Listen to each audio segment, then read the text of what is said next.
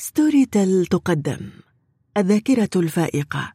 تأليف غريغوا شتاب بصوت شادي عباس. تمهيد. ما الذي ستفعله بهذا الكتاب؟ يمكنك أن تتخذه كأداة لتمرين ذاكرتك في الحياة اليومية. لا تجزع. إذ إننا سنوفر عليك العديد من النظريات المعقدة غير الضرورية. ونقدم لك الكثير الكثير من الأمثلة العلمية المفيدة. هيئ نفسك لأن يكون هذا الكتاب خطوتك الأولى على درب التعلم المستمر مدى الحياة. أرجو لكم مزيدا من الفائدة والمسرة. الذاكرة الفائقة وكيف كانت البداية؟ الساعة الرابعة فجرا في أمريكا. عندما كان عمري ست عشرة سنة كان الاستظهار والحفظ عن ظهر قلب يعنيان لي الرعب بعينه. وقد عانيت من ذلك في المدرسة كثيرا إلى أن بلغ السيل الزبا وتركت المدرسة المتوسطة بسبب ذلك. لعلكم تدركون معنى أن تتوقف فجأة عن الدراسة. وقد سبب لي ذلك صدمة كبيرة. لقد فشلت إذن وبدأت أتدحرج نحو الهاوية. لكنني نجحت فيما بعد بإنهاء دراستي بطريق آخر للتحصيل العلمي. ليس لأن الاستظهار كان هنا أسهل بل لأني كنت أضغط على نفسي كلما كان ذلك ممكنا وطورت استراتيجيات لحفظ الأمور الأساسية خصوصا في المجال التحريري. حدث ذات مرة بينما كنت في أمريكا وكان عمري 36 سنة كانت الساعة الرابعة فجرا عندما شاهدت عرضا مثيرا للدعاية على التلفاز. كانوا يعرضون أدوات منزلية وملمعا للسيارات ودورات لتعلم اللغة. أمور لا أحتاج أيا منها. ثم ظهر منتج غريب. يقولون إنه يمكن الإنسان من تمرين ذاكرته وتقويتها. تمرين للذاكرة؟ لقد تجاوزت ذلك وكنت أعلم حقا. أنني لا أملك شيئا من الذاكرة. ظهر في اليوم التالي ذات العرض والذي كان يدعى الاكتشاف المذهل. جلست ثانية في تمام الرابعة فجرا أمام التلفاز. لقد اشتغلت ساعتي الداخلية ولم أستطع النوم. ترى ماذا يستطيع الإنسان أن يفعل في مثل هذا الصباح الباكر؟ بعد أن شاهدت وسمعت للمرة الخامسة أو السادسة عن هذه الظاهرة التي يدعون أنها تدرب وتقوي الذاكرة وتقدم من المدعو كيفن ترودو أصابني فضول كبير وتساءلت ترى ما هو الموضوع تحديدا؟ أجريت تحرياتي الخاصة وتبين لي مع شيء من الدهشة أن الأمر لا يتعدى كونه تقنية قديمة جدا بغاية الذكاء والفائدة وليس اختراعا جديدا من قبل المدعو كيفن ترودو لقد تتبعها السيد كيفن في مكان ما وأعدها لتصبح الآن بمتناول شريحة عريضة من المجتمع. لقد استخدم هذا الأسلوب في تمرين الذاكرة كل من مايكل أنجلو وليوناردو دافنشي وقيصر روما وأرسطو. تبين لي من استنتاجي الشخصي أن الأمر يتعلق حقيقة بتقنية فعالة يمكن الاستفادة منها في المدارس أو بشكل عام في الحياة اليومية لكل منا. هذا أمر ممكن لكنه لم يحصل إطلاقا لقد زرت العديد من المدارس وسألت المسؤولين فيها هل تقدمون للأطفال أي وسيلة أو تقنية يمكنها أن تنمي الذاكرة وتشحذها؟ لم يجب أي من المعلمين بنعم إذا أين المشكلة؟ أعتقد أن الأكثرية صدموا ببساطة لأنهم لا يعلمون شيئا عن الموضوع أو هل سمعت ولو قليلا عن الذاكرة القوية الهائلة؟ حتى وإن ورد ذلك في إحدى الدعايات فإن رد الفعل العادي يكون في الغالب أميل إلى الرفض. فمن يصدق أو يتقبل كل ما يقال أو يدعونه في الدعايات. كي تنقدح الشرارة. لقد تبين لي من خلال متابعة تحرياتي أنه يوجد في المكتبات العديد من المؤلفات حول هذا الموضوع. وربما كنت قد قرأت إحداها ورغم استيعاب القارئ لمحتوى الكتاب وتفهمه لما عليه أن يفعله إلا أنه لا يفعل شيئا لافتقاره إلى الأثر المحرض. اعتقدت أن النتائج يمكن أن تكون أفضل عن طريق الندوات والحوار المباشر وهذا ما وجدته فعلا من خلال الندوات الكثيرة التي عقدتها منذ العام 1990 حول موضوع تمرين الذاكرة. ترى هل كان الاهتمام والحماسة هنا أكبر؟ كلا مع الأسف حتى في الندوات لم تنقدح الشرارة. فقد كانت تنقصنا معايشة النجاح الفوري أي أن يستفيد الإنسان فعليا وسريعا من تقنية تمرين الذاكرة في حياته اليومية. وهكذا ظلت هذه النظرية في إطار التأثير التعليمي المجتزأ وبعيدة عن نقلها إلى المجال العلمي التطبيقي. لذا أصبح من الضروري وضع هذه التقنية موضع التنفيذ دون أي تأخير لأنه كان قد حكم بالفشل مسبقا على كل تجربة لتعليم هذه التقنية بالأسلوب النظري فقط بل يجب أن تجري العملية بحيث يتلمس الإنسان فوائدها مباشرة ويقول حسنا هذا يمكن أن يفيدني في هذه الحالة أو تلك وهذا يمكن أن يساعدني هنا أو هناك. وليس بعد أيام أو أسابيع بل بأقرب ما يمكن وربما في ذات الجلسة والساعة عينها. أما الكتاب ومهما كان كاتبه جيدا فلن يعطي ذات الأثر والمفعول. ولهذا السبب تحديدا سعيت بكل إمكانياتي لعدم تأليف أي كتاب ووضعت جانبا جميع طلبات ورجاءات الناشرين المختلفة.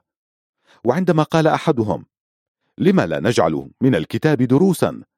تركت نفسي لتقتنع أخيرا بتأليف هذا الكتاب لأن الحجة التي ضربت على الوتر الحساس تقول لنعطي كل شخص الفرصة كي يقرأ ويستمع بشكل مجرد ويتحقق بنفسه. إن أملي هو أن تلاحظ بهذه الطريقة الفارق وتقول يا إلهي إنني أتقدم مع القراءة بشكل أفضل وأسرع أشعر باندفاع أكبر وأغوص بعمق في كامل المادة وأصل إلى النتيجة المرجوة بأقصى سرعة لأن علي أن أسوق في هذا المقام الملاحظة التالية.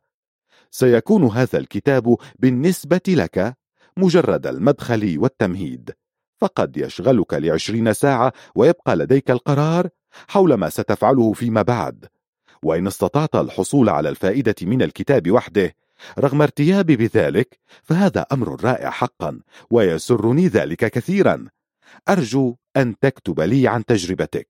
كما أرجو أن تعتبر بالمناسبة أن العشرين ساعة المذكورة أعلاه رقما تقريبيا فقط لعدد الساعات التي يجب أن تمضيها كي يصبح لهذه التقنية تأثير واضح على حياتك.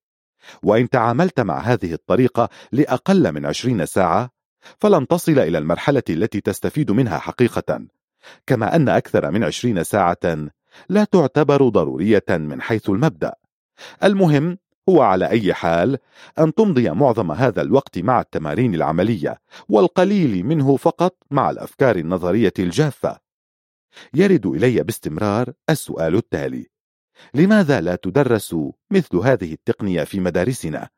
بكل بساطة لأن المعلمين لا يعرفونها حيث أنها لم تدرس لهم في مناهجهم إلا بشكل مبسط ومختصر جدا لقد قمت خلال هذه الفترة بتدريب الألوف من المعلمين وعلمت من هذه التجربة إن أكثرية المدرسين مستعدون من حيث المبدأ لإدخال تقنيات تمرين الذاكرة في مجال عملهم لو أنهم علموا. بوجود مثل ذلك أصلا كيف يمكن استخدامها تعليميا بالشكل الصحيح؟ بعد أن تبين لي مدى الحاجة والطلب قررت في العام 1990 أن أطرح في الأسواق فكرة الذاكرة القوية الفائقة. ومن الطبيعي أن يفكر الإنسان أيضا وتبعا لذلك بتأليف كتاب حول هذا الموضوع. لكن ولما ورد من أفكار وتحليلات سابقة فقد ترددت وأجلت تأليف الكتاب. كان حوالي 75% من الإصدار الأول عبارة عن ترجمة للمنهج الأمريكي والباقي من إنتاجي الشخصي. وهكذا جلت على المدارس والجامعات لتعريف الناس بمعلومات الجديدة. كنت أجلس في استراحة إحدى الكليات حيث أدعو بعض الطلبة وأقول لهم تعالوا واكتبوا عشرين كلمة على ورقة دون أن أراها. ثم ليقرأها أحدكم علي. كانوا يفعلون ذلك مع نظراتهم الغريبة إلي. لكن نظراتهم كانت تزداد غرابة. عندما أسرد عليهم تلك الكلمات العشرين بعد سماعها لمرة واحدة ودون أن أراها. ويتساءلون متعجبين. بالله عليك كيف تتمكن من ذلك؟ بينما أسألهم أنا بالمقابل ألا تودون تعلم سر هذا الفن؟ ألن يجعلكم ذلك سعداء؟ إن تمكنتم من ذلك مثلي تماما كان ردهم إيجابيا مع استعداد تام ورغبة جامحة وأصبح ذلك مادة تعليمية جديدة بالنسبة لي حيث عرضت تقنيتي الجديدة مباشرة أما في المقابلة التالية مع الطلبة فكنت قد أعددت مثالا عمليا جاهزا أبين فيه كيفية الاستفادة من تقنية الذاكرة القوية في الحياة الجامعية اليومية. لم أقم بهذا لمرة أو مرتين فقط أو حتى لعشرين مرة على ما أعتقد بل كنت أسأل حوالي خمسمائة طالب في كل زيارة وأحث نفسي دوما على ابتكار أمثلة جديدة صالحة للاستخدام. أضعها فورا موضع التنفيذ. أصبح لدي في وقت من الأوقات معرفة هائلة حول هذا الموضوع. وصرت أحدد متى وأين وكيف يستطيع الطلبة الاستفادة من فن الذاكرة الفائقة. ثم فكرت بالأساتذة فهم من حيث المبدأ يتعاملون مع ذات الأمور كما الطلبة. لكنهم يقفون على الجهة المقابلة من الطاولة تقوم هذه المعرفة مقام حجر الأساس لكل ما سيأتي لاحقا وتحديدا الجواب على السؤال التالي ما الذي أستفيده من تقنية رائعة في حياتي العملية؟ لقد أصبح واضحا الآن كيف يجب أن تتابع الأمور مستقبلا فقد عملت على الإصدار الأول للندوة حيث طورت وجددت في التقنية من حيث المبدأ ولم يبقى إلا جزء يسير مشترك مع النسخة الأمريكية الأساسية وتبين لي بشكل عام أنه لم يكن المفصل في مجمل القضية. لفت انتباه الناس إلى الميجا ذاكرة الذاكرة الفائقة أو شرح تقنيتها لهم فحسب. بل إن الهدف الأهم في النهاية هو كيف نقرب هذه التقنية من أذهان الآخرين بحيث تنشأ لديهم الحماسة الحقيقية لها. وهذا لا يتحقق إلا عندما يتمكن الإنسان من الاستفادة منها مباشرة. أي عندما يبدأ العمل بها فورا وكان التدريب طبعا هو محور الموضوع. أما السؤال الذي يطرح نفسه فهو كيف يمكن أن يتم ذلك في الندوة؟ ويصبح لدى المستمع تجربة ناجحة خلال ربع ساعة. نجاحا من النوع الذي يقول فيه حسنا هذا رائع إنني مقتنع حقا وسوف أتابع العمل بهذه التقنية.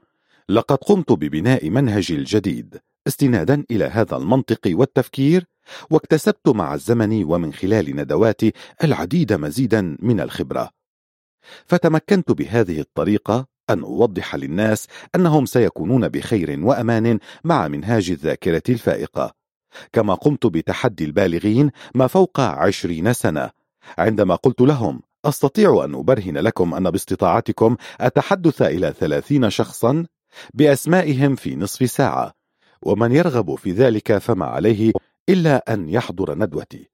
النجاح يظهر ذاته ولا يخفى على أحد.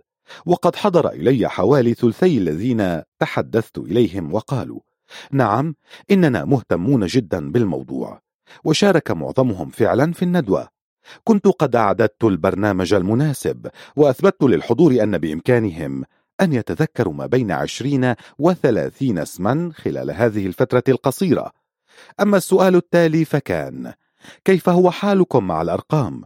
من منكم يود تقوية ذاكرته للأرقام؟ انقسم الحضور إلى ثلاث فئات بعضهم قال إن وضعهم مع الأرقام جيد ولا يهمهم ذلك الأمر إطلاقا قسم آخر قال صحيح أن لديهم بعض الصعوبات مع ذاكرة الأرقام لكنهم يتدبرون أمرهم بتسجيلها في مكان ما ومراجعتها عند اللزوم وأنها لا تلعب دورا كبيرا في حياتهم. أما الثلث الأخير فقد اعترف بأن لديه فعلا مشكلات في هذا المجال واشتكى أحدهم بأنه ينسى دوما رقمه السري PIN وهذا يزعجه تماما وآخر لا يحفظ رقم هاتفه الخاص. وقد ابتكرت لهؤلاء الأشخاص تقنية خاصة تمكنهم من تذكر وحفظ مئات الأرقام. الأعداد الأسماء الحقائق والوقائع. الأرقام والأعداد يوجد دوما في المكتبات العديد من الكتب التي تشرح وتبين طرقا ووسائل لحفظ الأرقام. ربما تصلح بعض هذه الوسائل للأشخاص الملتزمين والمنضبطين تماما. يمكننا الحديث هنا عن أستاذ الرياضيات هانز بريشتالد من زوريخ الذي يعرض أمام الكاميرا مباشرة كيف يمكن للإنسان أن يحفظ رقما من 600 خانة. وقد هاج المشاهدون وماجوا ولم يصدق معظمهم ما يسمعون. لعل هذه الطرق لم تكن مناسبة لعامة الناس. ولعلك تقول هذا لا يهم. ولما سأحتاج لحفظ رقم من 600 خانة؟ هذا صحيح. وليس عليك أيضا أن تحفظ دليل الهاتف عن ظهر قلب لكن لنفترض أنك تمكنت من حفظ خمسة أرقام هواتف بعد سماعها لمرة واحدة أليس هذا أمرا جيدا؟ وإن حدث وانخرطت في نقاش حول أحد القوانين ألا تود أن تتذكر وتحفظ أرقام المواد والبنود والفقرات المطروحة؟ وربما تواريخها أيضا؟ وألا تضطر في كل مرة تسأل فيها عن رقم فاكسك أو عنوان بريدك الإلكتروني للبحث عنه في أماكن متعددة بل أن تحفظه جيدا وتذكره بطلاقة وبلا تردد ألا يجعل هذا حياتك اليومية أسهل وأجمل؟ ولعلك تلاحظ أن كثيرا من أمور الحياة اليومية البسيطة له علاقة بالأرقام وأن من يحفظ هذه الأرقام سيكون فخورا وواثقا من نفسه أكثر لا يتم كل شيء في هذه الحياة بالأسماء والأرقام فقط. فقد جاء إلي كثير من الناس وقالوا آخ إنني لا أحفظ التعابير المعنوية المجردة. ماذا يمكنني أن أفعل تجاه ذلك؟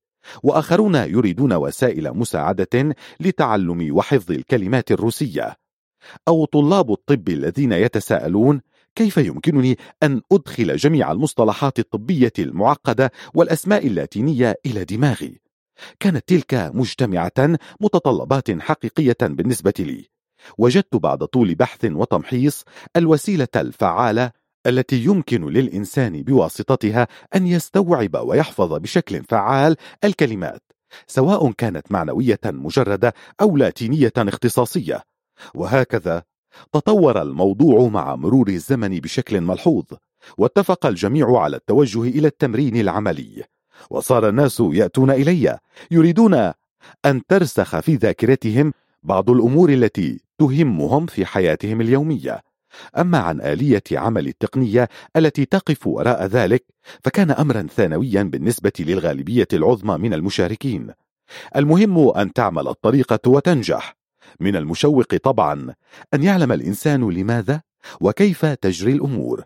وإنني أدعوكم لقراءة الكتاب الرائع القشة الجديدة في الدماغ للكاتبة فيرا إف بيركنبيل كما أنصحكم بكتاب فكر وتعلم وانسى لمؤلفه فريدريك فيستر حيث يشرح الكتابان يوجد في الملحق A2 مزيد من المعلومات عنهما بشكل جيد. العمليات التي تجري داخل الدماغ ويجعلها سهلة الفهم والاستيعاب من خلال الأمثلة العديدة الواضحة. وهذا الكتاب الذي بين أيديكم يركز أيضا بشكل تام على التمرين العملي. الإقبال الكبير. يمكن القول ونحن نقارب نهاية الفصل الأول أن ظاهرة الذاكرة الفائقة قد انتشرت عبر الصحافة أيضا حيث خطرت لي ذات مرة فكرة التوجه إلى الصحافة. إضافة إلى المدارس والجامعات. لماذا لا ترغب مثلا إحدى الصحف الكتابة حول الموضوع؟ وقد واجهت في الحقيقة صدى إيجابيا. حتى أن رئيس تحرير إحدى الصحف اقترح أن تقدم مؤسسة الذاكرة الفائقة يوم ندوة لقراء جريدته. لم يتوقع أي منا هذا النجاح الصارخ. فقد توافد المئات خلال فترة وجيزة جدا وكلهم تواقون بشدة لتعلم تقنية تدريب الذاكرة. كان أمرا مذهلا. لقد قرأوا في الجريدة أن هذا المبدأ ناجح وانتشر الخبر بشيء من الثقة والإيمان. ألقى القراء سوء الظن وجميع المثبطات جانبا وجاءوا. قررنا مقابل هذه الثقة الكبيرة أن نضمن إعادة النقود لكل من لا تنجح معه هذه التجربة. لقد طالب عدد قليل جدا من الحضور استرجاع ما دفعوه وكان لهذا أيضا صدى إيجابي حيث سارت الأمور بسلاسة ولاحظ الآخرون أن الأمور تجري هنا بالشكل السليم وأن 99% من الحضور فوجئوا بارتياح لما عايشوه وتعلموه من هذه الندوة. حيث شاهدوا أكثر بكثير مما توقعوا وقد أدى هذا إلى موجة عارمة من الدعاية المباشرة من شخص لشخص. وجدت نفسي فجأة محاطا بأسئلة مراسلي الصحف المختلفة. ظهرت في الأيام القليلة التالية مئات المواضيع والمقالات في الصحف المحلية والدول المجاورة. كتب المراسلون والمحررون عن هذه الندوات لأنهم وجدوا فيها المتعة والفائدة. إضافة إلى أن الصحفيين أنفسهم تعلموا كيف يحفظون الأسماء الكثيرة بسهولة واقتنعوا من خلال تجربتهم الشخصية أن كل ما يجري في الندوات صحيح وليس هناك أي خدعة أو احتيال وهذا ما عبروا عنه في مقالاتهم. ازداد الطلب علينا كثيرا وأصبحت تردني أسبوعيا عدة اتصالات من مدرسين يطلبون فيها عقد الندوات في مدارسهم هذا يدعو إلى الأمل بأنه توجد في سويسرا على الأقل صحوة لدى النظام التعليمي حيث بدأوا يفكرون بكيفية إدخال هذه التقنية في مناهجهم. بعد أن تبينوا فوائدها وجدواها سررت بذلك كثيرا وخصوصا بعد أن أصبح أيضا العديد من الشركات والهيئات في دول أخرى يطرحون تقنية الذاكرة الفائقة ويطلبون الندوات وحتى الحصول على الامتياز لترويجها. تعلمون الآن كيف تعرفت على مناهج الذاكرة الفائقة؟ وكيف طورتها إلى أن وصلت إلى ما هي عليه؟ وما هي آفاقها المستقبلية؟ لأنها تجلب لي دوما السعادة الغامرة ولن أتوانى عن متابعة العمل عليها لتطويرها واستكمالها وإدخال مجالات جديدة فيها. والآن إلى موقعك كقارئ. ما الذي تسعى إليه من قراءة هذا الكتاب؟ ما هو هدفنا المشترك؟ وما أن نحدد هذه الأمور حتى يمكننا أن ننطلق. أرجو لكم المتعة والفائدة. كلما وجدت أمامك رسم كف اليد وكي تستفيد من الموضوع أكثر عليك التوقف عن القراءة وممارسة أحد التمارين إذا عمل التمرين أولا ثم متابعة القراءة. ما الذي تصبون إليه؟ هدفكم الشخصي. ما الذي تصبون إليه أعزائي القراء من قراءة هذا الكتاب؟ نود الآن متابعة هذا السؤال سوية. لقد تمكنت خلال الندوات الكثيرة التي أقمتها حتى الآن من بلورة بعض المواضيع الهامة في مختلف المجالات التي يحتاج معظم الناس المساعدة فيها. ويمكن أن يجدوا هذه المساعدة في برامج الذاكرة الفائقة. سأضع فيما يلي بعض هذه المواضيع في إطارها الصحيح. وقد أعددت قائمة في نهاية هذا الفصل حيث يمكنك أن تسجل فيها أهدافك الشخصية. تقع ذاكرة الأسماء في المقام الأول. لنفترض أنك تشارك بأحد الاجتماعات أو لقاءات التعارف. وتعرفت بهذه المناسبة إلى خمسة عشر شخصا جديدا. كي يتسنى لك أن تحفظ أسماءهم جميعا في دقائق معدودة. وهذا هو بالضبط ما يرغب في تعلمه أكثرية المشاركين في الندوات. يمكنك أن تتوقع حفظ 14 اسما من 15 باتباعك تمارين الذاكرة الفائقة. أما الخامس عشر فقط فيبقى موضع شك. أما الموضوع الثاني فهو الأعداد. حيث يمكنك عن طريق الذاكرة الفائقة أن تحفظ رقما من ثلاثين خانة أو أن تتذكر تواريخ الميلاد لعشرة أشخاص بعد أن تسمعها منهم لمرة واحدة ودون أن تسجلها. الأمر الذي لا يتوقعه إطلاقا الأشخاص المعنيون أصحاب العلاقة. وسوف ترى كم سيتعجب أحدهم عندما تصله منك بطاقة تهنئة بعيد ميلاده. وما لهذا من أثر طيب على العلاقة مع الآخرين. يحتاج التلاميذ والمتعلمون عموما بشدة إلى ما أود تسميته هنا ورقة النقل روشيتة الغش بالامتحان. ولا أقصد هنا طبعا القصاصة التي يكتب عليها الطالب بعض الإجابات ويخبئها في كمه أو جرابه لينقل منها أثناء الامتحان. بل أعني في هذا المجال الخلاصة الذكية للمعلومات والمادة التعليمية التي يمكن أن يخزنها الطالب في دماغه بمساعدة منهاج الذاكرة الفائقة. أقوم في كل عام بإلقاء محاضرتين في منتدى غذاء العقل الذي تقيمه إحدى الجامعات سنويا. وذلك تحت عنوان تعلم كيف تذاكر دروسك وأسأل الطلبة في كل مرة من منكم يود أن يحتفظ بروشتة تحوي قدرا كبيرا من المعلومات ويمكنه استحضارها بسهولة أثناء الامتحان؟ ترتفع الأيدي بسرعة. حوالي 95% من الطلاب يعتقدون أنهم بحاجة لمثل هذا. لا يقتصر نفع روشتة النقل على الدراسة والنواحي التعليمية فقط. تصور مثلا أنك في خضم اجتماع هام أو نقاش حاد وكنت قد أعددت في ذهنك خمس عشرة نقطة للحوار والدفاع عن وجهة نظرك. كيف يتسنى لك أن تطرح جميع هذه الأفكار كلا في حينه بالشكل الصحيح والكامل دون أن تكتشف في النهاية أنك قد نسيت بعضا منها؟ إنه موقف حرج يمكن أن يواجهه أي منا. هل تحفظ قائمة المشتريات التسوق في رأسك؟ أم أن عليك أن تكتب كل شيء وتحمل الورقة في يدك طوال فترة تجوالك في السوق أو المركز التجاري؟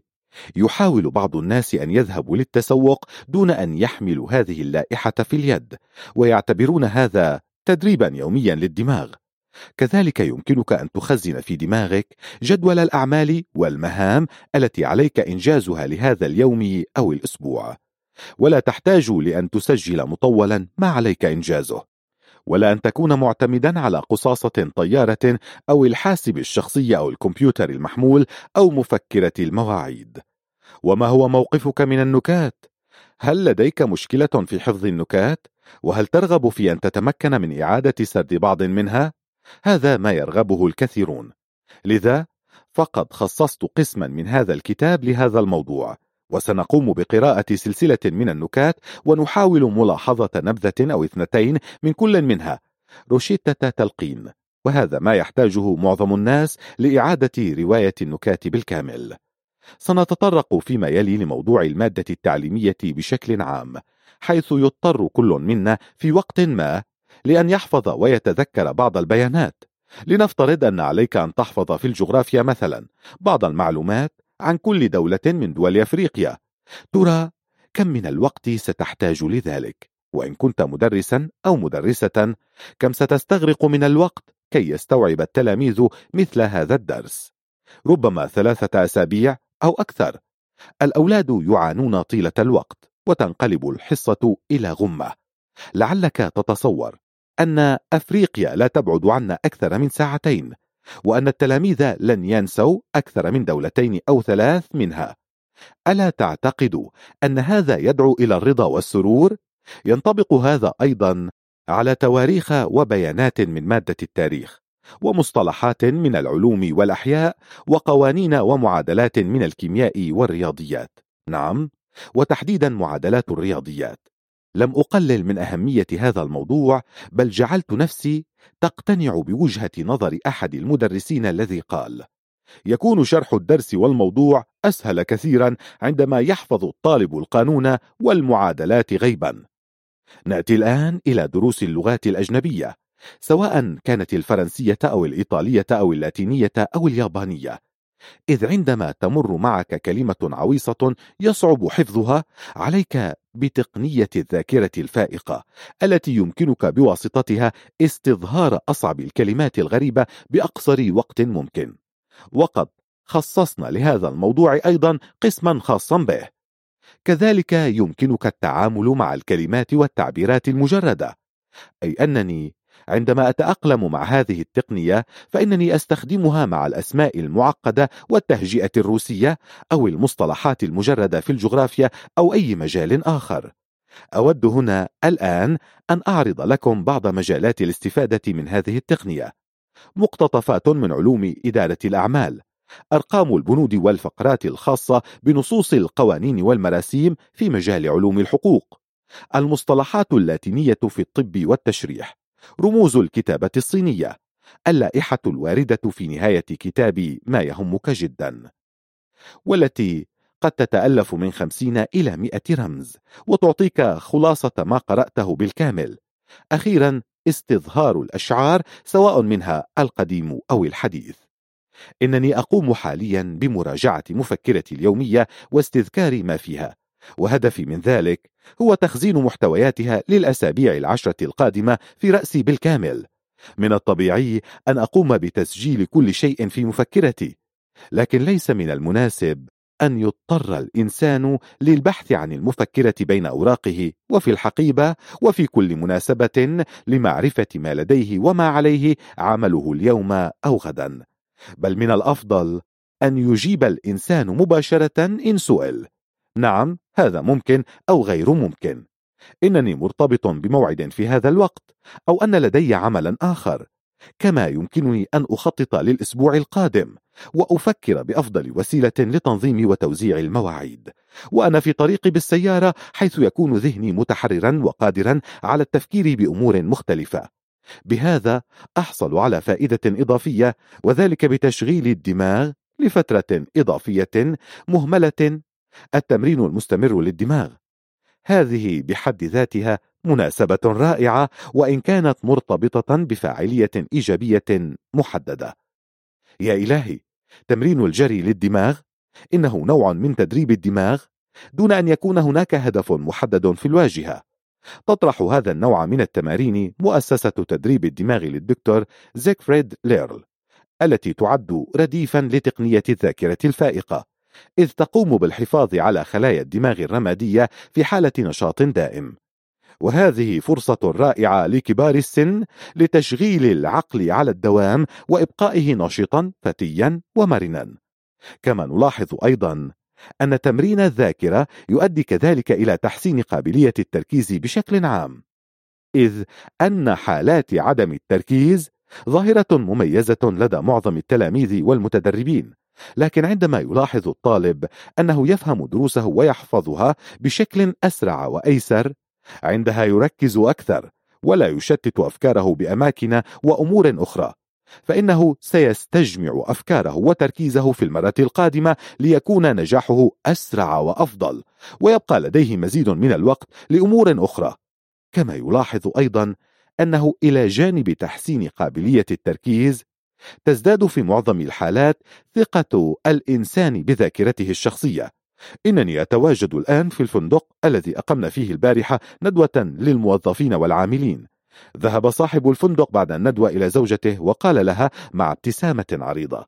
يمكنني أن أحفظ الآن وخلال ثوان معدودة رقما من عشر خانات. الزوجة طبعا.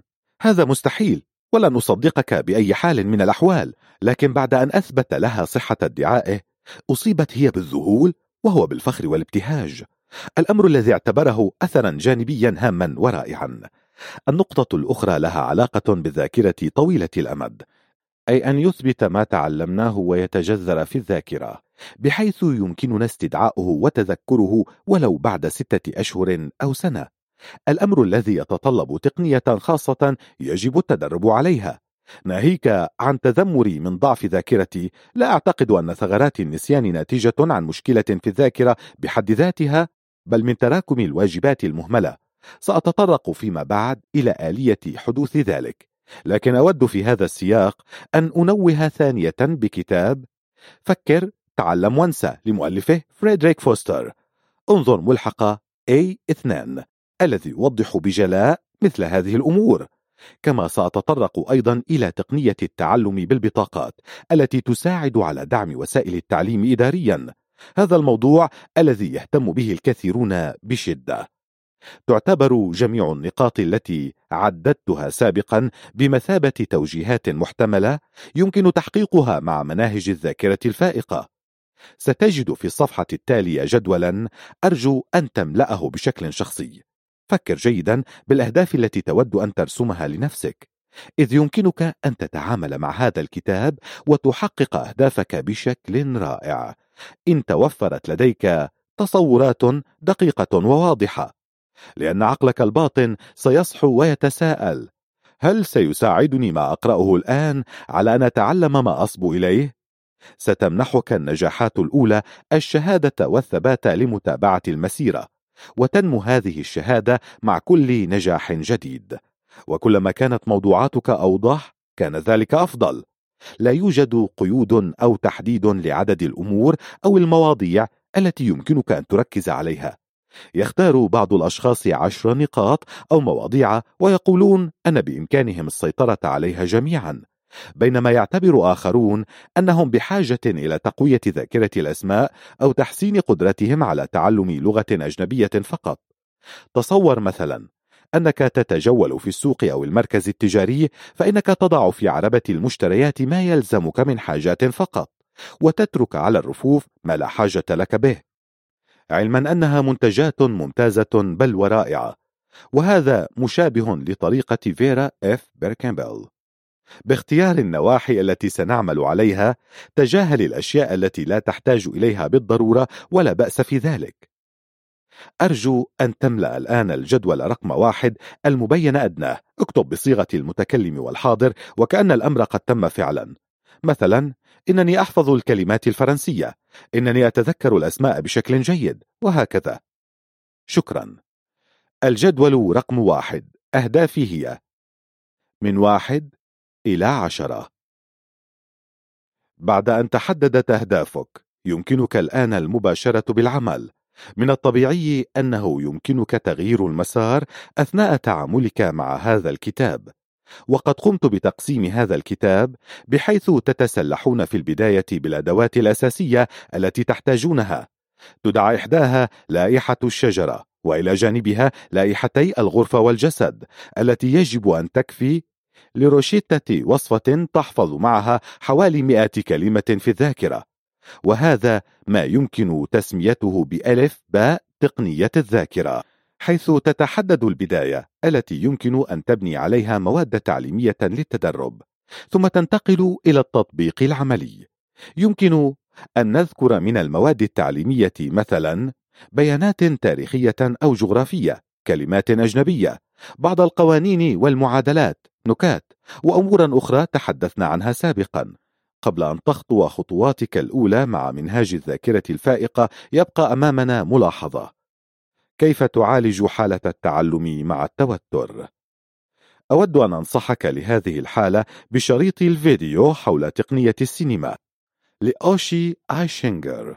حيث يعرض هذا الشريط لمدة ساعة العلاقة ما بين التعلم والتوتر وكيف يمكنك أن تحلل مدى تحملك للبقاء تحت تأثير هذا التوتر وإمكانية تحاشيك له بمساعدة هذه التقنية؟ لم يبقى أمامي الآن إلا أن أتمنى لك مزيدا من المتعة والفائدة والنجاح الباهر. الخطوات الأولى على طريق الذاكرة الفائقة لائحة الشجرة. اقرأ من الملحق رقم A5 لائحة الشجرة ثم أغلق الكتاب وحاول أن تكتب هذه اللائحة من ذاكرتك. يمكنك أن تحاول ثانية وثالثة وتدرب ذاكرتك. ستدهش من ذاتك لأنك ستلاحظ تطورا كبيرا خلال ساعة واحدة فقط. يجب أن تبتهج لذلك. الملحق A5 يحوي على أي حال لائحة الشجرة. وعد الآن ثانية إلى متابعة القراءة. تمنياتي القلبية لك بالحظ والتوفيق. إنني أهنئك. لقد تعلمت الآن الجدول الهام الأول وحفظته حقيقة. يجب أن تكون لائحة الشجرة مألوفة لديك بحيث تستطيع من الآن وبدون طول تفكير أن تربط مثلا بين الرقم 12 والأشباح بين الرقم 3 والكرسي ثلاثي الأرجل وبين الرقم 17 وأوراق اللعب. بعض الملاحظات الإضافية. من الطبيعي أنه كان بالإمكان استبدال البدر بعيد الحب في الرابع عشر من شباط. وما الذي تعتقدون أنه يخطر ببالي عندما أنطق اسم موسى تماما؟ إنه الرقم عشرة. أما مع المسقات وسيدة القلعة والرماح فلا بد أنك تفكر بالرقم خمسة عشر أي القرن الخامس عشر لأن لجميع هذه الأشياء علاقة بالعصور الوسطى. ومع الصافرة فإنك تتذكر حتما حكم مباراة كرة القدم وبالتالي الرقم 11 هذا يعني أن الصور الواردة أعلاه ليست ثابتة تماما. بل لك كامل الحرية في أن تختار هذه الصورة أو تلك ولعل هذا يريحك ويخفف عنك التوتر ويعطيك احتمالات أكثر لتبديل الصور والمسميات. الأمر الذي ستقدره كثيرا في المستقبل. إن بعض الصور والروابط كالرقم 15 والفارس مثلا مصطنعة فإن كان أحدهم ضعيفا بالتاريخ فلن يخطر بباله أن يربط بين الخمس عشرة والعصور الوسطى بل عليه أن يتعلم أولا تلك الصورة الرابطة. كذلك الأمر مع السبعة عشر ففي سويسرا مثلا لا يتحدث الناس عن السبعة عشرة والأربعة. بل عن المقاعد الطويلة البنك لأنهم يجلسون على تلك البنوك أثناء لعب الورق. ولعل آخرين لا يلعبون الورق إطلاقا. هنا يأتي أحدهم ويحتج قائلا. لدي مشكلة مع لائحة الشجرة التي تدعيها. ففي بلادي مثلا يقولون أن للقطة تسع أرواح فقط وليس سبعا. وتغلق المحلات عندنا الساعة التاسعة مساء وليس السادسة. ثم كيف تربط بين الرقم عشرة والإنجيل أو موسى عليه السلام؟ وهل تظن أن كل الناس متدينون؟ فأنا مثلا لا يربطني بالكنيسة أي شيء وأجيبهم مرتاحا وبانتظام؟ نعم طبعا. لك كامل الحق في أن تغير ما تريد لكنك في النهاية ستحفظ كل شيء. أم ماذا؟ تنتهي لائحتي بالعدد عشرين ولهذا سبب بسيط. إذ لا يمكن إيجاد صور رابطة بسهولة لأعداد أكبر من ذلك. خذ مثلا العدد 26 مع أي صورة أو شيء يمكن لمعظم الناس أن يربطوه. وكما ترى يصبح الأمر عسيرا. رغم ذلك فقد استطاع البعض التغلب على هذه المعضلة. إذ وجدت كتبا من القرن التاسع عشر شرحت بها طريقة مبتكرة يحولون بواسطتها الأعداد إلى حروف مشابهة بالشكل لكنها صعبة أيضا ومعقدة للغاية.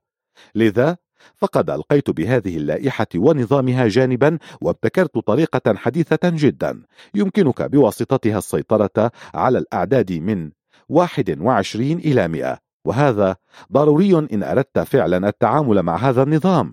وسنقوم في هذا الكتاب بتجميع هذه اللائحة خطوة خطوة.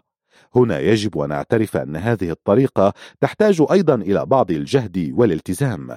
وأرجو أن تستمتع بهذا الالتزام لأنك ومع نهاية هذا الكتاب ستتمكن بفضل هذه اللوائح من التعامل براحة وانسجام مع كثير من الأعداد وفي جميع الأحوال. كيف لا ننسى ما تعلمناه؟ الانتقال إلى الذاكرة طويلة المدى قبل أن ننتقل إلى الناحية العملية ونضع لائحة الشجرة في أمثلة محددة أود أن أسلط الضوء على السؤال التالي كيف أنقل المعلومات من ذاكرة قصيرة الأمد إلى ذاكرة بعيدة المدى؟ حيث إنني أرغب في أن أحتفظ بما تعلمته اليوم في ذاكرتي لخمسة أشهر أو حتى خمس سنوات. لا أود هنا أن أرهقك بكثير من الكلام النظري بل أقول لك ببساطة كيف تحقق ذلك؟ اتفقنا؟ إذا تسير على النحو التالي. إن أردت أن تتعلم اللغة الفرنسية أو أن تحفظ بعض الأسماء أو المصطلحات العلمية للحيوان أو النبات أو أسماء دول إحدى القارات فعليك أن تبدأ بمراجعة جميع المعلومات التي حصلت عليها للتو بعد 20 أو 25 دقيقة. أي أن تترك بين المرحلتين حوالي عشر دقائق كحد أدنى. يشرح فريدريك فوستر في كتابه المذكور سابقا بكل وضوح. تسلسل ما يجري داخل الدماغ أثناء عملية الإعادة. يمكنني أن ألخص ذلك بكلمات بسيطة. إن فرصة أن تتذكر غدا ما تعلمته اليوم ستكون ضئيلة جدا إن لم تراجع ما سمعته أو قرأته بعد عشرين دقيقة. لذا فإنه من المرجح أن تحفظ هذه المعلومات بشكل أفضل. كلما كررت هذه المراجعة وتمرنت عليها وتكون بأمان أكثر مع ذاكرتك قصيرة الأمد. للانتقال إلى الذاكرة المديدة لابد لك من المراجعة والإعادة ست مرات على الأقل بحيث تكون أولى هذه المراجعات بعد 24 ساعة والأخيرة بعد ثلاثة أيام على أقل تقدير. أعيد. بعد حوالي 20 دقيقة عليك أن تراجع ما تعلمته. ثم تراجع هذه المعلومات بعد 24 ساعة ثانية. ولنقلها إلى الذاكرة طويلة المدى بالكامل عليك مراجعتها خمس مرات أخرى موزعة على الأيام الثلاث التالية. لتوضيح المسألة أكثر تصور أن أمامك عشرين بطاقة صغيرة على كل منها كلمة باللغة الفرنسية. إذ أن بطاقات الفهارس أداة مساعدة جدا للعملية التعليمية. لأنها تتيح لك إمكانية فصل المعلومات التي حفظتها عن تلك التي لا زلت تذاكرها وتعمل على حفظها. إنني أتعلم إذن الكلمات الجديدة من خلال البطاقات فأضع بطاقات الكلمات التي حفظتها جانبا بينما أتابع مراجعة ومذاكرة الكلمات التي لم أحفظها بعد. وعندما أجد أنني قد حفظت جميع الكلمات أضع البطاقات العشرين جانبا لمدة عشرين دقيقة ثم أخرجها ثانية لمعاودة الكرة مرة أخرى. هذا يكفي لليوم. أضع البطاقات بشكل منفصل في صندوق الفهارس على أن أخرجها في اليوم التالي لإعادة الكرة من جديد. قد أجد أنني لم أحفظ جميع الكلمات فأقوم بفصل التي حفظتها وأضعها في رصة جديدة بينما تبقى الكلمات الأخرى على الرصة القديمة. أتعلم اليوم عشرين كلمة جديدة وأحاول حفظها على الطريقة المذكورة. أراجعها بعد عشرين دقيقة وأضعها مع بقية الكلمات على الرصة الأولى التي من أمس. لدي الآن إذن مجموعتان رصتان. واحدة تحوي الكلمات التي حفظتها ربما سبع عشرة من عشرين. وأخرى فيها كلمات اليوم الجديدة إضافة إلى كلمات الأمس التي لم ترسخ بعد. أتابع في اليوم التالي عملي بذات الطريقة. أراجع مجموعة الكلمات التي من اليوم الأول. فما حفظته منها يبقى في هذه الرصة. أما ما لا أتذكره فأضعه في رصة مجموعة جديدة ثم أراجع رصة اليوم الثاني أي الأمس. وكذلك يبقى فيها ما أتذكره منها في حين ينتقل إلى الرصة الجديدة ما لم يرسخ بعد. لدي الآن عشرون كلمة محفوظة في الذاكرة وموجودة في الرصة الجديدة الثالثة. وإذا ما تابعت على هذا المنوال سيصبح لدي في اليوم السادس ست مجموعات ويكون قد مر على الأخيرة منها ست مراجعات ناجحة. ومن المؤكد أن معلومات هذه الرصة قد ترسخت في الذاكرة طويلة المدى. والآن ترى هل استطعت أن أوضح الأمر بما فيه الكفاية؟ صدقوني ليس من السهل أن أوضح هذا الموضوع تماما بالكلمات فقط. لذا فإنني أضع بين أيديكم رسما يبين بالتفصيل وبشكل مبسط ومجمل وبصورة واحدة ما حاولت أن أوضحه تحريريا فقط بكل جهد وعناء. أمثلة عملية للائحة الشجرة. التسوق بدون لائحة المشتريات. نوجز الأمر فيما يلي. لديك الآن في ذاكرتك لائحة الشجرة وتعلم تماما كيف تتعامل من خلالها مع معلومات جديدة بحيث لا تضيع منك أو تنساها ثانية. ويمكننا إذن أن ننطلق إلى التجربة العملية ونلجأ إلى ما شرحناه سابقا. فنستخدم لائحة الشجرة لنحفظ لائحة المشتريات تحديدا. المسألة ستجد فيما يلي قائمة من عشرين حاجة علينا تأمينها من السوق. اقرأ هذه اللائحة مرة بهدوء ومرة ثانية بعد قليل. ضع الكتاب جانبا وابدأ العد من الرقم خمسين تسعة وأربعين ثمانية وأربعين أربعين. عدا تنازليا حتى تصل إلى الصفر. وذلك كي تبعد اللائحة عن ذهنك وتأتي على أفكار جديدة مختلفة بعض الشيء. ثم خذ ورقة بيضاء وسجل عليها ما تتذكره من حاجات هذه اللائحة. وبدقة قدر الإمكان محاولا أن تضعها بالترتيب الصحيح كما في اللائحة. علما أن هذا ليس بالأمر السهل لكن يجب أن تحاول على أي حال. ما يهمني في هذا المقام هو أن تلاحظ الفارق ففي هذه التجربة الأولى ستكتب اللائحة من الذاكرة العادية فقط ودون الاستعانة بأي تقنية خاصة ثم أريك كيف يمكن أن يتم ذلك بشكل مختلف تماما بسرعة أكبر واستمتاع أكثر وثمانية دون أخطاء. لا تتابع القراءة الآن وتفوت عليك متعة معايشة هذا النجاح. بل تابع تنفيذ ما بدأنا شرحه سابقا.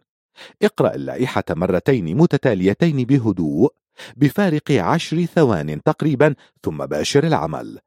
لائحة المشتريات. أولا بيض ثانيا صباغ أحذية بني ثالثا معكرونة سباجيتي رابعا قرنبيط خامسا زيارة طبيب العيون سادسا خيوط حريرية للأسنان سابعا فلفل أسود ثمانية ورق كتابة تسعة حبة أناناس طازجة عشرة خيوط حريرية للخياطة أحد عشر إحضار نشرة من مكتب السياحة 12 صابون 13 ذهاب للسباحة 14 بطاريات 15 طوابع بريدية 16 مغلفات رسائل 17 لحم بقري فيليه. 18 صلصة الطماطم كاتشب. 19 عسل 20 ورق تواليت. لائحة الشجرة. أولا الشجرة. ثانيا مفتاح الإنارة. ثالثا كرسي ثلاثي. رابعا السيارة. خامسا اليد. سادسا مكعب. سابعا القطة. ثامنا عقدة الطرق. تاسعا وقت الإفطار. عاشرا الإنجيل. أحد عشر كرة القدم. اثني عشر الشبح. ثلاثة عشر نحس. أربعة عشر البدر خمسة عشر الفارس ستة عشر الشاب المراهق سبعة عشر ورق اللعب ثمانية عشر زحمة نهاية الدوام تسعة عشر طعام العشاء يتم حوالي السابعة مساء عشرون نشرة الأخبار الرئيسية. جيد جدا. لقد بذلت قصار جهدك وأعدت كتابة اللائحة كأفضل ما يمكن. لا أدري ما هو عدد الأشياء التي تمكنت من ذكرها صحيحة؟ معظم الأشخاص يتذكرون حوالي عشرة أشياء البعض اثنتان فقط وآخرون ربما خمسة عشر. الأمر متفاوت جدا. وإن أنت استطعت أن تحقق أكثر من عشرة أشياء من اللائحة فيمكن الحديث عن أنك تعمل بتقنية ما للحفظ والذاكرة خصوصا إن استطعت أن تقترب أكثر ما يمكن من الترتيب الأساسي. الأمر الذي نادرا ما يحققه شخص دون أن يتعلم ويتقن تقنية خاصة بذلك وهذا ما نهتم به ونركز عليه حاليا أين تكمن المشكلة؟ هل عدت ونسيت كل شيء ثانية؟ أليست المشكلة في أنك لم تعد تدري ببساطة في أي مكان من دماغك بالضبط وضعت التعابير التي كنت قد سمعتها أو قرأتها؟ أو إنني أضع السؤال بصيغة أخرى كيف تجد بريدك بسهولة؟ سواء في مركز البريد أو عندما تعود إلى المنزل بعد العمل. طبعا ومنطقي. تقول لي وربما مع ابتسامة عريضة وكما يقول معظم المشاركين في ندواتي إن لدي صندوقا خاصا للرسائل. هذا واضح وجيد. لكن لنفترض جدلا أن لديك سعيا مبدعا للبريد. يبتكر كل يوم أماكن جديدة يضع فيها رسائلك. كيف يكون الحال عندئذ؟ ولنفترض أنه يضع رسائلك اليوم في الحمام وغدا في البراد وبعد غد في الحديقة. ألا يجدر بك في هذه الحالة أن تبحث عنها كل مساء في كل مكان؟ وقد تجد هذه الرسائل أو لا تجدها. قد يبدو هذا الأمر مسليا ليوم أو يومين لكنه سيكون مزعجا جدا على المدى الطويل. وستكون سعيدا لو أن هذا النمط أظهر إبداعه في مجال آخر. وأعاد لك رسائلك إلى الصندوق المخصص لذلك بكل أدب ونظام.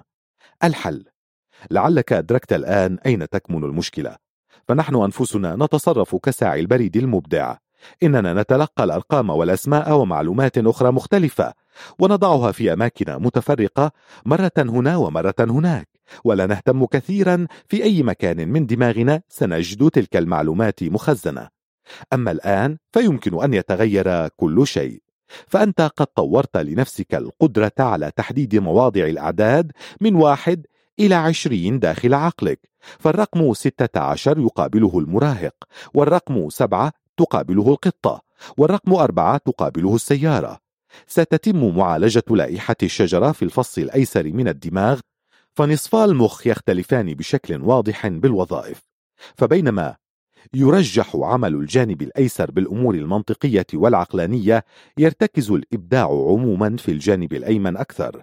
وما نفعله نحن هو التالي إننا نربط المنطق بالإبداع بتعبير آخر إننا نعلق مدلولات لائحة المشتريات على مسميات لائحة الشجرة. وقد يبدو الأمر أكثر غرابة مما هو عليه في الواقع. نتصور مثلا أن شجرة ينمو عليها البيض. إن تأثير هذا التصور رائع جدا رغم عدم وجود شجرة تحمل بيضا لأن عقلنا يلهث دوما وراء الصور الساخرة كما أنه لا يوجد لدى العقل حدود لمثل هذه التصورات. فكلما ازداد تصورك غرابة وجنونا كلما تذكرته بصورة أفضل بيض وشجرة. قد تكون شجرة ينمو عليها بيض صغير جدا أو عش عصفور به بيض. وربما تضع على الشجرة بيضة نعامة ستتدحرج إلى الأسفل وتتحطم على الأرض محدثة انفجارا ودويا هائلا. لا يوجد بيضة نعامة إذا ربما بيضة فاسدة تفوح منها رائحة العفن في أعلى الشجرة. لعلكم تلاحظون ما أصبو إليه. أرجو أن تجربوا عدة خيارات للوصول إلى أفضل تصور تستسيغونه. لعل البعض يفضل الصور البصرية ويرى آخرون أن الصوتية منها أسهل وربما حتى مجرد تخيل الرائحة. وكلما كانت الصور أوضح وأبلغ كان التعلم أيسر والفائدة أكبر. ننتقل الآن إلى البند الثاني من اللائحة صباغ الأحذية البني. ونتصور أننا نقوم الآن وبشيء من العفرتة والشيطنة بطلاء مفتاح الإنارة بصباغ الأحذية. سيفاجأ الشخص التالي الذي سيدخل لإنارة الغرفة بتلوث يديه بالطلاء ورائحته الغريبة. واللون البني على المفتاح ألا ترون في الصورة بلاغة ومبالغة؟ أو تصور أن لديك كرسيا صغيرا بثلاثة أرجل عليه طبق من السباجيتي لا زال حرا ويتصاعد منه البخار. تأتي أنت لتجلس على الكرسي فتلتصق المعكرون بأسفلك. ترى كيف سيكون شعورك عندئذ؟ جيد جدا. الأمر إذا بغاية الوضوح. شجرة وبيض زر الإنارة وصباغ الأحذية الكرسي وسباجيتي. أما عند السيارة فينقصنا القرنبيط الزهرة لأن العجلات مصنوعة من القرنبيط مثلا. وإن أنت أمسكت بالنظارة بيدك فقد صنعت ببساطة رابطا بين الرقم خمسة والذهاب إلى طبيب العيون. أغمض عينيك الآن وراجع البنود الخمسة الأولى من لائحة الشجرة وتأكد فيما إذا كنت ترى هذه البنود من لائحة المشتريات في مخيلتك. يمكنك عندئذ أن تفتح عينيك وتتابع القراءة. إنني على ثقة بأن الأشياء الخمسة المذكورة قد قفزت إلى مخيلتك مباشرة وبقوة ولم تعد تذكرها بشكل عادي فقط. وعندما تفكر بالكرسي الثلاثي فإنك ترى أمامك سباجيتي الحارة ببخارها المتصاعد والتصاقها ببنطالك. أما مع الرقم أربعة فإنك تنظر إلى العجلات القرنبيطية بسخرية وتتساءل ترى إلى متى سيحتمل هذا القرنبيط السير على الطرقات؟ ومع زر الإنارة فإنك تأسف في قرارة نفسك لتلطخ يديك بصباغ الأحذية. الشجرة مليئة بالبيض المتدلي من أغصانها وفي يدك تمسك بالنظارة. نتابع الآن ونقول نصنع من المكعب هاتفا جوالا نعلقه إلى السقف بخيط الأسنان الحريري حيث أن المكعب والخيوط الحريرية مشتركة بالرقم ستة. أما القطة فقد رش لها أحدهم في مخبئها قليلا من الفلفل الأسود كي لا تستطيع النوم فيه. كلاهما رقم سبعة. ورق الكتاب يقابله في الرقم ثمانية عقدة الطريق السريع التي على شكل العدد ثمانية. ترى كيف يمكن للإنسان أن يربط بينهما؟ يمكن أن نتصور مثلا أن هذه العقدة الطرقية مصنوعة من ورق ويتملكنا الخوف من أن تنهار عندما نحاول السير عليها بالسيارة. ثم يأتي الإنجيل والخيوط الحريرية في الرقم عشرة. يمكنك أن تتصور كيف يخاط تجليد الكتب بهذه الخيوط أو أنك تقوم بالخياطة أثناء قراءة الإنجيل أو أنك تضع العلامات داخل الكتاب المقدس بواسطة هذه الخيوط كما ترى. لا يوجد حدود للتصورات والتخيلات. أغمض عينيك ثانية وفكر بالمكعب. هل يتدلى من السقف بالخيط الحريري؟ والأرجح أنك ترى أن القطة لا زالت تعطس من شم رائحة الفلفل. وعقدة الطرق مصنوعة من الورق وتجليد الإنجيل مخاط بالخيوط الحريرية. ممتاز ورائع حقا. والآن أغمض عينيك أيضا وأعد تخيل البنود العشرة التي علقناها على لائحة الشجرة حتى الآن. لقد أنجزنا حتى الآن نصف القائمة ولم يكن الأمر سيئا. أليس كذلك؟ لنتابع إذن مع القسم الباقي. إننا نفكر مع الرقم أحد عشر بحارس المرمى الذي يذهب بأفكاره بعيدا ويخطط لإجازته القادمة. إنه يستند إلى قائم المرمى ويتصفح باهتمام النشرة السياحية بينما يحقق مهاجم الخصم هدفا في مرماه من ضربة جزاء. إذا هل علينا أن نبتسم لهذا المشهد الجميل؟ لأن شيئا من الهزلية واللا معقول سيترك أثرا ملحوظا في الذاكرة أكثر من الأمر العادي المقتضب كأن تتخيل مثلا أن حارس المرمى يفكر بإجازته وحسب بل عليك أن تبدع دوما أفكارا غريبة ومستحيلة أفكارا ممتعة ومسلية ويمكن أن تكون مضحكة أو جنونية وربما شهوانية عدوانية أو مؤلمة. المهم أن تكون فعالة وناجعة. انتبه لا تجزع. سيوقظك بعيد منتصف الليل شبح. يدس في يدك قطعة من الصابون كدعوة لتستيقظ وتغتسل. وهكذا تجد رابطا بين قطعة الصابون والرقم 12 والآن انتبه من اليوم 13 ولا تذهب للسباحة في هذا اليوم لأن حظك قد يكون عاثرا في هذا اليوم وتتعرض لمكروه. وانتظر سعدك في يوم آخر. نأتي الآن إلى الرقم 14 البدر والبطاريات. ترى هل نحتاج إلى مصباح البطاريات المحمول البيل في ليلة مقمرة؟ ربما لا. لكن قد نحتاجها لتشغيل المسجل أو التلفاز أو أن أقوم وزوجتي بنزهة في ضوء القمر لشحن مدخراتنا بطارياتنا الداخلية. يتطلب الأمر أحيانا خيالا واسعا وإبداعا منوعا لإيجاد الرابط المناسب. خذ كامل حريتك وأطلق العنان لأفكارك وعندئذ فقط يمكنك أن تجد الصلة المشتركة بينهما وتعلق البطاريات على البدر.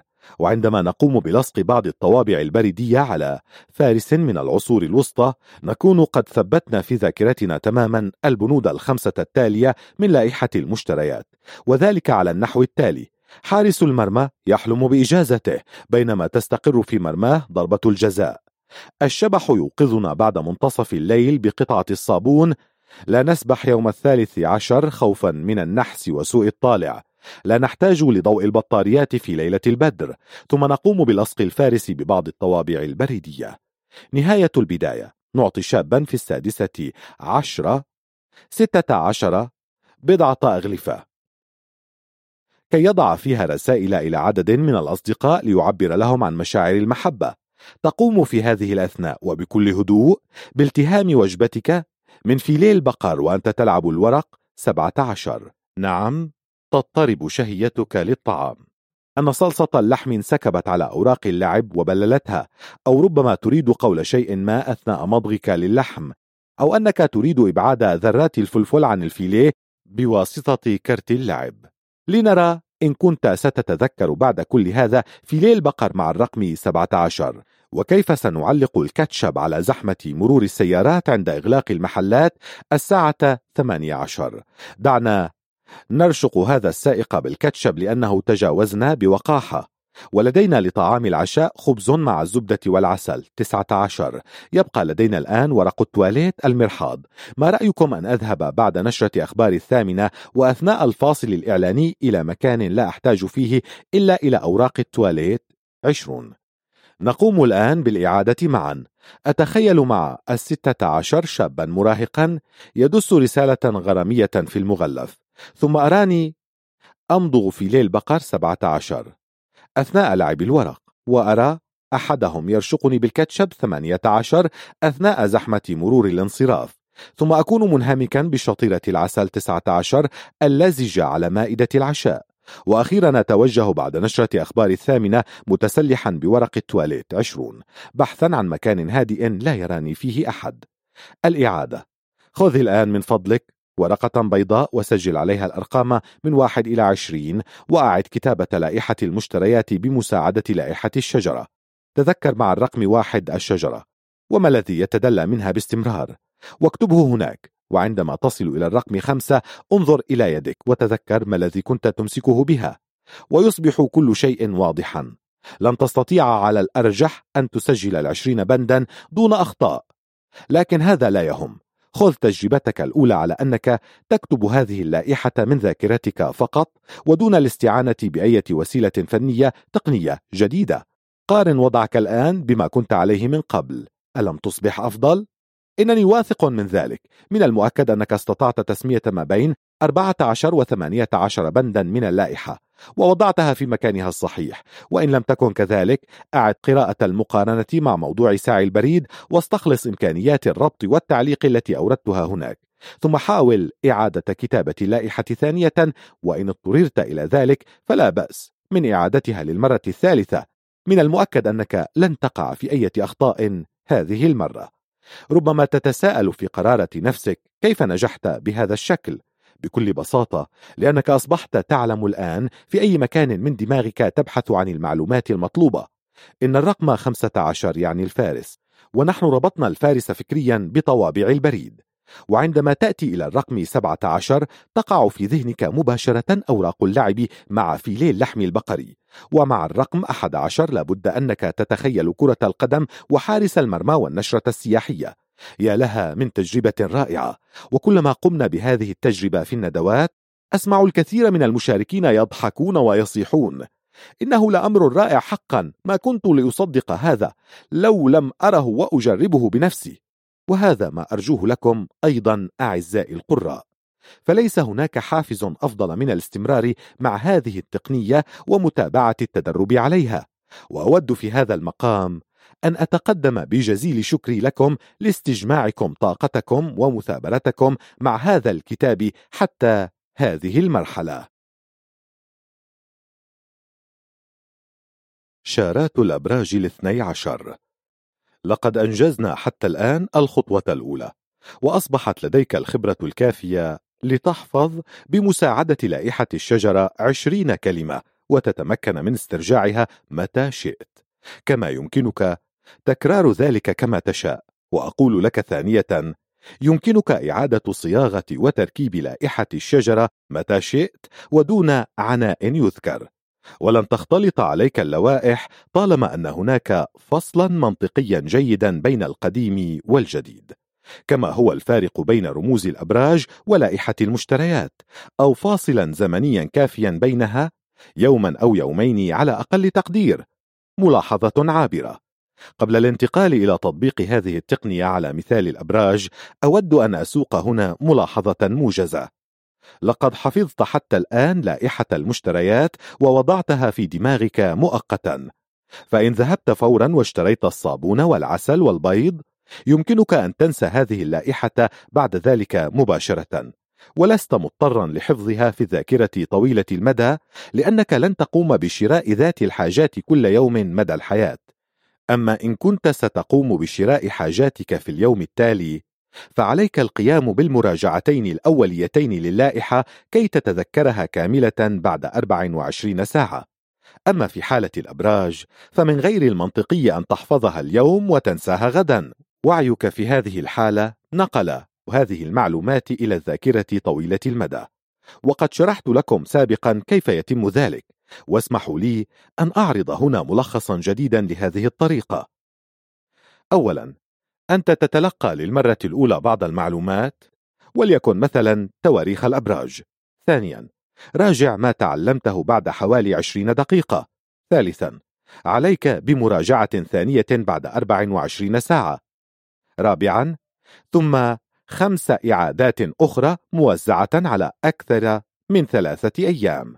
وهكذا أكون بهذه الإعادة قد وضعت لكم حجر الأساس لتعلموا أيضا في المستقبل كيف تتم عملية نقل المعلومات إلى الذاكرة طويلة الأمد.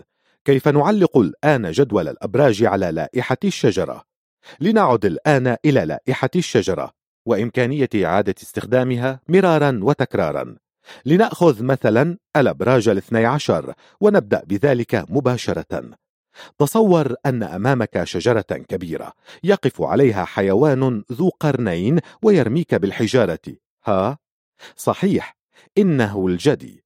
وهكذا علمت الآن أن الجدي ينتمي إلى الشجرة وحيث أن الشجرة تحمل الرقم واحد فيجب أن ينتمي الجدي إلى الشهر الأول من السنة أي كانون الثاني يناير. لكن وبما إن فترات الأبراج لا تتطابق تماما مع الأشهر بل تتبدل في الحادي والعشرين من كل شهر كان لابد لنا من تحديدها بدقة أكبر. يقع إذن برج الجدي في الفترة ما بين الحادي والعشرين من كانون الأول ديسمبر لغاية العشرين من كانون الثاني يناير. الجدي ذلك الحيوان ذو القرنين الذي يرمي الحجارة من أعلى الشجرة. تصور أن أمامك الآن كبسة الإنارة تضغط عليها فينبثق منها الماء وتتبلل ثيابك. ولعلك تفكر في هذه اللحظات بالدلو.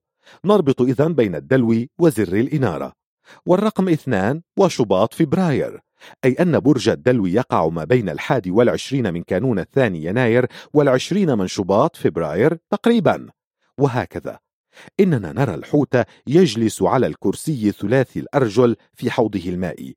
إذا الحوت يساوي ثلاثة يساوي آذار مارس. يوجد على الصدام الأمامي لسيارتنا الرقم أربعة. كلاب شنجل لسحب السيارة. يذكرنا هذا الكلاب بالقرن الصغير للحمل. إذا الحمل يساوي أربعة يساوي نيسان إبريل. إن كنت تمسك بيدك منديلا أحمرا فلا بد أنك تتذكر فجأة مصارع الثيران الذي يهاجمه الثور في الحلبة. نربط إذن بين الثور يساوي خمسة يساوي أيار مايو. ومع المكعب نرى الأشياء مزدوجة. التوائم أو برج الجوزاء أي الجوزاء يقابله ستة يقابله حزيران يونيو. الإعادة الجدي على الشجرة الدلو في كبسة الإنارة الحوت على الكرسي الثلاثي الحمل في السيارة الثور في اليد الجوزاء مع المكعب. أغمض عينيك الآن وراجع بمخيلتك قائمة الشجرة من الرقم واحد حتى الرقم ستة. وتأكد فيما إذا كنت ترى هذه الصور. ثم عد بعد ذلك إلى الكتاب. جيد. ننتقل الآن إلى النصف الثاني من الأبراج. القطة تحاول مداعبة السرطان للنيل منه لعلها تستطيع افتراسه. إذا السرطان يساوي سبعة يساوي تموز يوليو. نتصور أن أسدا يسير مزمجرا على عقدة الطرق الملتفة على شكل ثمانية فترتعد خوفا. نجد إذن رابط الأسد يساوي ثمانية يساوي آب أغسطس. تحضر للإفطار معنا الساعة التاسعة فتاة عذراء. إذا العذراء يساوي تسعة يساوي أيلول سبتمبر.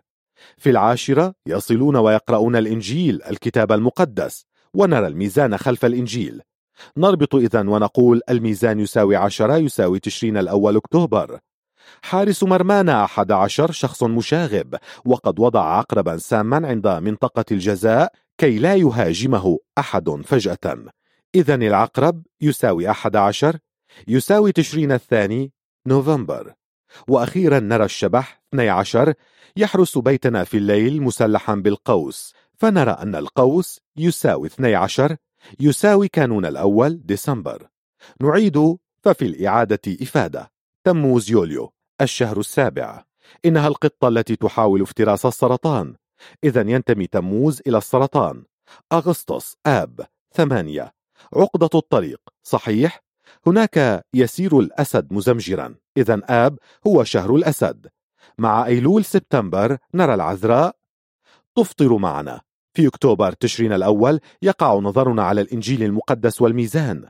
في تشرين الثاني نوفمبر نصطدم بحارس المرمى المحتال ومساعده الحشرة السامة العقرب. وأخيرا في ديسمبر كانون الأول الشهر الثاني عشر نرى شبحنا المسلح القوس. ضع أمامك الآن الجدول رقم اثنان الصفحة الثامنة والخمسين. ضع ورقة على عمود الأبراج أو غطه بيدك واقرأ أسماء الأشهر محاولا أن تذكر اسم البرج الخاص بكل منها. تابع التدرب على ذلك حتى تتقنها تماما وتحفظ فترات جميع الأبراج. وتذكر دوما أن تموز يوليو هو الشهر السابع وإليه تنتمي القطة التي لها سبع أرواح والتي تحاول افتراس السرطان الذي يمر أمامها.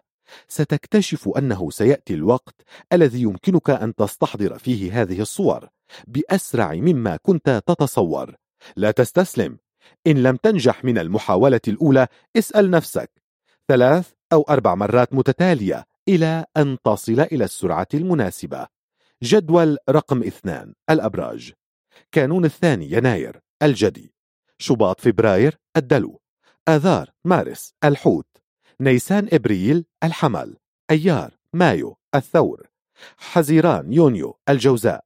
تموز يوليو السرطان. آب أغسطس الأسد أيلول سبتمبر العذراء تشرين أول أكتوبر الميزان تشرين ثاني نوفمبر العقرب كانون الأول ديسمبر القوس. تهانينا. لقد حفظت الآن تواريخ جميع الأبراج الاثني عشر. هل كان الأمر عسيرا؟ لا أعتقد ذلك. يمكنني على أي حال أن أقدم لكم بعض السلوان. حتى عندما يكون الأمر صعبا للغاية يمكنك أن تتغلب عليه بهذه التقنية. عليك أن تكرر وتعيد كل ما تتعلمه ثلاث مرات لأنك في المرة الثالثة ستتأكد وتضمن أنك حفظته تماما. ولا تستأ أو تنزعج إن لم تنجح من المرة الأولى. أعد الآن لائحة الأبراج مرة أخرى ثم تابع القراءة. لائحة الجسد. نلخص في هذا المقام ما أنجزناه حتى الآن. لقد وضعنا لأنفسنا أهدافا وبدأنا بناء نظام يمكننا أن نحدد بدقة في أي مكان من الدماغ وضعنا معلومة ما.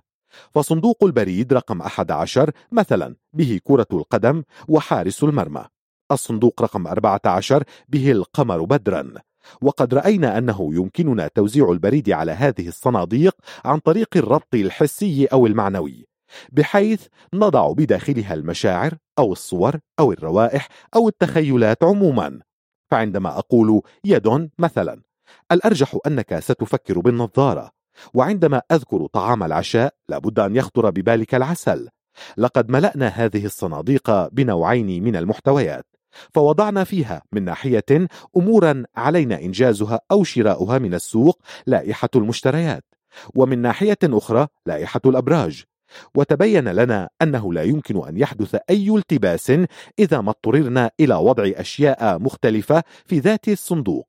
كما ثبت لنا أننا بحاجة إلى تقنية خاصة لتخزين معلومات ما لمدة طويلة أي أن ننقلها من الذاكرة المؤقتة إلى ذاكرة المدى الطويل. حيث نقوم بالمراجعة الأولى بعد عشرين دقيقة والثانية بعد أربع وعشرين ساعة ثم خمس مراجعات أخرى موزعة على الأيام الثلاثة التالية. لكنك ستكتشف بسرعة أثناء تدربك على هذه التقنيات أن صناديق البريد العشرين لن تكون كافية. أولا لأنه سيصبح من الصعب جدا التعامل مع الأرقام عندما تنتهي القائمة عند العدد عشرين. لأنك ستضطر للتحول إلى صور الأرقام. الأمر الذي سيغدو معقدا للغاية. ثانيا ستحتاج لأكثر من عشرين صندوق رسائل لأنك ستمل بسرعة من لائحة الشجرة وتتطلع إلى بعض التغيير. كذلك بالنسبة للطلبة والتلاميذ الذين ينحصر جل اهتمامهم بالدراسة والتعلم فإنهم سيصلون بسرعة كبيرة إلى النقطة التي يتضح لهم فيها أنهم يحتاجون بالضرورة إلى نظام أوسع وأشمل. لذا نتوجه الآن وخطوة بخطوة إلى بناء نظام جديد يؤمن لنا في النهاية مئة صندوق للرسائل. من قمة الرأس إلى أخمص القدم بناء لائحة الجسد. إن الخطوة الأولى على هذا الطريق هي لائحة الجسد. التي سنستعرضها معا وأقترح أن تقف وتمسك بإحدى يديك الكتاب وتلمس باليد الأخرى أجزاء جسمك التي سأذكرها تباعا. وقد أثبت هذا الأسلوب المتكامل للتعلم نجاعته مع المشاركين في ندواتي. كما يمكنك تكرار هذه التسميات أيضا ورائي بصوت مرتفع حيث تستفيد من العامل الصوتي إلى جانب المحرض البصري واللمسي. قف إذن من فضلك الآن كي نبدأ. إلمس ما يلي. أصابع القدم أو الحذاء إن كنت تلبس حذاء. الركبة الساق المؤخرة الخصر الصدر الكتف الرقبة الوجه الشعر. الشكل اثنان لائحة الجسد. اقرأ القائمة ثانية بمساعدة الصورة ثم أغمض عينيك وراجعها غيبا. مع لمس كل عضو على حدة عند ذكر اسمه. كرر هذه الأسماء عدة مرات بالاتجاهين من الأعلى إلى الأسفل وبالعكس حتى تتقنها تماما ودون أي أخطاء. ممتاز. لقد حفظت الآن لائحة الجسد وأصبح بإمكانك تعداد أسماء أعضاء الجسد العشرة بالترتيب الصحيح. ما ينقصنا الآن هو ترتيب هذه الأسماء ومطابقتها كل حسب الرقم المقابل له من واحد إلى عشرة. بحيث يمكنك أن تتناول أيا منها بسرعة ودقة. ونحصل على هذا الترتيب بالاستعانة أيضا بلائحة الشجرة. مثال نضع اليد على الخصر. في اليد خمسة أصابع وهي صندوق الرسائل الخمس. وهكذا يصبح الترابط أن الخصر هو الرقم خمسة من قائمة الجسد. لا حاجة لأن تعدد. أصابع القدم واحد الركبة اثنان الفخذ ثلاثة وهكذا. بل إنك تعلم ببساطة أن الخصر خمسة. جيد. والآن دع القطة ترقص على كتفيك. ماذا يحدث؟ يصبح الكتف هو الرقم سبعة من قائمة الجسد. وطالما أن القطة ساعدتك على معرفة أن الكتف هو سبعة كذلك يمكنك أن تعلم بشكل تلقائي أن الرقبة هي ثمانية. ونتابع بهذه الطريقة. حاول أن تسأل نفسك في أي مكان يوجد رقم ما. إنك تجلس في السيارة على مؤخرتك. إذا فهي تحمل الرقم أربعة. المس صدرك بينما تتصور أنك تحمل سلسلة يعلق فيها مكعب. وهكذا. وهكذا تكون قد سحبت نظامك المعتمد على صناديق الرسائل على لائحة الجسد أيضا. علينا الآن أن ننقل قائمة الجسد هذه إلى الذاكرة طويلة الأمد. أعتقد أنك قد أنهيت أيضا الإعادة التي تتم بعد عشرين دقيقة. وعليك ألا تنسى الآن المراجعة بعد 24 ساعة. وثم تلحقها بخمس مراجعات موزعة على الأيام الثلاثة التالية. كما أنك ستحتاج إلى هذه المراجعات بشكل آلي عندما ستتابع قراءتك للكتاب لأننا سنستخدم لائحة الجسد هذه باستمرار. ستجد أنك ستلجأ إلى هذه المراجعات المتتالية دون وعي منك. وكما هي الحال في الحياة ستأتيك وحدها مع المناسبات والضرورات. لعل علي أن أنوه أيضا أنه لا يهم ما هي التسميات التي تستخدمها لأجزاء الجسم بالتفصيل وإن كنت تعطي للرقم ثلاثة تسمية الفخذ أو العضلة أو جيب السروال المهم في الأمر أن يرتبط في تفكيرك كل عدد مع عضو الجسم المقابل له.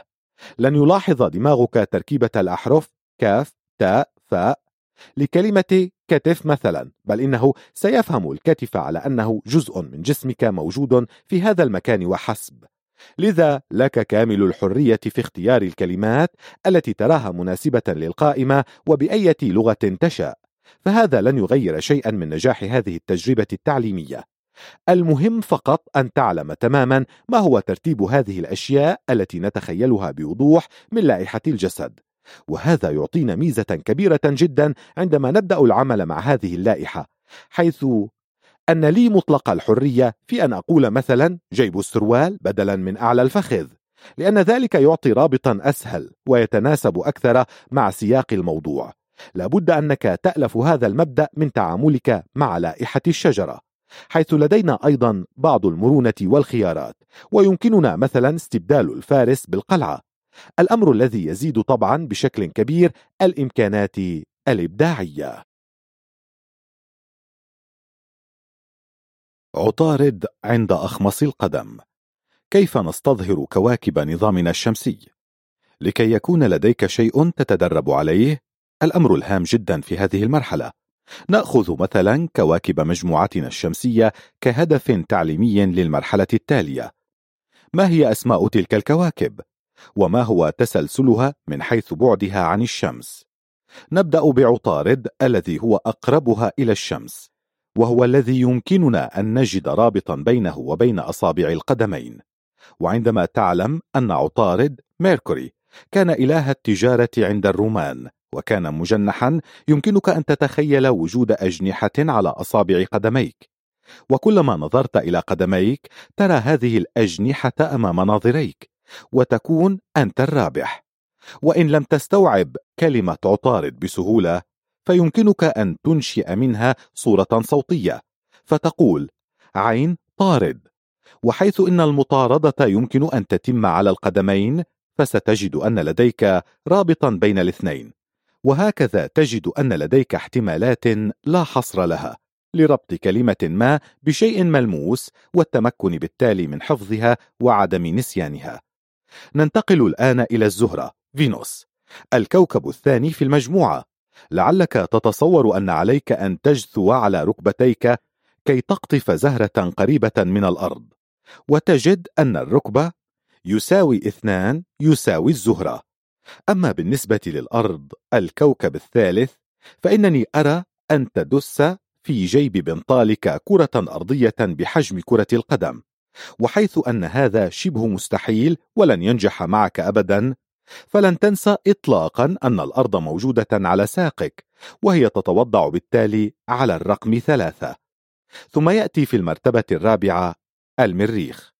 ذلك الكوكب القريب البعيد الذي يحاول علماء الفلك والفضاء الوصول إليه بأي ثمن ويشكون دوما بوجود نوع من الحياة عليه. تصور أنك تجلس بمؤخراتك على إحدى تلاله. إذا المؤخرة يساوي أربعة يساوي المريخ. لعل الأمر ليس بهذه السهولة مع المشتري. الكوكب الأكبر من المجموعة الشمسية وكبير آلهة الرومان. يمكنك أن تتخيل هنا مثلا. أنك تحمل على وسطك كرة ضخمة أكبر من أي كرة في العالم سمها كرة المشتري. وهكذا تجد أن الخصر يساوي خمسة يساوي المشتري. أما مع زحل فيمكن أن تكون الأمور أكثر مباشرة لأن معظم الناس يعلمون أن لهذا الكوكب حلقة خاصة نظام حلقي من أصغر التوابع والكويكبات. نتخيل إذا أننا نضع حلقة إطار الإنقاذ مثلا حول الصدر وننظر فنرى الكوكب زحل. إذا الصدر يساوي ستة يساوي زحل وحلقاته. القمر التالي هو أورانوس. الذي يحمل الرقم سبعة. القطة التي تلعب على الكتفين. هنا يجب أن أستفيد من معلوماتي وأفترض أن مفاصل كتفي مصنوعة من الأورانيوم. أي كتف يساوي سبعة يساوي أورانوس. ومع الكوكب نبتون الذي هو إله البحر أيضا ويحمل الرقم ثمانية علينا أن نغوص في الخيارات المائية. فنتصور مثلا كيف أننا نأخذ الماء وأنواع الشراب الشهية عبر الرقبة. ونربط بالتالي الرقبة تساوي ثمانية تساوي نبتون يخطر ببالي مباشرة مع الكويكب بلوتو آخر ما اكتشف من المجموعة الشمسية كلب مسلسلات ميكي ماوس وأنفه الأسود اللطيف المكور. بلوتو هو الكوكب التاسع والعدد تسعة هو الوجه. انظر إلى الأنف في وجهك وتصور هذا الكويكب كأنه الأنف الأسود المكور. ولن تنسى ما حييت أن الأنف يساوي تسعة يساوي بلوتو. ملخص وإعادة. نقوم بالإعادة. ضع لائحة الجسد نصب عينيك. انظر إلى قدميك وتخيل أنك تطارد شخصا أو حيوانا ما. إذا عطارد. تجثو على ركبتيك كي تقطف زهرة الزهرة. لا تستطيع أن تدخل يدك في جيب بنطالك فكرة القدم موجودة هناك على فخذك. ثلاثة. الكرة الأرضية. إنك تجلس بمؤخرتك أربعة على إحدى تلال المريخ. يوجد على خصر خمسة أكبر كرة في العالم المشتري. على الصدر ستة يوجد إطار حلقة النجاة. زحل. ننظر إلى الكتف سبعة. نتخيل أن بداخله مفصلا من الأورانيوم. أورانوس. عبر الرقبة ثمانية. نزردق الماء. الكوكب المائي نبتون. نأتي أخيرا إلى الرقم تسعة. وننظر إلى الأنف. فنرى هناك الأنف الأسود الجميل المكور ونتذكر أن الكوكب التاسع هو بلوتو. اقتراح خذ الآن ورقة واكتب عليها الأرقام من واحد إلى تسعة وإلى جانبها من ذاكرتك أسماء الكواكب التسعة على أمل أن تتذكرها وتحصل على سبعة منها صحيحة. سآتي لاحقا للحديث بالتفصيل عن مثل هذه التمارين الفكرية والتصورات الذهنية. حاول أن تقوم الآن بهذه المهمة ثم عد للكتاب. جيد. ها أنت إذن مع الكتاب ثانية. انظر الشكل ثلاثة وتأمل رسم الكواكب التسعة من مجموعتنا الشمسية. راجع الجدول الذي كتبته ثانية وتأكد من الصح والخطأ. ترى ما هو التوجه الذي ستقدم عليه في مهامك التعليمية التالية؟ لا تطلب من نفسك أن تعرف الكثير من المحاولة الأولى. قد يحدث ذلك لكنه الاستثناء وليس القاعدة. لا تتوقع الكثير دفعة واحدة لأنك ستضع نفسك تحت ضغط كبير وتنزعج ويخيب ظنك وهذه أمور يجب ألا تحدث. لا أحد يطلب منك أن تكون نتيجتك صحيحة مئة بالمئة من المحاولة الأولى. لذا فقد اتخذت لنفسي قاعدة وجعلتها عادة. ألا وهي أن أتدرب على كل درس وأحاول حفظه ثلاث مرات. إنني أكتب أسماء الكواكب التسعة ثلاث مرات أو أفكر بها ثلاث مرات على الأقل. وعندئذ فقط أتوقع أن أتمكن منها حقيقة. وأنصحك باتباع هذا الأسلوب. أي أن تعترف وتتوقع سلفا وجود بعض الخطأ لديك. الأمر الذي قد لا يحدث دوما وبالضرورة. كي تتحاشى الغضب والانزعاج الأمر الذي لا محالة. واقع إن لم تفعل ذلك. عدم الوقوع في الغضب يعني بالتالي الراحة والاسترخاء. وهذا سيمكنك بالتالي من تصحيح الخطأ بهدوء. عندها ستكون لديك الفرصة لتعرف كل شيء في المحاولة التالية. أي تحسن بنسبة 80 إلى 90% وهذا يمكن أن يحدث فقط عندما تتمتع بالراحة والطمأنينة. حالما تصبح لديك الخبرة والتجربة الكافية الأمر الذي يمكن أن يحدث خلال أسبوعين. وتتمكن من معرفة كل شيء عند المراجعة الثانية أي عندما تتلقى المعلومة للمرة الثالثة تكون قد فزت وحققت هدفك. لأنك بذلك تكون قد أوجدت لنفسك أسلوبا فعالا لتتعامل مع المادة التعليمية بطمأنينة ودون أي توتر وتسيطر عليها في المرة الثالثة وطن نفسك وعودها على المذاكرة براحة ومرح وانشراح كيف تحفظ التعبيرات المعنوية المجردة؟ سنقوم في هذا الفصل بتحويل التعبيرات المجردة إلى صور بتعبير آخر أي أن أختزن في ذاكرتي صورة لمعلومة ما ليست مرئية ولا ملموسة بأي شكل من الأشكال وليس لها أي من مقومات الصورة الفعلية. الأمر الذي قد يجد فيه غالبية الناس بعض الصعوبة في البداية. نجعل الأمر أكثر دقة ونحاول أن نتصور مثلا مصر في صورة وهذا سهل نسبيا حيث أن كثيرين يتصورون فقط هرما أو تمثال أبي الهول. ويعنون بذلك مصر فهم يختارون إذن رمزا معروفا بدل الاسم المجرد. يمكن أن تنجح هذه الطريقة فقط إن كان بالإمكان تخيل رمز ما لهذا التعبير كما في حالة مصر. لكن ما العمل؟ إذا لم يكن لهذه الكلمة أو التعبير تصور واضح في داخلنا. كالكلمات اللاتينية أو الروسية أو المصطلحات الجغرافية وما شابه ذلك. عندها يصبح الأمر بمنتهى الصعوبة. أي عندما لا تجد للمعلومة أي صلة أو رابط برمز ما تربطه بها أو صورة يمكن أن تتخيلها لها علاقة بالموضوع لنأخذ مثلا دولة بوركينا فاسو في أفريقيا هل يخطر في ذهنك أي رمز يمكن أن يعبر عن هذه الكلمة بحيث تتمكن من حفظها؟ أم ترى أن هذا غير ممكن؟ وأنا كذلك ما العمل الآن؟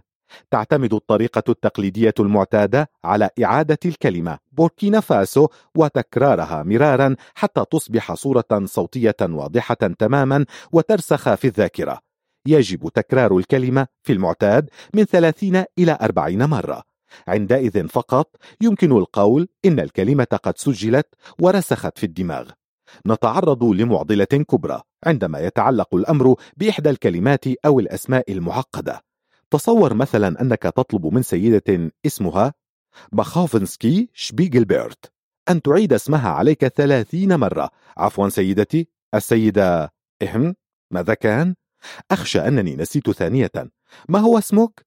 قد يفضل البعض أن يحفظ عن الصورة الكتابية بدل الصوتية ويقوم بكتابة الكلمة من عشرين إلى ثلاثين مرة حتى يحفظها الأمر الأقل استحسانا لذا أود أن أعرض لك هنا طريقة أخرى. قد تبدو طفولية لكنها ليست طائشة وتشكل بديلا حقيقيا للطريقة الأولى. إنها طريقة خلاقة للغاية. ستسر كثيرا باستخدامها خصوصا عندما تكتشف أنها بمنتهى السهولة. وسيصبح لديك الحل المنقذ لتعلم وحفظ الكلمات والتعبيرات المجردة. ستنجح دوما وخصوصا عندما لا يكون لديك الوقت اللازم لتكرار الكلمة أربعين مرة أو كتابتها ثلاثين مرة. المبدأ الأساسي تحويل الأحرف إلى صور. يعتمد المبدأ الذي يتوارى خلف هذه الوصفة السرية على ما يلي. نقوم بتحويل مقاطع الكلمات أو مجموعات من الأحرف وفي حالات اضطرارية أحرف فرادى من الكلمة إلى صور. هذا يعني أنك ترى بدل الحرف باء مثلا باب أو بنت أو بندورة. لك مطلق الحرية بأن تختار مزيدا من الصور للحرف الواحد. الحرف جيم يمكن أن يكون جمل أو جبل. الحرف كاف كتاب أو كلب وهكذا. ستجد على الصفحة التالية جدولا بالأحرف الأبجدية. جدول رقم ثلاثة. أرجو قراءة هذا الجدول وتأكد إن كنت تستطيع التعامل مع هذه الصور. إن كان الجواب نعم فأنت لديك الآن تصور محدد لجميع الأحرف وكل حرف على حدة. أرجو قراءة هذا الجدول الآن ودراسته بترون ثم العودة إلى متابعة قراءة هذا الكتاب من هنا. جدول ثلاثة صور الأحرف الأبجدية. ألف أرنب. باء باب. تاء تفاحة. ثاء ثمرة. جيم جمل. حاء حمار. خاء خروف. دال دلو. ذال ذئب. راء رجل. زاي زرافة. سين سيف. شين شارع. صاد صقر. ضاد ضب. طاء طبل. ظاء ظبي. عين عين. غين غيمة. فاء فأر. قاف قنديل. كاف كرز. لام لبن. ميم مطرقة. نون نمر. هاء هر. واو ورد. ياء يمامة. تحويل مقاطع الكلمات إلى صور. لن نبقي الأمر على هذا الحال طبعا. لأنه من الصعب والمتعب جدا تصور كل حرف على حدة في صورة منفصلة وتجميع كمية كبيرة من الصور لتكوين كلمة واحدة طويلة. نحاول الآن أن نتخيل صورا لمقاطع كاملة. مثال نا يساوي ناس كت يساوي كتاب حص يساوي حصن أو حصان بي يساوي بيت. من المؤكد أنك ستتوصل إلى صور رائعة. كما يمكنك في حالة الضرورة وإن خانك خيالك أن تلجأ إلى أحد القواميس وتبحث تحت نا مثلا أو حص وربما تتوصل إلى ناموس أو حصة وتقول لنفسك جيد تعجبني هذه الناموس والحصة وسوف أحفظها إذا ناموس وحصة. وهكذا ستعتاد أن تستخدم صورا عادية لمقاطع محددة من الكلمات. يمكننا متابعة جدول هذه الأمثلة. لمزيد من الأمثلة انظر الملحق A3 أن أناناس. أم أم أمريكا. قم قمر قمح قمل. كما ترى فإنه من المفيد أن تتخيل وتحفظ عددا من الصور لمقطع معين لأنك عندما تستحوذ على العديد من الصور ينمو مجال إبداعك وخيالك أكثر ويصبح من السهل عليك إيجاد ترابطات متعددة بين مختلف المقاطع. لعلك لم تدرك بعد كيف يمكنك أن تجد الروابط بين مختلف المقاطع؟ بحيث يصبح لديك علامات مميزة سهلة وواضحة جدا. ولن تخلط بعد الآن بين كلمتين غريبتين تبدأ إحداهما بالمقطع أن والأخرى بأم لأنك تفكر مع أحدها بالأناناس ومع الآخر بأمريكا. ومن لا يميز بين أمريكا والأناناس؟ كما تبين لي أن هذا الأسلوب يقدم أيضا عونا كبيرا إن استخدمنا صورا لنهايات الكلمات. مثال شخص يقدم لك نفسه على أنه السيد المجالي. فالمقطع الأول يمكن أن نأخذه من إحدى كلمتي المجال أو المجالس لا فرق. والمقطع الأخير نأخذه من العالي أو الخالي. نفترض أنك ستضع قائمة بصور لمقاطع الكلمات. فكم سيكون برأيك عدد هذه المقاطع المختلفة؟ سيكون حتما أقل مما تتصور. وإن لاحظت ذلك لفترة من الزمن فستتكون لديك الخبرة والتجربة التي أصبحت لدي.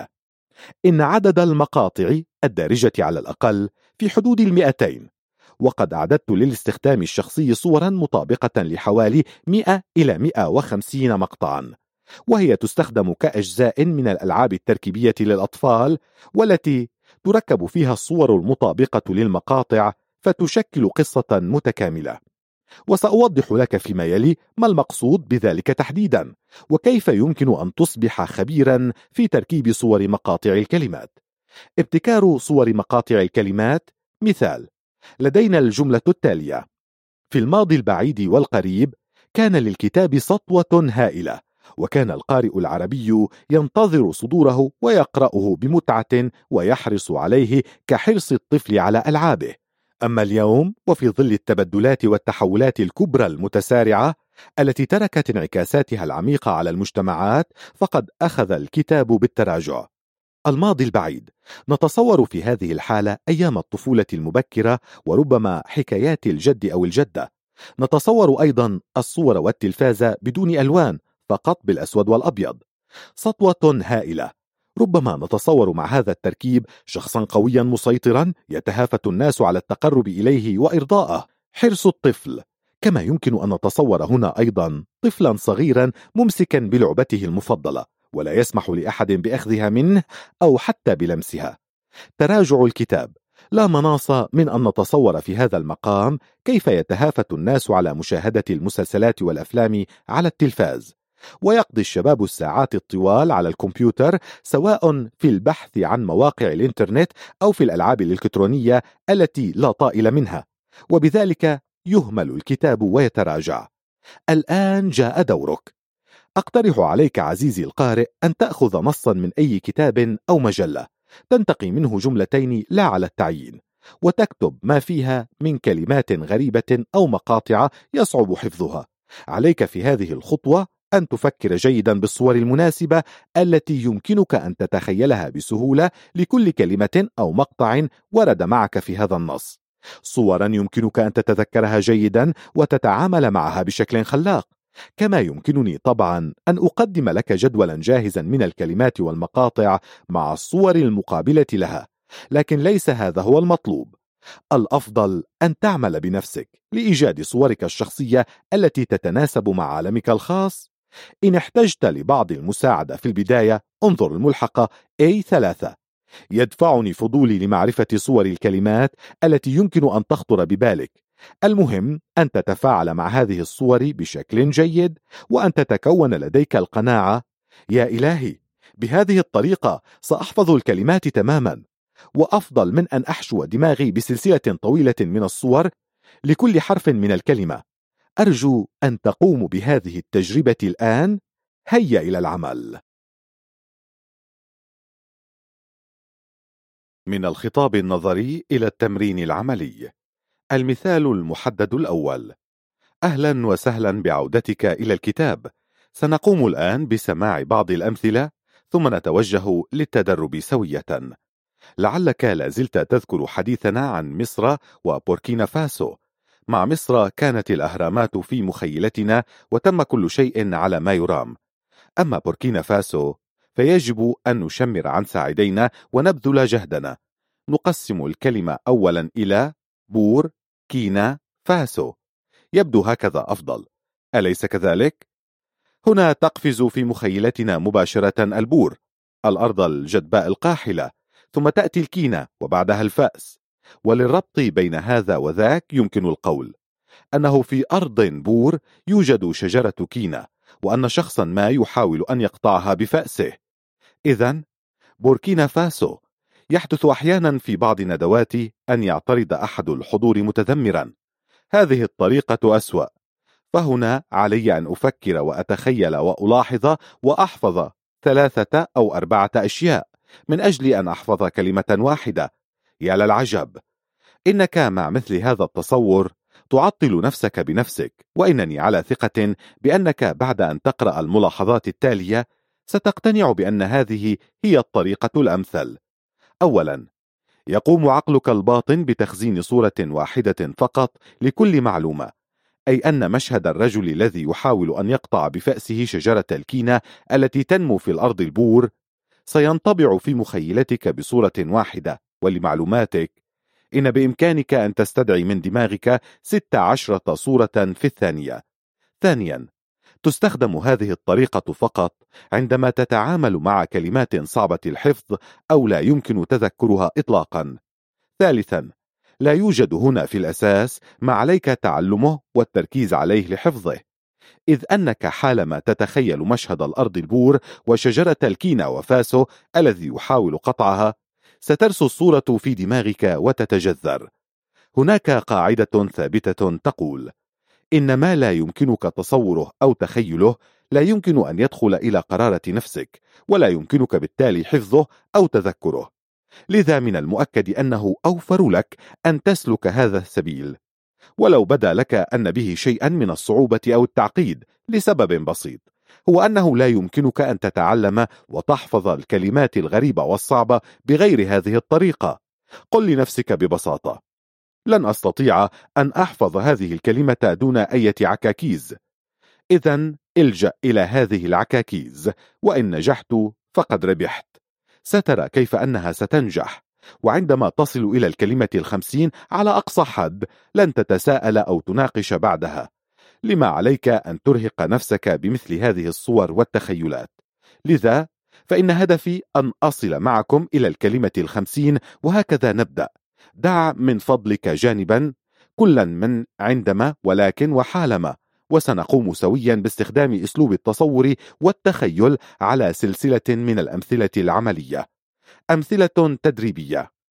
أبراشنينش نود الآن أن نتعلم ونحفظ مثلا هذه الكلمة الروسية والتي تعني بالعربية تمرين أو تدريب. لعلها صعبة بعض الشيء ومن المستحيل حفظها هكذا مجردة دون ربطها بصورة ما تعيننا على ذلك. لذا نبدأ بتجزئتها إلى ثلاثة مقاطع. أب راش نيتشا. أب إنه الوالد الذي يريد أن يدرب أولاده على رياضة ما. راش كل من يعرف قليلا من الإنجليزية يعلم أن راش تعني بسرعة كبيرة أي أن هذا الولد يريد أن يتعلم أولاده رياضة سريعة جدا. نينشا النينجا هي الرياضة السريعة التي سيتمرن عليها هؤلاء الأولاد. وهكذا نحاول أن نصنع في مخيلتنا صورة متكاملة تعبر عن معنى هذه الكلمة. أبراش نينشا وقد وجدناها طبعا. إنها صورة الأب الذي يريد أن يتمرن أولاده على النينجا. إذا التمرين يعني بالروسية أبراش نينشا كارينا. نأخذ الآن هذه الكلمة من اللاتينية وتعني بالعربية سفينة. المقطع الأول كار. إنها الكلمة الإنجليزية الشهيرة جدا ومن لا يعرف أنها تعني بالعربية سيارة. دعنا نضع لهذه الكارينة أربع عجلات ونتصور أنها أصبحت سفينة سيارة. أما المقطع الثاني إينا فيمكن أن يقودنا إلى أن هذه الكار السيارة هي لينا. ومع الربط الممكن كار ينا نجد أنها تعني بالعربية سفينة ويجب ألا ننسى صورة هذه السفينة ذات العجلات. Community هذه الكلمة الإنجليزية التي تعني بالعربية جماعة أو مجتمع. كيف يمكننا أن نجزئها إلى مقاطع ونستدل من كل مقطع على معنى معين؟ ثم نربطها معا في صورة حكاية أو حكاية صورة توضح لنا المعنى وترسخه في أذهاننا. إذا كوم you نيتي. كوم نرى هنا كومة من البشر يعيشون معا في مكان ما. you من المؤكد أنك تعلم أن you تعني أنت وأنت الذي تود أن تزور هذه الجماعة في مجتمعهم. نيتي. طبعا وفي نيتي أن أرافقك بهذه الزيارة إلى هذه الكومة من الناس الذين يشكلون هذا المجتمع الخاص بهم. إذا community هي صورة جماعة من البشر مجتمع سنقوم أنت وأنا بزيارتهم قريبا. وقفة ومراجعة. إذا أردنا أن نختبر أنفسنا ونسأل ماذا تعني؟ упражнение. إنني على ثقة بأن الجواب سينطلق من فمك كالقذيفة. إنها تعني تمرين لأنك لازلت تتصور الأب الذي يرغب في أن يتمرن أبناؤه على النينجا. أليس كذلك؟ ستجد في الجدول رقم أربعة الكلمات التي تعلمناها حتى الآن. يمكنك أن تضع يدك على جانب الكلمات الغريبة وتغطيها لتتأكد فيما إذا كنت ستعرف معانيها باللغات الأجنبية. ثم افعل العكس وغطي الآن جهة الكلمات العربية لترى إن كنت تعرف معاني الكلمات الأجنبية بالعربية. لابد أنك ستسر لأنك حفظت معاني هذه الكلمات بهذه السرعة. لكن لا تتعجل يبقى عليك أن تراجع هذه الكلمات غدا ثانية. لأنه وكما تعلم هناك عملية محددة لنقل محتوى ما تعلمناه إلى الذاكرة طويلة الأمد. فلدينا أولا الإعادة بعد عشرين دقيقة وهذا ما تفعله للتو ثم المراجعة بعد 24 ساعة وتأتي بعد ذلك خمس إعادات موزعة على الأيام الثلاثة التالية. كما يمكنك أن تستعين بالبطاقات التعليمية التي تحدثنا عنها سابقا. وسيكون من المؤكد أخيرا أنك قد حفظت هذه الكلمات في الذاكرة طويلة الأمد. والآن إلى العمل مجددا. جدول أربعة. مذاكرة الكلمات. الكلمة الأجنبية بوركينا فاسو.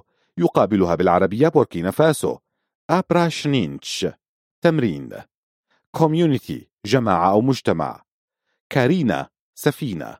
يمكنك الآن عمل تجربة كمثال. خذ ورقة واكتب عليها كلمة تمرين بالروسية. الأرجح أنك ارتكبت خطأ ما. انظر الآن إلى شكل كتابة هذه الكلمة وأعد كتابتها ثانية. هل نجحت؟ اكتبها رغم ذلك مرة ثالثة. وقد أثبتت هذه الطريقة نجاعتها معي. اكتب المعلومة ثلاث مرات وصححها ثلاثا إن لزم الأمر. مقياس النجاح. كيف حالك الآن؟ أرجو أن تكون قد تحسست مشاعر النجاح التي تواجهني دوما في الندوات حيث ينفعل كل مشارك فرحا ويقول يا إلهي يمكنني أن أحفظ الآن أصعب الكلمات في ثلاثين ثانية.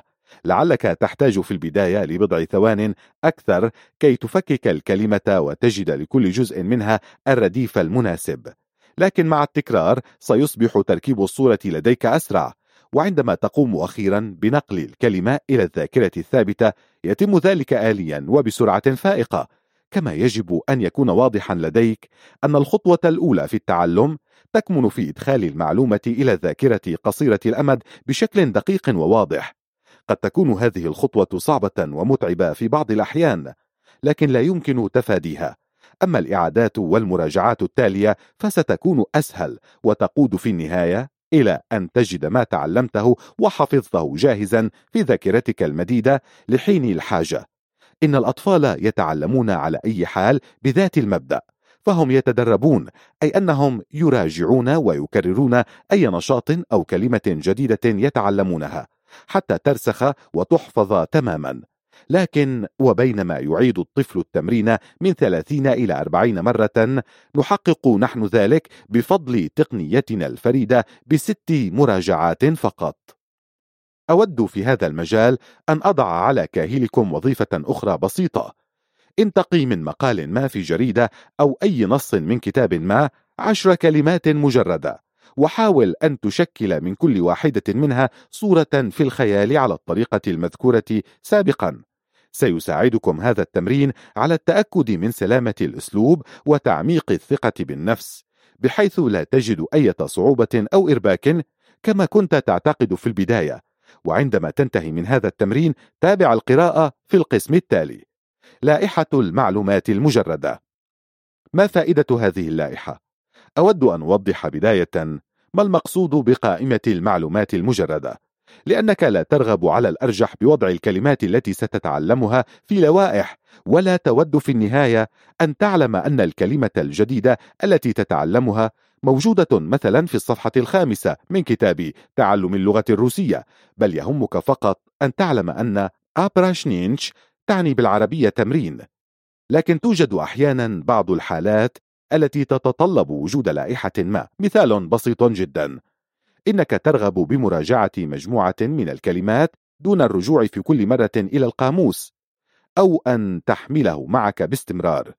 لنفترض أنك تحاول أن تحفظ في كل يوم عشرين كلمة فيمكنك في هذه الحالة أن تستعين مثلا بلائحة الشجرة أو لائحة الجسد بحيث تترسخ هذه الكلمات ويمكنك استعادتها ومراجعتها متى شئت. قبل النوم مثلا أو أثناء قيادتك للسيارة ربما وأنت تقف في زحمة السير أو في أي مكان شئت. أعترف على أي حال بأنه ليس على الإنسان أن يتمتم بالكلمات الغريبة قبيل النوم. وتبقى هكذا اللائحة هي الاستثناء لتعلم الكلمات. يختلف الحال كليا عندما تستعد لإلقاء كلمة حيث يفضل أن تتحدث بحرية وطلاقة بدل أن تقرأ نصا جاهزا مكتوبا وكي لا تنسى عما ستتكلم ولا تسقط منك إحدى النقاط الهامة يفضل أن تكتب على قصاصة جميع هذه النقاط الهامة. رؤوس الأقلام أربعين أو خمسين لا يهم وتضعها أمامك على المنصة. هنا أيضا لن تكون الكلمة حرة فعلا ومرتجلة بالكامل. أما عندما تضع هذه النقاط ورؤوس الأقلام وهي في العادة مزيج من كلمات محددة وتعبيرات مجردة. في دماغك بشكل جدول ما يمكنك عندئذ أن تلقي بالقصاصة في سلة المهملات وترتجل خطابك بحرية حقيقية. نبدأ الآن بأن نحمل لائحة الجسد عشرة تعبيرات مجردة بسيطة. وعند نهاية هذا التمرين يكون قد تبين لنا أمران هامان. الأول لقد نجحت وبسرعة. يمكنك أن تثبت الآن في ذاكرتك وخلال ثلاث دقائق عشر كلمات مجردة بحيث تتمكن منها وتذكرها متى تشاء. المهم أن تختار رمزا مناسبا يمكنك أن تستفيد منه فعليا علما بأنه لا يوجد رمز جيد وآخر سيء بل يعتمد على مدى تفاعلك مع هذا الرمز الرابط. قد يحدث أحيانا ألا يخطر ببالك أي رمز أو صورة. وعليك أن تلجأ عندئذ إلى الصورة الصوتية على أنها الخيار الثاني. الثاني كما يمكنك أيضا أن تحمل على لائحة الجسد كما تفعل مع لائحة الشجرة وكما فعلنا عندما تعلمنا أسماء كواكب المجموعة الشمسية. تمرين تحميل عشرة تعبيرات مجردة على لائحة الجسد. نتوجه الآن إلى ذات التمرين. نسجل جدولا بالنقاط الهامة. رؤوس الأقلام النقاط التي سنتحدث عنها والتي يمكن أن تبدو على النحو التالي مثلا. سيولة نقدية الناتج القومي الميزانية الثوابت الوسطية. رقة المشاعر الحساسية السلوك الجيد الجوع التفاهم النوم. لا أعتقد أن الأمر بهذه البساطة. أم أن لك رأيا آخر؟ الناتج القومي إعادة التصنيع الثوابت إلى آخره. سنقوم بتوضيح وتثبيت جميع هذه الأمور من خلال الرموز وبالتالي بالصور التي أوردها لك كأمثلة لترى كيف تسير الأمور ويبدو الوضع مع الرموز. أرجو أن تعتبر هذه الصور مقترحات يمكن أن تنجح معك لكن ليس بالضرورة وإن مرت معك صورة غير واضحة ولا يمكنك التعامل معها إطلاقا فما عليك إلا أن تستبدلها بصورة من عندك لأنك ستقوم في المستقبل على أي حال بإيجاد صورك بنفسك. والآن لننطلق ومن القدمين نبدأ. الحذاء سيولة نقدية. لديك بعض القطع النقدية المعدنية في حذائك. تصور الآن أن كمية من هذه النقود تسيل من حذائك. ما سيكون شعورك في هذه الحالة؟ طبعا سيولة نقدية. الركبة الناتج القومي. تصور مثلا أن خريطة الوطن ملفوفة على ركبتك لكنها تمزقت من كثرة السير والحركة لرفع الإنتاج. وعندما تصل في خطابك إلى النقطة الثانية التي تمثل الركبة من لائحة الجسم لابد أنك ستتذكر الوطن والإنتاج. إذن الناتج القومي. جيب البنطال الميزانية. هنا تبدو الصورة قريبة جدا وواضحة حيث تقوم بقلب جيوبك إلى الخارج فتبدو خالية وتقول هذه ميزانيتي أو أن تعتبر الجيب الأيمن للوارد والأيسر للمصروف أي من وإلى وهذا يقودك أيضا إلى شكل الميزانية. المؤخرة القيمة الثابتة. عندما تجلس بقفاك على صخرة ما فأنت ثابت ثبات الصخرة وهذا يجب أن يذكرك بالقيمة الثابتة مباشرة وتتحدث عنها بالتالي في كلمتك. الخصر الوسطية وهذه أيضا لا تحتاج إلى طول تفكير أو أي عناء. فأنت الآن في وسط جسمك ويمكنك أن تتحدث مباشرة عن موضوع الوسطية. اسمحوا لي بمقاطعة بسيطة في هذا المقام لأتساءل. كيف تسير الأمور معك حتى الآن؟ ترى هل الصور جيدة وواضحة لك؟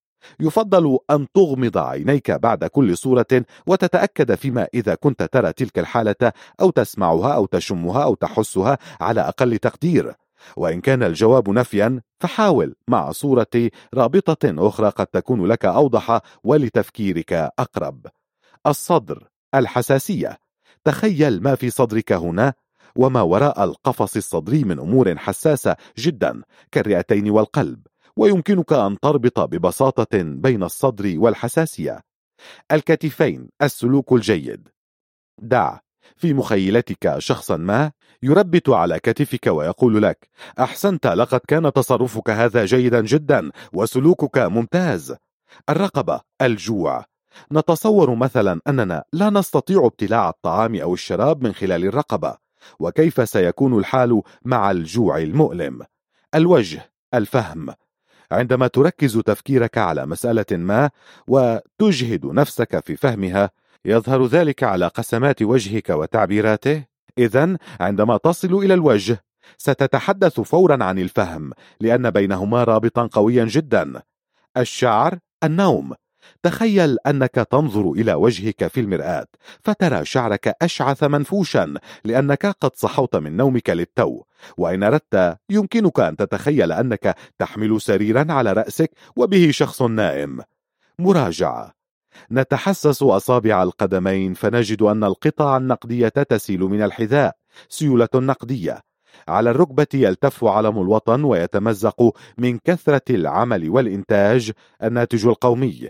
جيوب البنطال الفارغة تدلنا على وضع الميزانية والجلوس بالمؤخرة على الصخرة الثابتة يذكرنا بالقيم الثابتة.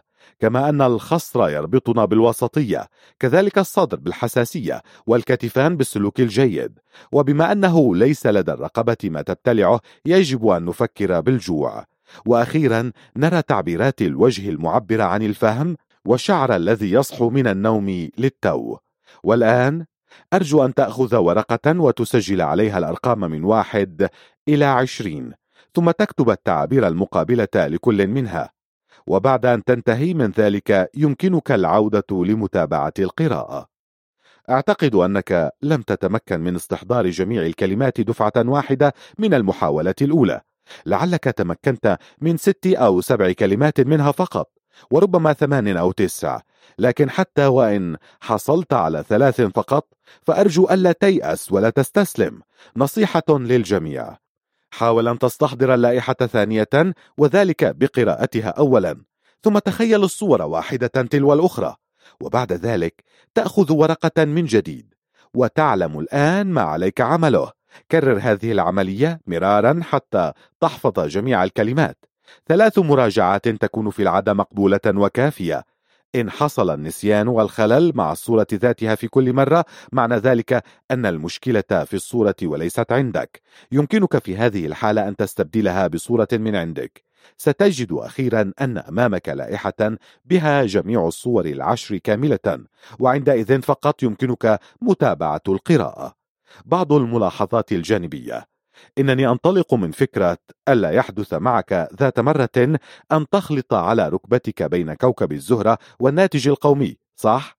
وهذا يثبت ما وعدتك به من أنه بالإمكان استخدام لائحة مثل قائمة الجسد بشكل مزدوج وفي أكثر من مجال شرط أن يكون الترابط واضحا ومميزا أي أن نضع الكواكب في جهة ورؤوس الأقلام للمحاضرة في جهة أخرى حتى إن اضطررت إلى تحميل اللائحة عدة مرات في اليوم فلن تتداخل الأمور داخل دماغك أليس هذا أمرا رائعا؟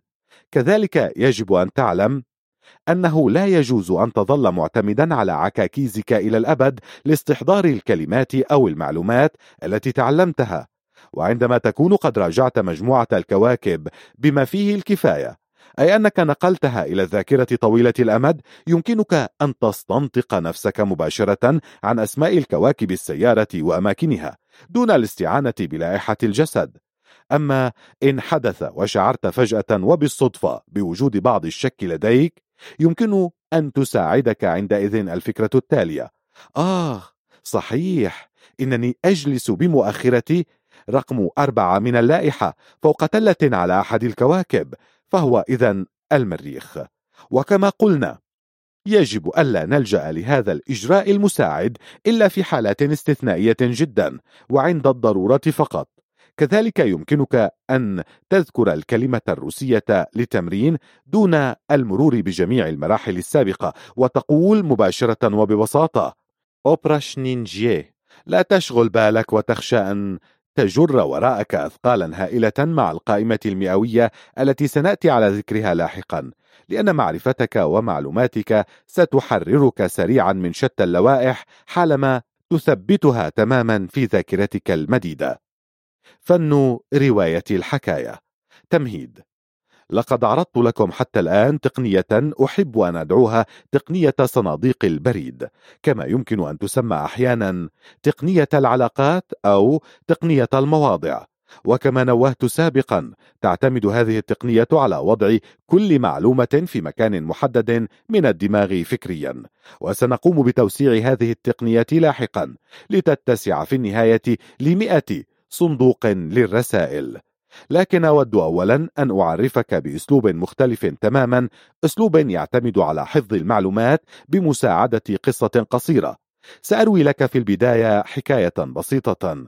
قد لا يكون فيها شيء من المنطق أو الترابط لكن أرجو أن تقرأها مرتين ثم تحاول أن تستخلص منها أكبر عدد من النقاط ورؤوس الأقلام وتكتبها. حكاية العربة. تصور أن أمامك عربة يجرها حصان. موتزارت يركب على الحصان. لبس بولوفرا أخضر. وهذا البولوفر منسوج. يحمل موتزارت في يده اليمنى باقة ورد وفي اليسرى قدح البيرة القروية. لا يوجد بيرة في القدح بل شراب ساخن.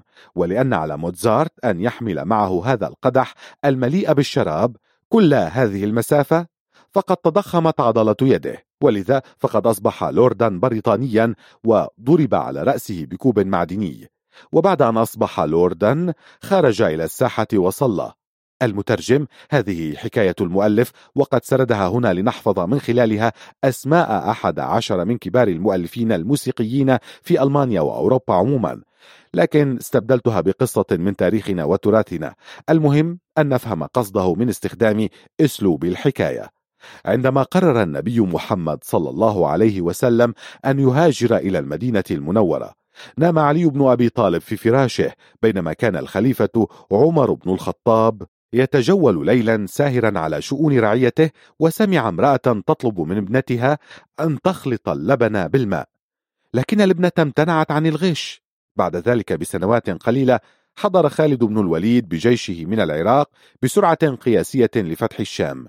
التي أسس فيها معاوية بن أبي سفيان الدولة الأموية. وكان من أعدل أمرائها عمر بن عبد العزيز. أما أشهر حكام العرب في الغرب فربما كان هارون الرشيد الذي كان يمتدحه دوما الشاعر والفيلسوف الكبير أبو العلاء المعري. أما من أشهر علماء وأطباء عصره فكان ابن سينا. ثم جاء بعده الفيلسوف ابن رشد الذي ركب العربة من الشام إلى الأندلس. بينما ركب الشاعر الكبير جبران خليل جبران الباخرة أيضا من بلاد الشام لكن متجاوزا الأندلس إلى بلاد المهجر. والآن سأعيد سرد هذه الأقصوصة عليكم ثانية لكن بشكل مختزل. أرجو قراءة هذا النموذج مرتين أيضا ثم محاولة كتابة المعلومات التي تلقيتها منها. لكن رجاء لا تضغط على نفسك. حاول جل جهدك دون أن تتوقع من نفسك الكمال. والآن هيا إلى العمل ثم العودة إلى الكتاب بعد أن تنتهي. قصة العربة نسخة مختزلة. نام علي بن أبي طالب في فراش النبي. عمر بن الخطاب يتجول في الليل وخالد بن الوليد يأتي بجيشه من العراق لفتح الشام التي أسس فيها معاوية الدولة الأموية.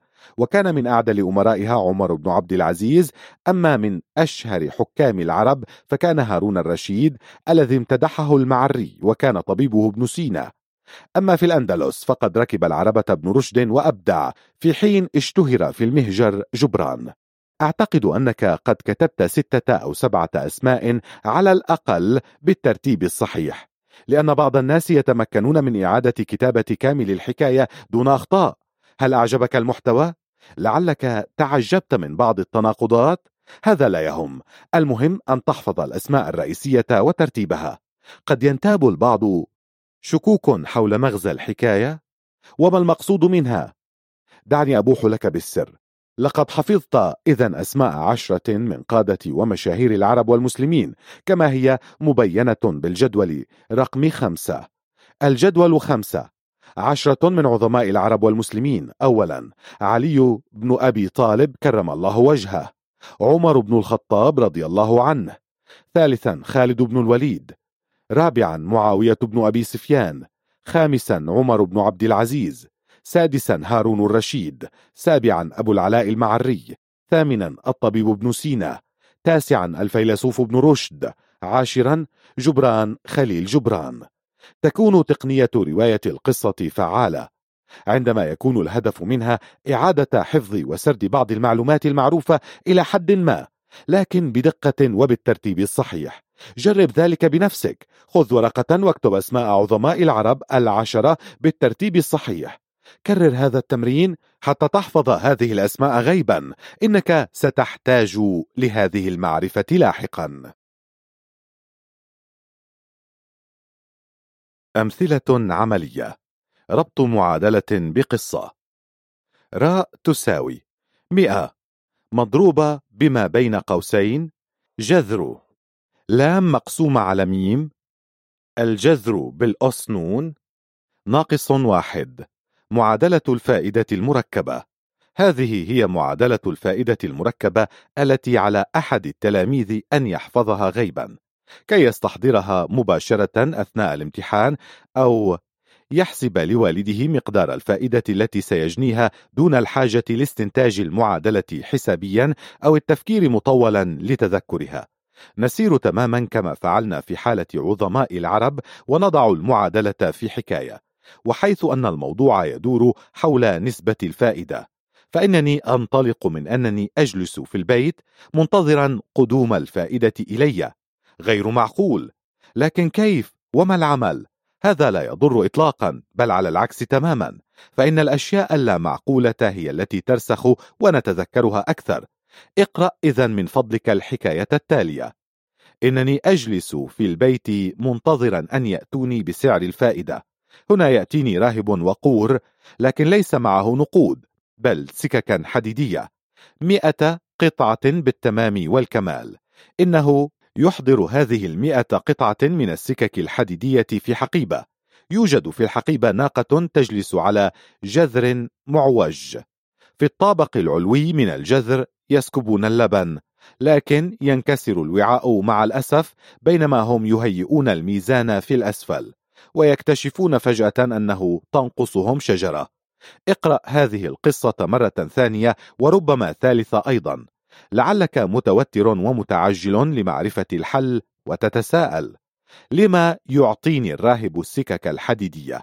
ولما يصبون اللبن في الطابق العلوي؟ وما حاجتنا للشجرة؟ اقرأ إذن وبكل حذر الجدول رقم ستة المبين أدناه الجدول ستة معادلة الفائدة المركبة. راهب راء.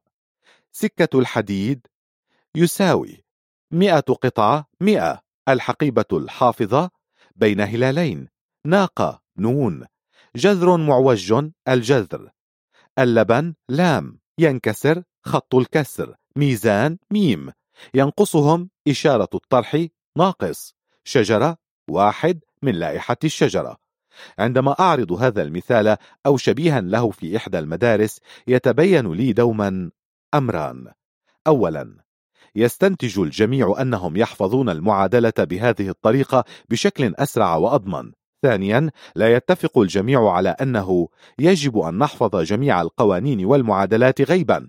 هنا أود أن أنوه ثانية إلى رأي الكاتبة فيرا برينكبل حيث تقول نشبه المسألة ككل بالمركز التجاري الكبير حيث لا يمكن أن نتوقع أن يقوم كل زبون بشراء كل ما في المتجر بل إنه يضع في سلة مشترياته ما هو بحاجة إليه فقط.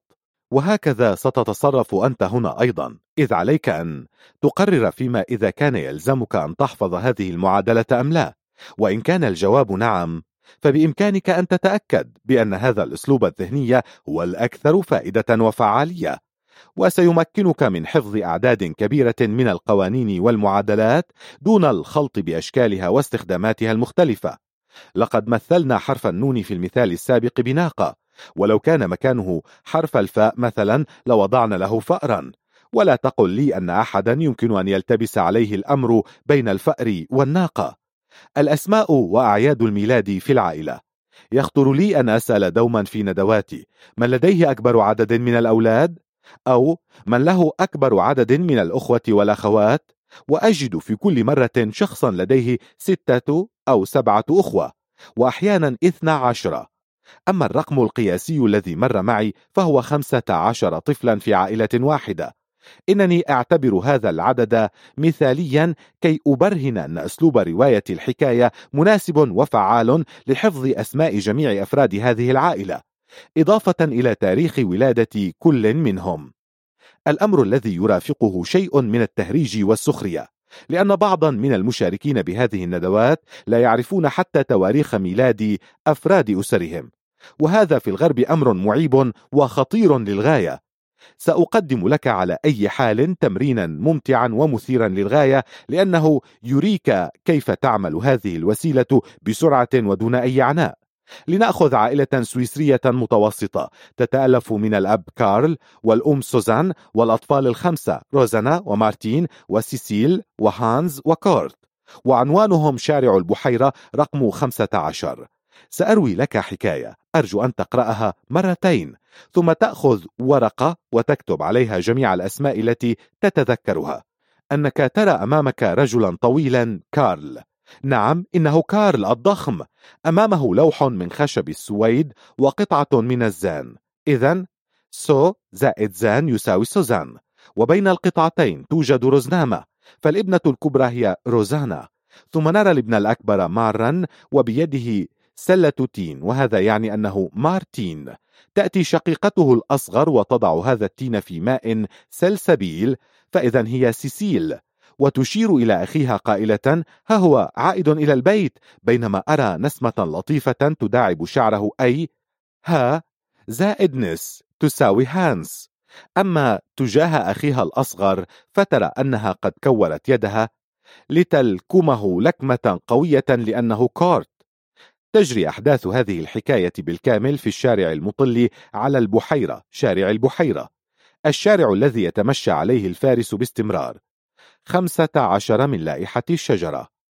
إنني على ثقة تامة الآن بأنك قد تمكنت من حفظ وإعادة معظم هذه الأسماء بالشكل الصحيح. أليس كذلك؟ لذا دعنا نحاول أن نحفظ أيضا تاريخ الميلاد لكل منهم بحيث نكتفي باليوم والشهر فقط. كارل الأول من آب أغسطس. روزانا الثاني من حزيران يونيو. سيسيل. الرابع عشر من آذار مارس. كورت. الثالث عشر من تموز يوليو. سوزان. الخامس عشر من كانون الأول ديسمبر. مارتن. الأول من تشرين الثاني نوفمبر. هانز. العاشر من أيلول سبتمبر. لعله خطر لك أنه بإمكانك أن تحمل جميع هذه الأعداد على لائحة الشجرة. وهذا ما خططت له فعلا. نبدأ مع كارل الطويل. إنني أرى كارل يقف أمام كرسي ثلاثي ثلاثة بينما يجلس على الكرسي أسد غضنفر. وأنت تعلم طبعا أن برج الأسد يأتي في الشهر الثامن آب أغسطس ثمانية. إذا ثلاثة ثمانية. مع سوزان نتذكر الخشب ونرى فارسا خمسة عشر يقفز على السويد. بينما يقف قبالته على خشب الزان الشبح 12 وحيث أنه لا يوجد الشهر الخامس عشر فلا مجال للالتباس. ونكون قد حددنا تاريخ ميلاد سوزان في 15 12 نأتي الآن إلى تاريخ ولادة روزانا 6 2 تخيل أن هذه الرزنامة بها ورقتان فقط وهي مصنوعة على شكل مكعب ستة. وهكذا نكون قد حصلنا على التاريخ المعني بالكامل. أما مع تاريخ ميلاد مارتن الذي مر بسلة التين فيمكننا أن نربطه بالشجرة واحد وكرة القدم أحد عشر. فنرى مثلا أن مارتن الذي يأكل التين يتخيل أن الشجرة هي عارضة المرمى. أي أن عيد ميلاده يصادف واحد أحد عشر الأول من تشرين الثاني نوفمبر. وهكذا يمكننا المتابعة مع بقية أفراد العائلة. وإن سألتك الآن عن تاريخ ميلاد سوزان مثلا فلا بد أنك ستتذكر الفارس خمسة عشر الذي يقفز على الخشب ويقابله من الناحية الأخرى الشبح اثني عشر. أما إن كنت مخطئا في تقديري ولم تتمكن من إيجاد الصورة المناسبة مباشرة فلا تيأس وحاول ثانية تخيل الصورة بشكل أكثر تصنعا والأرجح أنك لن تواجه أي مشكلة في إيجاد تواريخ الميلاد فكر الآن بالأبي كارل هل تراه واقفا أمام الكرسي الثلاثي الذي يجلس عليه الأسد؟ وما الذي يخطر ببالك عندما يتعلق الأمر بمارتن؟ هل هو الذي يأكل التين؟ أم أنه الحارس الذي لا يميز بين الشجرة وقائم المرمى؟ تماما إن الأول من تشرين الثاني نوفمبر هو عيد ميلاد مارتن. ملخص. لقد رأينا كيف يمكن للإنسان وكي يحفظ الأعداد أن يطور حكاية بمساعدة لائحة الشجرة. مثال تواريخ وأعياد الميلاد. وسنتطرق لهذا الموضوع لاحقا بشكل أدق. أما الآن فإنني أقترح أن تأخذ ورقة وقلما وتحاول كتابة أسماء أفراد هذه العائلة وبالترتيب الصحيح ما أمكن. هل يمكنك أيضا كتابة عنوانهم وتاريخ ولادة كل منهم؟ وإن لم تعجبك النتيجة اقرأ النص ثانية وابدأ محاولة جديدة. تابع هكذا مع الموضوع حتى يتولد لديك الشعور بأن الأمر في غاية السهولة. وعندئذ فقط يمكنك متابعة القراءة. راجيا لك التوفيق. كنتيجة لهذا المقطع يمكننا الجزم. أنه عندما تتوفر لدينا مثل هذه الحكاية ونرى فيها الكرسي الثلاثية والشجرة ومرمى الكرة والشبح والمكعب فسيكون من السهل علينا إضافة بعض المعلومات إلى هذه الحكاية. تقييم ما سبق. ماذا أنجزنا حتى الآن؟ لقد تعرفت حتى الآن على إمكانيتين لحفظ المعلومات. أولا استخدام لائحتي الشجرة والجسد لتحميل المعلومات عليهما. ثانيا تركيب وبناء المعلومات في قصة. يمكنك الاستفادة من الطريقتين معا أو استخدام الوسيلة التي تراها أيسر لك وأنسب. لكن يجب أن تعلم أنه وتبعا لمتطلبات المادة التعليمية قد تكون هذه الطريقة هي الأفضل أو تلك حيث يوجد بشكل عام ثلاثة فروق رئيسية. أولا من الأسهل في المعتاد حفظ وتذكر الحكاية الأقصوصة. حيث بالإمكان تخزين قدر أكبر من المعلومات في أقصر وقت ممكن. ثانيا من الأفضل ترتيب المعلومات عدديا مع استخدام اللوائح. ثالثا إذا فقدت خيطا من الحكاية ستفقد أيضا على الأرجح بقية المعلومات والبيانات التالية. بينما لن تتأثر بقية معلوماتك إن فقدت حلقة من اللائحة أو حصلت فجوة فيها. مثال من لائحة الكواكب. فلو نسيت مثلا أن مفصل كتفك مصنوع من الأورانيوم وأن أورانوس موجود هناك يمكن أن تتذكر رغم ذلك أن نبتون يجلس في الحنجرة من حلقك. لذا أقول من خلال خبرتي وموقفي إن تقنية رواية الحكاية تناسب البيانات والأرقام المألوفة أكثر كأن يتعلق الأمر مثلا بترتيب أسماء بعض القادة والعظماء العرب أو بعض المؤلفين الموسيقيين المشهورين أو دول إحدى القارات التي تعرفها مسبقا في ترتيب معين دون أن تنسى أيا منهم. أما إن طلب منك معرفة اسم الرئيس السادس للولايات المتحدة الأمريكية فعليك استخدام اللائحة لأنك قد أعطيت سلفا الرابط بين عدد ما والمعلومة. تعتبر هاتان الطريقتان الأهم في مجال حفظ وتذكر المعلومات لكنها ليست الوحيدة. فهناك أيضا طريقة الاختزال بالأحرف الأولى والتي تعتمد بداية على معرفة الحرف الأول من مصطلح أو تعبير ما كي نستحضر بقية التسمية من الذاكرة. فيمكننا أن نأخذ هنا مثلا الأحرف الأولى من الأسماء أو التعابير التي علينا حفظها. ونشكل منها جملة تبدأ كلماتها بالأحرف ذاتها والترتيب نفسه. لتوضيح المسألة نأخذ ثانية لائحة كواكب مجموعتنا الشمسية ونستخلص منها الجملة التالية. عرف زيد أغراضه من منزل زياد أثناء نوم باسم. إذا الأحرف الأولى هي عين زاي ألف ميم ميم زاي ألف نون باء. والتي تنتمي إلى عطارد الزهرة الأرض المريخ المشتري زحل أورانوس نبتون بلوتو. هذا أسلوب آخر للتعلم والحفظ. لا أستخدمه كثيرا لأن الإمكانيات فيه محدودة نسبيا لكن يمكننا الاستفادة منه حيث يصلح كما يمكنك العودة إليه أحيانا عندما تجد ذلك مناسبا. القاعدة المبدئية أنه لا توجد طريقة وحيدة صحيحة هناك دوما أساليب تصلح لحالات معينة. وطرق أخرى تنجح في حالات أخرى. يمكنك أن تجرب عددا من الطرق والأساليب. إن كنت تستمتع بذلك ولديك متسع من الوقت. لا ترتبك ولا تنزعج إن اختار أحدهم طريقة مغايرة تماما لطريقتك. مع التعلم والحفظ لك أن تختار الطريقة التي تناسبك لأنها مسألة شخصية بحتة. لم نتعلم فقط كيف نحفظ سلسلة من البيانات بواسطة اللائحتين بل تعلمنا أيضا كيف نحفظ الألفاظ المجردة وطورنا إمكانية الوصول إليها بإحدى طريقتين. أولا إما بتحويلها إلى صور أو رموز نعرفها مسبقا فنتخيلها ونربطها بالكلمة المجردة. مثل مصر تساوي أهرامات غابة يساوي فيل أو أسد. ثانيا أن ننشئ لها مساعدات صوتية كلامية مثل موزمبيق الموز زائد نبت في زائد الإبريق يساوي موزنبيق عندما يسمع أحد الأطفال كلمة ما ولا يستطيع ربطها بشيء صورة أو رمز محدد يعرفه فإنه يلجأ إلى جرس الصوت الذي سمعه والطريقة السمعية.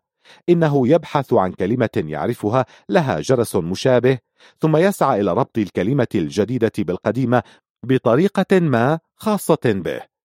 أما إن واجهته تعبيرات مجردة طويلة وصعبة فإنه يستخدم الاحتمالين في آن معا ويحاول ما أمكن دمجهما مع تقنية رواية الأقصوصة. وقد أثبتت سابقا أنه بإمكانك استخدام هذه الأساليب لحفظ أصعب الكلمات دون عناء يذكر. كذلك فإنك تعلم أن في هذا أيضا شيئا من المرح والمتعة لما في هذه القصص من طرافة وكوميديا.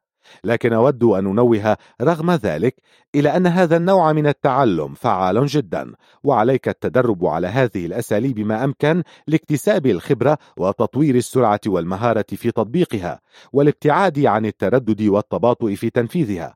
ولا تدع التشكك والارتياب يسيطر عليك ويمنعك من الإقدام على مثل هذه الأساليب الحديثة. كما أنه ليس صحيحا أنه من الأسهل لك حفظ الكلمات الصعبة عن طريق الصورة الكتابية فقط. كذلك ليس صحيحا أيضا أن تصور وابتداع مثل هذه القصص أمر معقد للغاية. على العكس من ذلك إنها بمنتهى البساطة وسيتبين لك أن بإمكانك أن تعالج من 20 إلى 30 كلمة في اليوم مختارة لا على التعيين من مقالة في صحيفة ما. اختر كلماتك بعناية. وليكن فيها من الفكاهة والمرح ما يبعث على البهجة والحبور في أحاديثك مع زملائك. ملاحظة. ستجد في نهاية هذا الكتاب مزيدا من النصائح حول موضوعات التعلم والتدرب الذاتي. ما نود إنجازه لاحقا. يبقى علينا تغطية مجالي الأعداد والأسماء. إننا لا نزال في وضع لا يسمح لنا بحفظ وتذكر أرقام تزيد خاناتها عن أربع أو خمس. علما أن بالإمكان أن يصل العدد إلى ثلاثين خانة وإن لم تصدق فسترى ذلك بأم عينك لكنك تحتاج أولا وقبل كل شيء إلى لائحة تحوي مئة علاقة شماعة وعليك وحدك يقع عاتق العمل والجهد لإنجاز هذه اللائحة. حيث يمكنك الاستعانة بسلسلة أشرطة تسجيل الميجا ميموري الدرسين الخامس والعاشر. كما عليك أن تتعلم في المستقبل كيف تحفظ أسماء الأشخاص وتصنع الترابط بينها وبين الوجوه الخاصة بكل منها. سنتدرب على ذلك بالاستعانة بخمس عشرة صورة شخصية مع الاسم الأول واسم العائلة لكل منها. قد لا تكون هذه الأمثلة الخمسة عشر كافية لأن الشرط الأساسي للنجاح هو التدرب على التقنيات الحديثة بشكل جذري ومستفيض. الأمر الذي يمكنك تحقيقه بالتفكير دوما بأساليب تدريبية ذاتية. وإن صعب عليك هذا الأمر يمكنك الرجوع إلى التمارين المذكورة آنفا. ستنشغل مع مجموعة التمارين هذه لأسبوعين أو ثلاثة. الأمر الذي سيجلب لك المتعة والفائدة معا. لمزيد من التفاصيل راجع الملاحق. وكيف سنحقق ذلك. سنقوم في هذا المجال بجولة قصيرة خلال النظرية ويجب أن نهتم بالعديد من هذه النواحي إن أردنا أن ننجح في هدفنا التعليمي بغض النظر عن التقنية التي سنختارها. لقد تحدثنا سابقا عن أهمية الإعادة والتكرار وكونها قابلة للإهمال والنسيان. واسمحوا لي في هذا المقام أن ألخص وأضيف. أولا انطلق من قاعدة. أن كل درس يجب أن يعاد ثلاث مرات حتى يحفظ ويرسخ. لا تضع نفسك تحت الضغط وتنتظر من ذاتك أن تستوعب كل شيء وتحفظه كاملا من المرة الأولى. من الأفضل أن تكون توقعاتك واقعية وأن تسر لنجاحك في النهاية. خمسون بالمئة في الجولة الأولى وخمسة وسبعون في الثانية وهكذا. لأن هذا سيعطيك الحافز والراحة النفسية. ثانيا استخدم البطاقات التعليمية للمساعدة. عندما ترغب بتخزين معلومة ما على المدى الطويل أي نقلها إلى الذاكرة طويلة الأمد. ثالثا اعتني بغذائك. يضع الطحين الأبيض والسكر جسمك في حالة توتر تشبه المضاعفات التحسسية. لكن التوتر يعني أنك قد وضعت نفسك على الطريق غير المجدي تعليميا سواء كان ذلك كرا أم فرا تصور أنك في حديقة الحيوان وينفلت الأسد فجأة. هل تعتقد أنك ستقوم بتعلم بعض الكلمات الفرنسية في هذه اللحظة؟ طبعا لا لأنك ستسعى للفرار بجلدك فورا والبحث عن ملاذ آمن. وهذا مشابه تماما لما يحدث في جسدك عندما تتناول كمية كبيرة من السكر. أربعة اختر الإطار الذي يناسبك. عليك المذاكرة عندما تشعر بالراحة والاسترخاء. الأمر الذي ينطبق أولا على التوقيت. كثير من الناس يفضلون الدراسة في الصباح الباكر. وأنت؟ هل حاولت أن تستيقظ ذات مرة في الرابعة فجرا وتذاكر لمدة ثلاث ساعات؟ اجعل من هذه التجربة مثالا. ما هو شعورك في الساعة السابعة وعندما تراجع ما تعلمته؟ وترى أنك كسبت ثلاث ساعات من الدراسة. إنها بالنسبة لي تجربة كالحلم. أستلقي بعد ذلك في الغالب لمدة ساعة في السرير. أستعرض خلالها في ذهني ما تعلمته هذا الصباح. يعطيني هذا الشعور بأن هذه الساعات الثلاث قد أهديت لي اليوم ولم تكن من نصيبي في السابق لأنني كنت أنام دوما في هذا الوقت. وإن كنت من الذين يذاكرون بشكل أفضل في المساء فافعل ذلك مساء. كذلك فإنك لست مجبرا على الدراسة وأنت جالس إلى المكتب. فإن كنت تفضل الاستلقاء فاستلقي وإن كنت تميل إلى السير والحركة فتمشى في المكان. المهم أن تشعر بالراحة والاطمئنان. خامسا لا تحاول أن تتعلم شيئا جزافا. المنطق هو العلم. قبل أن تقدم على تعلم شيء ما يجب أن يكون واضحا لديك ما الذي تريد أن تتعلمه بالضبط وفي أي تسلسل سيتم ذلك. هذا يعني أن عليك أن تعرف أولا الهدف من هذا الموضوع وجدواه. عندئذ فقط يمكنك مثلا بمساعدة لائحة ما أن تتعلم بنجاح لأن لكل لائحة منطقها الخاص. يجب أن تعرف ما تريد. إن لم تكن تدري ما الذي ترغب الوصول إليه خلال فترة زمنية محددة فلن تستطيع الادعاء في أي وقت من الأوقات أنك قد حققت هدفك. لذا عليك أن تحدد أهدافك بكل وضوح والأفضل أن تثبتها خطيا وأن تراعي في ذلك النقاط التالية. أولا لا تضع لنفسك أهدافا قاسية أو صعبة المنال واترك أمامك متسعا من الوقت لتحقق هدفك في حينه. مثال عندما تحضر حفلا ما وتأخذ على نفسك عهدا بأن تحفظ مثلا أسماء عشرة من الحاضرين ربما تتمكن من استيعاب خمسة عشر اسما وتسر بذلك كثيرا وتكون مستعدا لتذكر خمسة عشر اسما جديدا في المرة القادمة. ثانيا راقب نفسك جيدا وقل لي كم ستحتاج من الوقت لتتعلم وتحفظ خمسين كلمة جديدة؟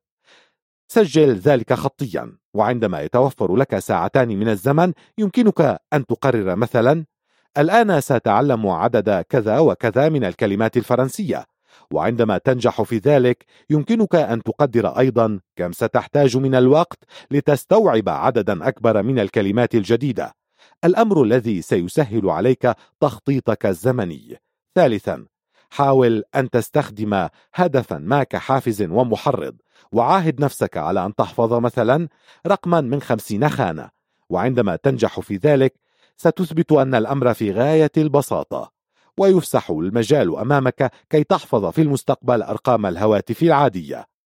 مراجع للاستزادة. دعوني في نهاية هذا القسم النظري أن أنوه ثانية ببعض الكتب المفيدة مثل القش في الدماغ نبذة عن المدرسة الدراسة رغم المدرسة للمؤلفة فيرا بيركنبيل.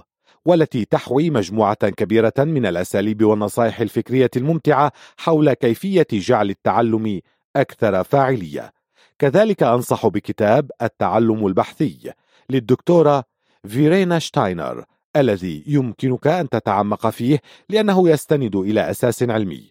أخيرا أود أن أنوه ثانية إلى شريط الفيديو لأوشي آيشنجر الذي يدور حول الاستعانة بتقنية السينما لإزالة التوتر أثناء الدراسة. اللائحة المئوية بناء اللائحة. لقد تعلمت حتى الآن وحفظت قائمتي الشجرة والجسم لكنك تعلم أن هاتين اللائحتين لا تفيان بغرض تغطية مئة كلمة أو حاجة أو نقطة. لذا يلزمك قبل كل شيء لائحة مئوية معقولة وسهلة التعلم. لطفا. انظر النموذج المبين أدناه من واحد إلى عشرين لائحة الشجرة. من واحد وعشرين إلى ثلاثين لائحة المنزل. من واحد وثلاثين إلى أربعين من واحد وأربعين إلى خمسين سبع غرف. من واحد وخمسين إلى ستين في كل غرفة عشر حاجيات. من واحد وستين إلى سبعين المجموع إذن سبعون حاجة أو قطعة. من واحد وسبعين إلى ثمانين الأرقام من واحد وعشرين إلى تسعين. من واحد وثمانين إلى تسعين. من واحد وتسعين إلى مئة لائحة الجسد. وهكذا تجد أن اللائحة المئوية مبينة وواضحة أمامك. وكما ترى فإن الأرقام من واحد إلى عشرين مغطاة بلائحة الشجرة والأرقام من واحد وتسعين إلى مئة مغطاة بلائحة الجسم. ويبقى عليك أن تتغلب على بقية الأرقام التي بين اللائحتين بمساعدة لائحة المنزل. لقد أجريت بمرور الزمن العديد من التجارب مع مختلف الخيارات لتغطية هذا المجال المتوسط من الرقم 21 إلى 90 فتبين لي أن أفضل هذه اللوائح هي لائحة المنزل وهي ليست من اختراعي بل تعود إلى عصور الرومان القدماء. من المعلوم أن أقدم القياصرة ومايكل أنجلو كانوا قد استخدموا هذه التقنية بكثرة. لقد وضع هؤلاء السادة أنفسهم في أحد المعابد ومنذ ذلك الحين تستخدم التسمية السائدة تقنية المعابد أو في كنيسة وأخذوا يحفظون بالتسلسل أسماء تلك الأشياء الموجودة هناك. يعتمد الأمر إذن على ترقيم الأثاث والقطع الموجودة في أحد تلك الأماكن الموثقة. لقد أشارت بعض الكتب إلى هذه التقنية لكن كان ينقصها دوما شرح كيفية دمج هذه الأماكن في اللائحة المئوية وكيف يستطيع الإنسان أن يتدرب عليها. مثال على توزيع الأثاث في الغرفة. لنأخذ مثلا الغرفة التي أنا فيها الآن وهي تحديدا غرفتي في الفندق الذي أنزل فيه. يمكنك أن تأخذ لاحقا أي غرفة تتوفر لك تكون موجودا بداخلها وتراها مناسبة لك. نبحث عن عشر نقاط ثابتة في الغرفة والتي يمكننا العمل عليها. ننظر إلى نقطة ما في الغرفة ثم نبدأ جولة دوران بالنظر إما باتجاه اليمين أو اليسار حتى نصل إلى أول شيء يقع عليه نظرنا. معظم الناس يبدأون بشكل عفوي بالباب لأنه المكان الذي ندخل منه إلى الغرفة. لذا نتفق إذن على أن يكون الباب هو البداية. أما بالنسبة لاتجاه النظر فإنني أقترح أن ندور باتجاه عقارب الساعة أي أن نبدأ بالالتفاف نحو اليمين. ويمكنك أن تفعل ذات الشيء في بقية الغرف التي ستعمل عليها لتشكيل لائحة المنزل السكن. سأصور لك الآن الغرفة التي أجلس فيها. يوجد على يمين الباب مغسلة. والتي سأعتبرها النقطة الأولى وفرشاة الأسنان التي عليها رقم اثنين. أتابع الدوران ببصري الذي سيقع على المدفأة النقطة ثلاثة. الستائر أربعة والتلفاز رقم خمسة. وإن أغمضت عيني الآن فإنني سأرى المغسلة واحد فرشاة الأسنان اثنان المدفأة ثلاثة الستائر أربعة التلفاز خمسة. أرجو أن تفعل ذات الشيء الآن. أغمض عينيك وحاول أن تتخيل غرفتي التي في الفندق. هل تستطيع أن ترى النقاط الخمس الثابتة التي اخترناها؟ أغمض عينيك الآن إذن. تخيل هذه الأشياء التي عددناها ثم تابع القراءة. لم يكن الأمر صعبا حتى الآن. فكل إنسان لديه القدرة على ملاحظة وتذكر مثل هذه الأشياء. خصوصا إذا لم يتجاوز عددها الخمسة. كانت النقطة الخامسة في هذه الغرفة. كما تذكر هي التلفاز. نلمس هذا الجهاز الآن باليد وكي يرسخ في ذاكرتنا نقول أن هذه النقطة الخامسة في الغرفة هي اليد يساوي خمسة من لائحة الشجرة. نتابع الآن دوران النظر. يوجد إلى يمين التلفاز مرآة. اجعلها الرقم ستة. أتجاوز الستارة المغلقة وإلا فإنني سأخلط بينها وبين الرقم أربعة الذي مر معنا سابقا. أختار عوضا عن ذلك قبضة باب الشرفة البلكون بالتوافق مع تخيل وجود هرة على الشرفة. فاحفظ أن قبضة الباب هي الرقم سبعة. للمراجعة أقول رقم خمسة كان جهاز التلفاز. لمس باليد. رقم ستة المرآة. رقم سبعة قبضة باب البلكون. الهرة هناك. أختار لبقية الأشياء الثابتة في الغرفة رقم ثمانية لجهاز الهاتف وتسعة للسرير. وجبل عشرة لأنه يوجد فوق سريري لوحة معبرة رسم عليها منظر طبيعة جبلية. إعادة المرآة ستة قبضة باب البلكون سبعة جهاز الهاتف ثمانية السرير تسعة الجبل عشرة. أرجو ألا تحفظ محتويات هذه الغرفة الغريبة عنك لأنها قد لا تعني لك الكثير. أما ما يجب أن تستفيده من هذا التمرين فهو التالي ما دمت تمكنت من حفظ عشر نقاط بالاستعانة بغرفة غريبة عنك بالكامل فكم سيكون سهلا أن تأخذ محتويات الغرفة التي تجلس فيها وتألفها. غرف لائحتك المنزلية. عليك أن تملأ الآن مجموعات العشرات السبعة الناقصة من اللائحة المئوية بمحتويات سبع غرف لديك. أرجو أن تكون غرف منزلك كافية. غرفة المعيشة غرفة الطعام غرفة النوم غرفة الأطفال الحمام المطبخ مدخل الشقة أو الممر كوريدور. وإن لم تكفي فيمكنك الاستعانة بأجزاء من منزل والديك أو شقيقك أو المكتب التي تعمل فيها طوال اليوم. رتب هذه الغرف بتسلسل منطقي. فلا تنزل مثلا إلى القبو ثم تسرع إلى السقيفة. وبعد ذلك تدخل إلى الحمام ثم إلى مكتبك وتعود إلى غرفة المعيشة. أعتقد أنك تعي قصدي وأرجو أن تقوم بجولة متسلسلة منطقية في غرف المنزل. كما أنصحك بأن تضم المطبخ والحمام إلى السكن على أي حال لأن فيهما الكثير من الأشياء المميزة والتي تصلح بشكل رائع كنقاط ثابتة وعلامات للحفظ. يمكنك أن تختار الآن سبع غرف أو أماكن مناسبة تدخل في حياتك ثم تابع القراءة. هل وجدت جميع الغرف السبع؟ جيد.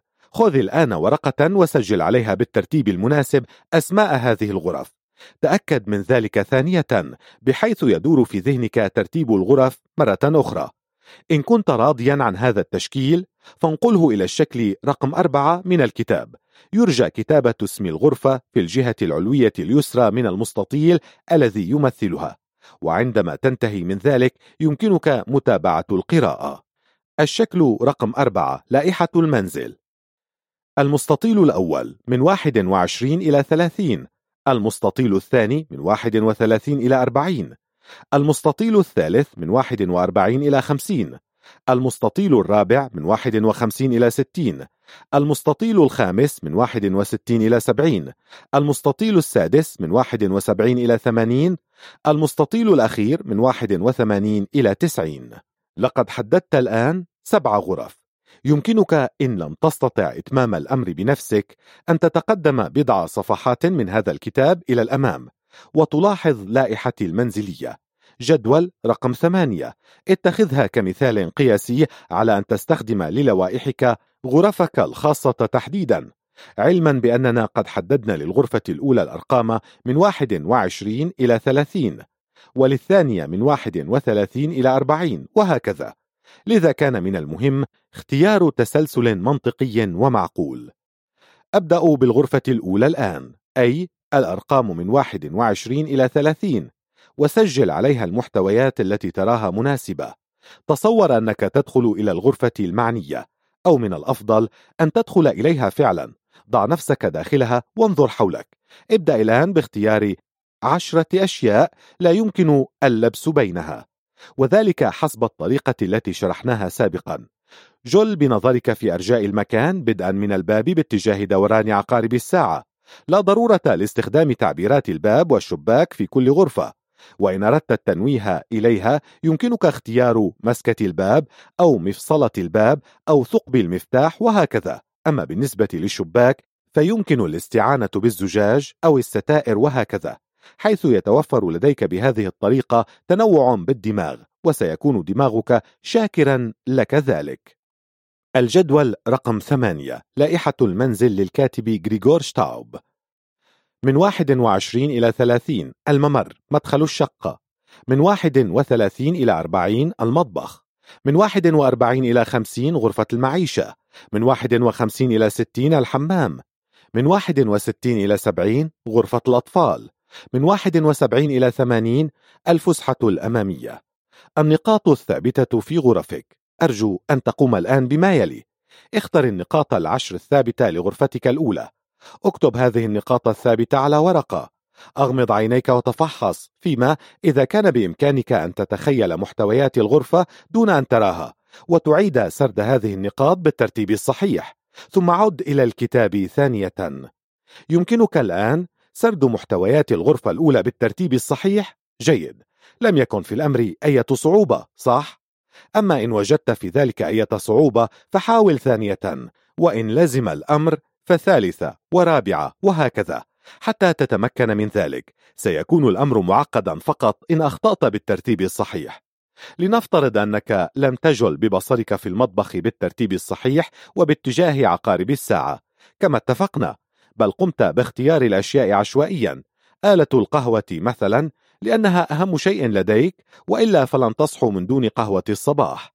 حماصة الخبز لأنها جديدة ولا زلت فخورا بها.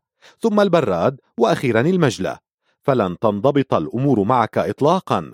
رتب أشياءك حسب المعيار والتسلسل الذي تحدثنا عنه سابقا. ما الذي تراه بالتسلسل المنتظم؟ عندما تجول بنظرك في المكان باتجاه عقارب الساعة وركز للحظات على نقطتك الثابتة التي تحمل الرقم خمسة. حاول أن تلمسها بيدك كما فعلنا مع التلفاز في غرفتي وتصور أن هرا يجلس على القطعة رقم سبعة. وهكذا أصبح لديك الآن مساعدات لتحديد المحتويات وأماكنها لأن الرقمين خمسة وسبعة أصبحا واضحين تماما.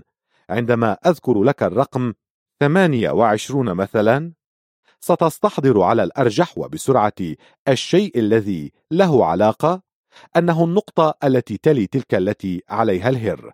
لا يمكننا التمرن سوية في هذا المجال لأنني لا أعرف محتويات غرفتك الشخصية. لقد حان الوقت الآن. لنقل النقاط العشر الثابتة في الغرفة المعنية إلى الكتاب. إما أن تفعل ذلك خطيا أو أن ترسم رسما بسيطا يوضح مواضعها في المكان. ولتوضيح الفكرة أكثر تجد فيما يلي مثالين عمليين الشكل رقم خمسة. الممر مدخل الشقة. واحد وعشرون سجادة. اثنان وعشرون كرسي. ثلاثة وعشرون مزهرية. أربعة وعشرون مرآة. خمسة وعشرون علاقة ملابس. ستة وعشرون رزنامة سبعة وعشرون حامل الشمسية ثمانية وعشرون علاقة المفاتيح تسعة وعشرون خزانة الأحذية ثلاثون لوحة جدارية. المطبخ واحد وثلاثون قوارير اثنان وثلاثون مايكروويف ثلاثة وثلاثون خزانة المطبخ أربعة وثلاثون براد خمسة وثلاثون بنك جلوس ستة وثلاثون حامل الخضار. سبعة وثلاثون طاولة. ثمانية وثلاثون سلة القمامة. تسعة وثلاثون فرن الطبخ. أربعون مجلة أرجو أن تقوم الآن بما يلي. سجل المحتويات الثابتة في لائحة الغرفة الأرقام من 21 إلى 30 حسب ذوقك إما خطيا أو بشكل مخطط. افعل الشيء ذاته بالغرفة الثانية أي ادخل إليها. إما بتصورك أو بجسمك فعليا. جل بنظرك في المكان واختر عشرة أشياء أساسية. اكتبها على ورقة ثم أغمض عينيك واستعرض هذه الأشياء في مخيلتك. وعندما تنجح بذلك المس النقطة خمسة باليد. وضع القطة على الرقم سبعة وسجل. أخيرا هذه المحتويات في لائحة المنزل من 31 إلى 40 ثم كرر الطريقة ذاتها على باقي الغرف. وعندما تنتهي من ذلك الأمر الذي سيستغرق حوالي نصف ساعة تابع القراءة. اللمسات الأخيرة على لائحة المنزل. تقييم بيني. لنستعرض ما أنجزناه حتى الآن. أولا تشكيل اللائحة المئوية. ثانيا حددت مع هذا الكتاب عشرا من محتويات كل غرفة. أشياء محددة بوضوح ومتمايزة بعضها عن بعض. ثلاثة وهكذا حددت تسلسلا منطقيا بحيث تجول في المكان بنظرك الذي سيقع على هذه الأشياء واحدة تلو أخرى. لعلك حددت التسلسل بشكل مختلف. لا بأس. فلا بد أن لديك سببا وجيها لذلك. المهم أن يكون تسلسلا منطقيا تستطيع التعامل معه. رقم لكل غرفة. ألا تعتقد أنك قد أحرزت الكثير حتى الآن؟ سنحاول في الخطوة التالية أن نحفظ ما هو الرقم الذي يخص كل غرفة. يمكننا طبعا أن نعد أيضا في كل مرة. الكوريدور اثنان المطبخ ثلاثة غرفة الجلوس أربعة وهكذا. وقد اتخذت منزلي مثالا. لكن هذا مزعج على المدى الطويل وسيحرمك متعة العمل على لائحة منزلك. لذا نرتب أرقام الغرف بالاستعانة بلائحة الشجرة. نأخذ مثلا الغرفة الثالثة. هنا يوجد في تسعة من أرقام المحتويات العدد أربعة واحد وأربعون واثنان وأربعون وثلاثة وأربعون وحتى خمسون. إذا العدد أربعة هو المفتاح. لنفترض أننا نتحدث عن غرفة المعيشة فيمكن أن يكون الرابط هنا مثلا وجود مجموعة من الألعاب كسيارات وبما أن السيارة تحمل الرقم أربعة على لائحة الشجرة إذا ينتمي العدد أربعة إلى غرفة المعيشة وكذلك الأربعينات. الغرفة الخامسة الأعداد من 61 إلى 70 نسميها غرفة المكعب لأن ستة يساوي مكعب من لائحة الشجرة. إذا يمكننا أن نربط بين الغرفة المعنية والمكعب بأن نتصور ببساطة أن لدينا في وسط الغرفة طاولة صغيرة يمكنك أن ترمي عليها الزهرة المكعب ولا يهم إن كان هذا في الحمام أو المطبخ أو الشرفة. إننا نربط فقط الغرفة رقم ستة بالمكعب. أعتقد أنك استوعبت تماما كيف يتم الربط. ماذا تفعل إذا مع الغرفة السادسة؟ الأعداد من 71 إلى 80 ببساطة وكل وضوح. تضع هناك هرا ذا السبع أرواح يحوم حول سريرك إن كانت هذه غرفة نومك أو حول البراد إن كان ذلك في المطبخ. وأنت تعلم طبعا أنه كلما كان التخيل غريبا ومصطنعا أكثر كان تذكر دماغنا لهذه الأشياء أسهل. والآن يقع على عاتقك التدرب على هذه اللائحة المئوية حيث أقترح أن تستعرضها كاملة مرة أو مرتين يوميا لمدة أسبوع ثم تعمل عليها حوالي خمس دقائق كل يوم. وسترى أن هذه اللائحة قد تسللت إلى دمك ولحمك تفكيرك الواعي واللا شعور. وعندما تصل إلى النقطة التي لا تحتاج معها لطول تفكير حتى تعرف ما هو الشيء الذي يرتبط بعدد ما لا على التعيين تكون قد أحرزت شيئا مهما ومن النصيحة أيضا في هذه المرحلة أن تقوم ببعض التدريبات لحفظ رقم يتألف من عشر خانات أو المباشرة ببعض التمارين التي سنعرض لها في الفصل القادم ولما كل هذا العناء؟ أقول بكل بساطة إنها تستحق ذلك لأن هذه اللائحة المئوية بالتوافق مع تقنية رواية الحكاية ستؤهلك لإنجاز ما لا يصدق حيث ستؤمن لك مئة علاقة. يمكنك أن تعلق عليها أي معلومات أو بيانات هامة يلزمك أن تتذكرها لاحقا في وقت من الأوقات. لعلك لازلت تذكر هذا المبدأ من لائحتي الجسم والشجرة. سنقوم في السياق القادم من هذا الكتاب بسرد بعض التمارين التي تعلمك أين وكيف تحفظ بعض المعلومات الخاصة بحياتك وسكنك بحيث تتمكن من استحضارها متى تشاء. لكن نود أولا أن نستعرض الفائدة الثانية لهذه اللائحة المئوية. والتي تتمثل في تحولك إلى إمكانية ربط كل عدد من واحد إلى تسعة وتسعين بصورة محددة وواضحة لا لبس فيها ولا تختلط بغيرها. فيجب ألا نفكر طويلا لمعرفة أن العدد 48 مثلا معرف بالسيارة وعقدة الطريق السريع على شكل ثمانية أو أن السبعة وخمسين تدل على القطة الموجودة على يدي. وعندما نستقر عند هذه الصور فسرعان ما نصطدم بحدود إمكانياتنا حين يتعلق الأمر بحفظ الأرقام. ناهيك عن أننا نتلقى ونستمع دوما إلى قصص وحكايات متشابهة تزيد من متعة التعلم. فعندما تستطيع التعامل مع الأعداد ثنائية الخانة 95 الخصر أو 18 المغرب زحمة إغلاق المحلات أو 54 فرشاة الأسنان مثلا أو أي أداة أخرى حسب لائحتك المنزلية الشخصية. فإنك ستتمكن من استظهار الأرقام الطويلة أيضا وستستمتع بذلك على الدوام. ولقد مر معي أنه قد حفظ بعض التلاميذ في الصف الثالث رقما من أربعين خانة خلال ثلاث إلى أربع دقائق. ربما حالات استثنائية لكن جميع الأطفال يستطيعون كتابة مثل هذه الأرقام الطويلة ويستمتعون بذلك. والأروع من هذا أنهم يستطيعون استحضار هذه الأرقام وكتابتها في اليوم التالي وسيتلاشى الحرج من التعامل مع مثل هذه الأعداد كليا. عندما نرى العديد من التجارب الناجحة وهكذا أرجو لكم مع التمارين اللاحقة مزيدا من المتعة والفائدة. مجالات الاستفادة من تقنيات الذاكرة الفائقة نظريا وعمليا.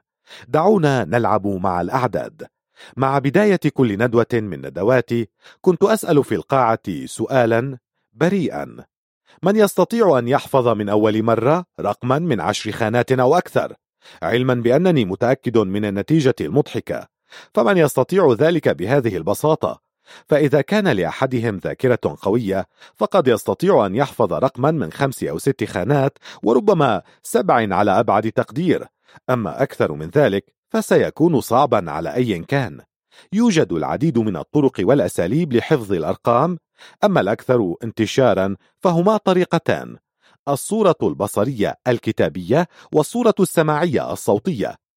يلجأ كثير من الناس إلى الطريق الأخير. فهم يحفظون الرقم من جرسه وإيقاعه. ولنأخذ مثلا رقم هاتف ما. رقم هاتفي هو 81091110 من المعتاد أن يقوم الناس في بلد سويسرا بتجزئة الرقم إلى مقاطع.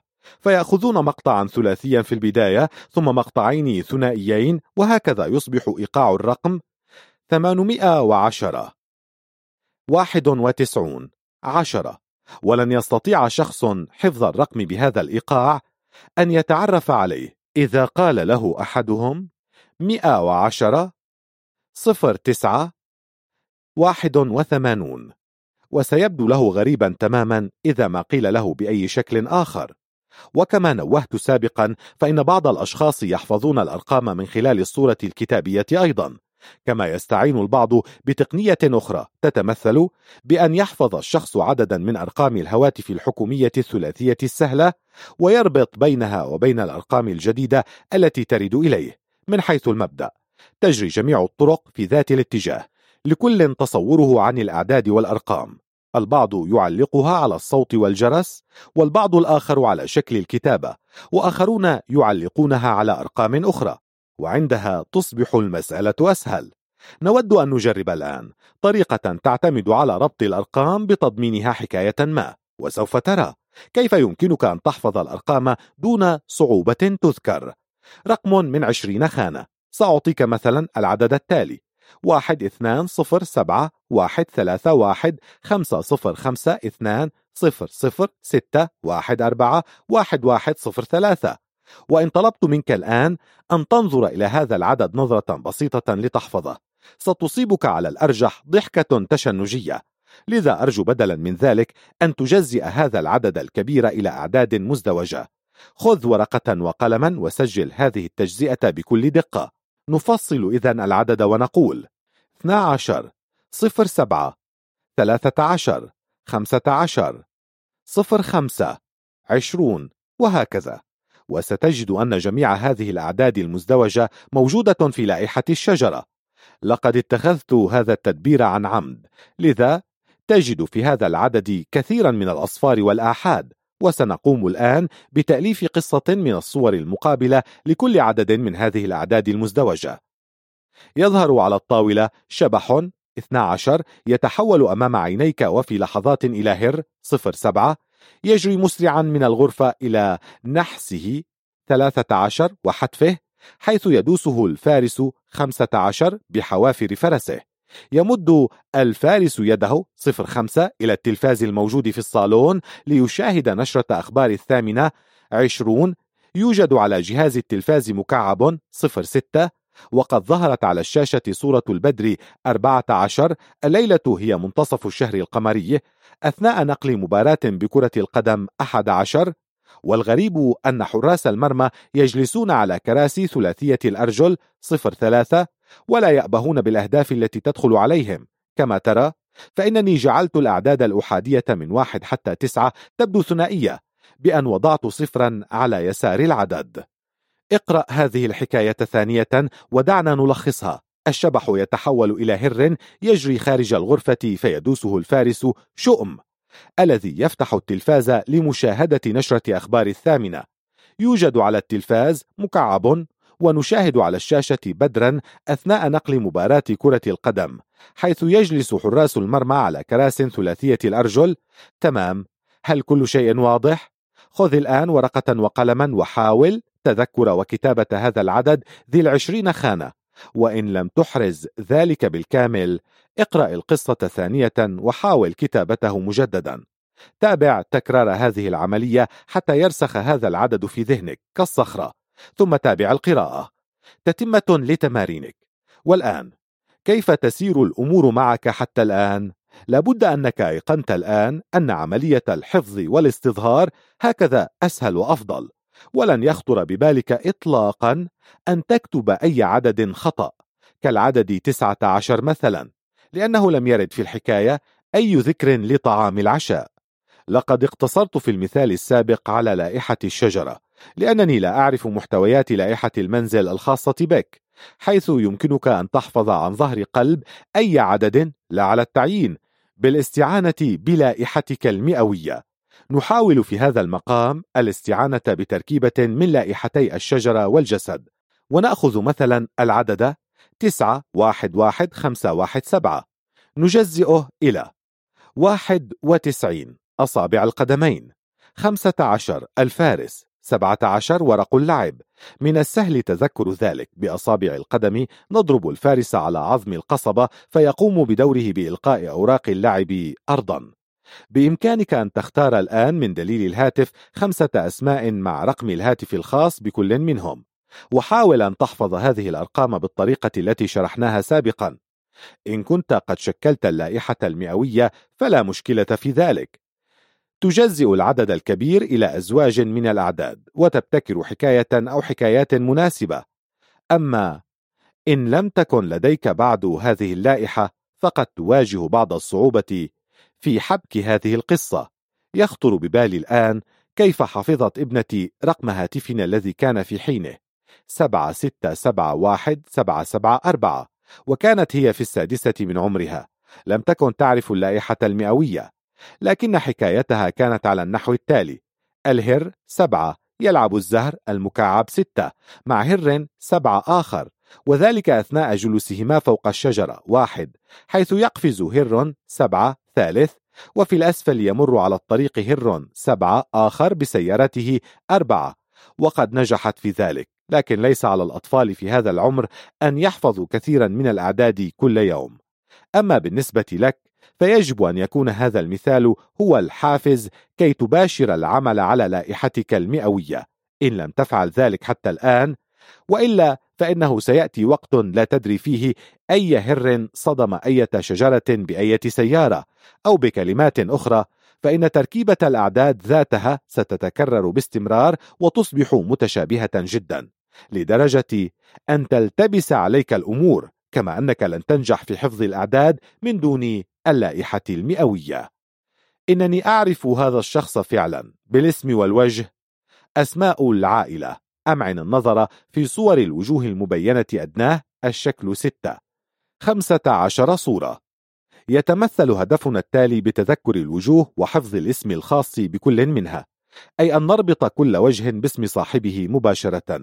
لهذا نتساءل كخطوة أولى ما هو الشيء المميز في هذا الوجه والذي يمكنه أن يخدمنا كعلاقة أو صندوق رسائل؟ يبدو الأمر أصعب مما هو عليه حقيقة لكنني ألاحظ دوما وقبل كل شيء كيف يفاجأ المشاركون بالندوات عندما يتمكنون من ملاحظة العلامات الفارقة لدى خمسين شخصا ويحفظون أسماءهم بهذه التقنية. لتوضيح الأمر أعطيكم بعض الأمثلة. نبدأ مباشرة بالصورة رقم واحد. المرأة الشابة ذات العقد والقلادة على صدرها. وهكذا أصبح لدينا إذن أول علاقة. شنجل أو كلاب. إنه القلادة وهكذا نتابع. رقم واحد المرأة الشابة مع العقد والقلادة. قلادة. رقم اثنان الرجل ذو الشارب شارب. رقم ثلاثة المرأة ذات الابتسامة ابتسامة. رقم أربعة الرجل ذو النظارة نظارة. رقم خمسة المرأة ذات الشعر المنفوش شعر منفوش. رقم ستة الرجل ذو اللحية الطويلة لحية طويلة. رقم سبعة الرجل ذو الرقبة الغريبة. رقبة. رقم ثمانية الرجل ذو الغمازة في الذقن غمازة. رقم تسعة المرأة ذات الشعر الطويل شعر طويل. رقم عشرة الرجل ذو القميص المنقط قميص منقط. رقم أحد عشر الرجل ذو اللحية البيضاء لحية بيضاء. رقم 12 الرجل ذو الشارب شارب. رقم 13 المرأة ذات الغرة على الجبين غرة الشعر. رقم 14 الرجل يلبس قميصا بأزرار قميص بأزرار. رقم 15 الرجل ذو النظارة ذراع النظارة. لعلك تلاحظ ما يلي. أولا تم اختيار الشارب مرتين. والرائع في الأمر أنه باستطاعة دماغنا أن يميز بين شارب وآخر أي أنه يعي تماما أي الاثنين نعني الآن ويقوم بالربط اللازم وستتحقق من ذلك مباشرة. ثانيا ليس بالضرورة أن تكون العلامات الفارقة هي دوما اللحية أو النظارة أو الأنف بل يمكن أن تكون قطعة من الملابس أو أجزاء منها وليس شيئا له علاقة بالوجه تحديدا. لحظة. لعلك تفكر الآن وتقول وماذا لو أن هذا الشخص ارتدى غدا غير هذا القميص الذي هو عليه اليوم؟ عندها لن يصح الأمر مع القميص المنقط أو القميص ذو الزرين. هذا صحيح لكنه لن يلعب في الواقع أي دور يذكر. المهم أن تتعرف على العلامات الفارقة لدى الشخص المعني للساعة أو الساعتين التاليتين ثم بعد ذلك وأثناء عملية نقل الصورة إلى الذاكرة الدائمة سيركز دماغك على مجموعة من الدقائق والتفاصيل وليس على أزرار القميص فقط مثل أين كان يقف وكيف كانت تسريحة شعره وكم يبلغ من العمر تقريبا. إنك تحتاج إلى مزيد من التفاصيل كي تدخل إلى المعلومات والبيانات حيث سيختزن في ذاكرتك وبشكل آلي أكثر بكثير من مجرد إحدى التفاصيل.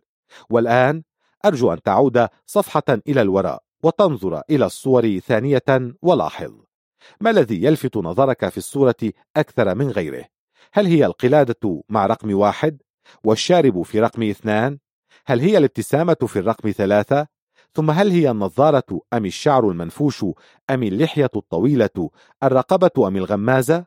لاحظ في الرقم تسعة الشعر الطويل وفي العشرة اللحية البيضاء وأخيرا الشاربان الغرة على الجبين الأزرار وساعد النظارة. جرب عدة أمثلة. عد إلى الصور لثوان. تفحص الوجوه بحثا عن العلامات الفارقة العلاقات. ثم عد إلى هنا لمتابعة القراءة. الوجوه العشرة الأولى. نأتي الآن إلى القسم الهام حيث سنقوم بربط الوجوه بالأسماء. السيدة ذات القلادة. تعرف نفسها على أنها السيدة الصواف.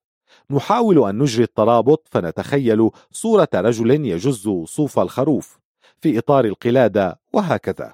ستجد في الجدول رقم تسعة أمام كل اسم صورة أو أكثر يمكن أن تربطها به علما بأنك لست مضطرا للأخذ بهذه الصور على ما هي عليه ويمكنك أن تتخيل صورة من عندك. إن وجدت صعوبة أو مشكلة في إحدى هذه الصور ولا بد أنك أصبحت تعرف المبدأ. إن بعض الأسماء تدل على صورها تلقائيا. مثال رقم اثنان. بينما ستجد صعوبة جمة في إيجاد الصور المناسبة لأسماء أخرى مثل رقم تسعة. جدول تسعة أسماء ووجوه للمقارنة مع الشكل ستة. الرقم العلامة الفارقة الاسم الصورة زائد وسيلة الربط. أولا القلادة. مها الصواف. في القلادة صورة رجل يجز الصوف. صواف. اثنان الشاربان. سالم الحريري. الشاربان مصنوعان من خيوط خيوط حريرية. حريري. ثالثا الابتسامة. منى الحسن. تطغى عليها الابتسامة ليظهر حسنها. الحسن. رابعا النظارة. محمد سعيد. تجلب له النظارة السعادة لأنه يرى جيدا. سعيد. خامسا شعر منفوش. سهى المنجد. نشتري الصوف المنفوش من عند المنجد. منجد. سادسا لحية طويلة عمار أنيس. نجد أن اللحية تجعل وجه عمار أنيسا. أنيس. سابعا رقبة طويلة إلياس الخياط. الرجل ذو الرقبة الطويلة خياط القبة العالية الخياط. ثامنا غمازة الذقن عمر الحجار. الحفرة في ذقن عمر من ضربة الحجر. الحجار. تاسعا الشعر الطويل أمل الطباع. أود طباعة كلمة جميل على الشعر الطويل. الطباع عاشرا القميص المنقط ماهر مراد. لابد أن هذا القميص المنقط هو مراد ماهر. مراد. مراجعة. دعنا نلخص هنا ما مر معنا في هذا الفصل. نعود إلى السيدة ذات الإطار مع القلادة. سترى على الأرجح رجلا يجز صوف الخروف. لديك إذا شيء ما مع السيدة صواف. مع الصورة اثنان سيقع نظرك على الشاربين المصنوعين من الخيوط الحريرية. السيد الحريري. الابتسامة العريضة تظهر حسن المرأة فهي السيدة الحسن. ثلاثة. ثم ترى الرجل الفرح بنظارته فهو السيد سعيد. أربعة. ومع المرأة ذات الشعر المنفوش يجب أن تذكر المنجد الذي ينفش الصوف. السيدة منجد خمسة. أما الشاب الذي يبدو أنيسا بلحيته فهو السيد أنيس ستة والرجل الذي يخيط القبة العالية للرقبة الطويلة هو السيد الخياط سبعة. ثم يأتي الشاب عمر ذو الغمازة من إصابة الحجر فهو السيد الحجار ثمانية والمرأة التي طبع على شعرها شيء ما هي السيدة طباع تسعة. وأخيرا نأتي إلى الشاب الذي مراده هذا القميص المنقط فهو السيد مراد عشرة. غالبا ما يحدث أن يقول لي أحدهم في الندوات نعم. صحيح إنني أعرف رئيس دولة يحمل ذات الاسم. طبعا يمكنك دوما أن تربط وجوها جديدة بأسماء مشاهير. أي ولمزيد من الدقة يمكنك أن تربط وجها جديدا بوجه مألوف. الوجوه الخمسة الباقية. دعنا نأتي الآن على الوجوه الخمسة الأخيرة أحد عشر.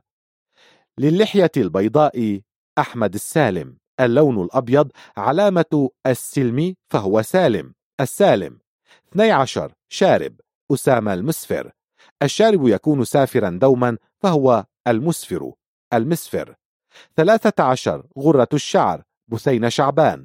ثلثي أحرف كلمة الشعر موجودة في شعبان. شعبان.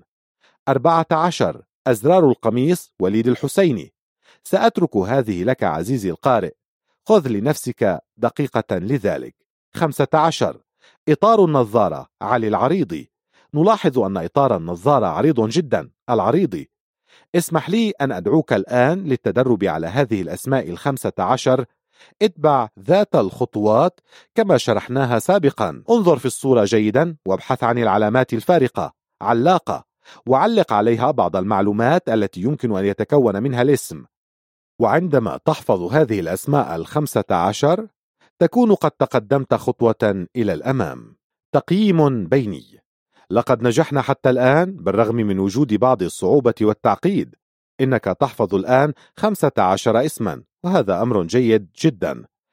ستقدم لك هذه الطريقة مساعدة جيدة وستجد أن العملية أصبحت أسهل وأمتع إن أنت أكثرت من التدرب عليها. كما أنك ستجد أن بعض الأسماء تتكرر باستمرار ويمكنك الاستعانة بالصور المتوفرة لديك ولن تضطر للبحث عن صور جديدة في كل مرة. وإذا ما مر معك مثلا شخص آخر باسم السيد الحريري فستجد صورة الخيوط الحريرية ماثلة أمام ناظريك وعليك فقط أن تجد العلامة الفارقة العلاقة التي تعلق عليها تلك الخيوط. لعله من غير المناسب إطلاقا أن تواجه دوما بالصعوبات كلما حاولت تشكيل لائحة الأسماء والصور المناسبة لها وستندهش للسهولة التي سيتم بها ذلك. حتى لو كانت تلك اللائحة طويلة وتصل إلى مئة اسم ستجد في الملحق A4 جدولا بأسماء الأشخاص وأسماء العائلة كمساعدة للانطلاقة. والغرض من هذا الجدول هو شحذ قدرتك على تخيل الصور المناسبة فقط. وعليك أن تجتهد كثيرا لإيجاد صورك الخاصة بك ومن خيالك. الاسم الأول. يكون في المعتاد حفظ الاسم الأول أسهل من حفظ الكنية. ولهذا عدة أسباب. أولا لأن أسماء الأشخاص في الغالب أقصر. ثانيا أسهل في الحفظ. ثالثا ليست كثيرة كأسماء العائلة. صور الأسماء. يمكننا العمل هنا بنفس طريقة اسم العائلة. حيث نقوم بالتفكير بصور تتناسب مع الاسم وننطلق من كامل الاسم أو من مقاطع محددة منه. حسب الحال هنا أيضا ينصح بعمل لوائح جاهزة لبعض الأسماء وصورها كي لا نضطر للتفكير بصورة جديدة في كل مرة يمر معنا اسم جديد. في الجدول التالي نجد أمثلة لصور بعض الأسماء. نور نور ضياء.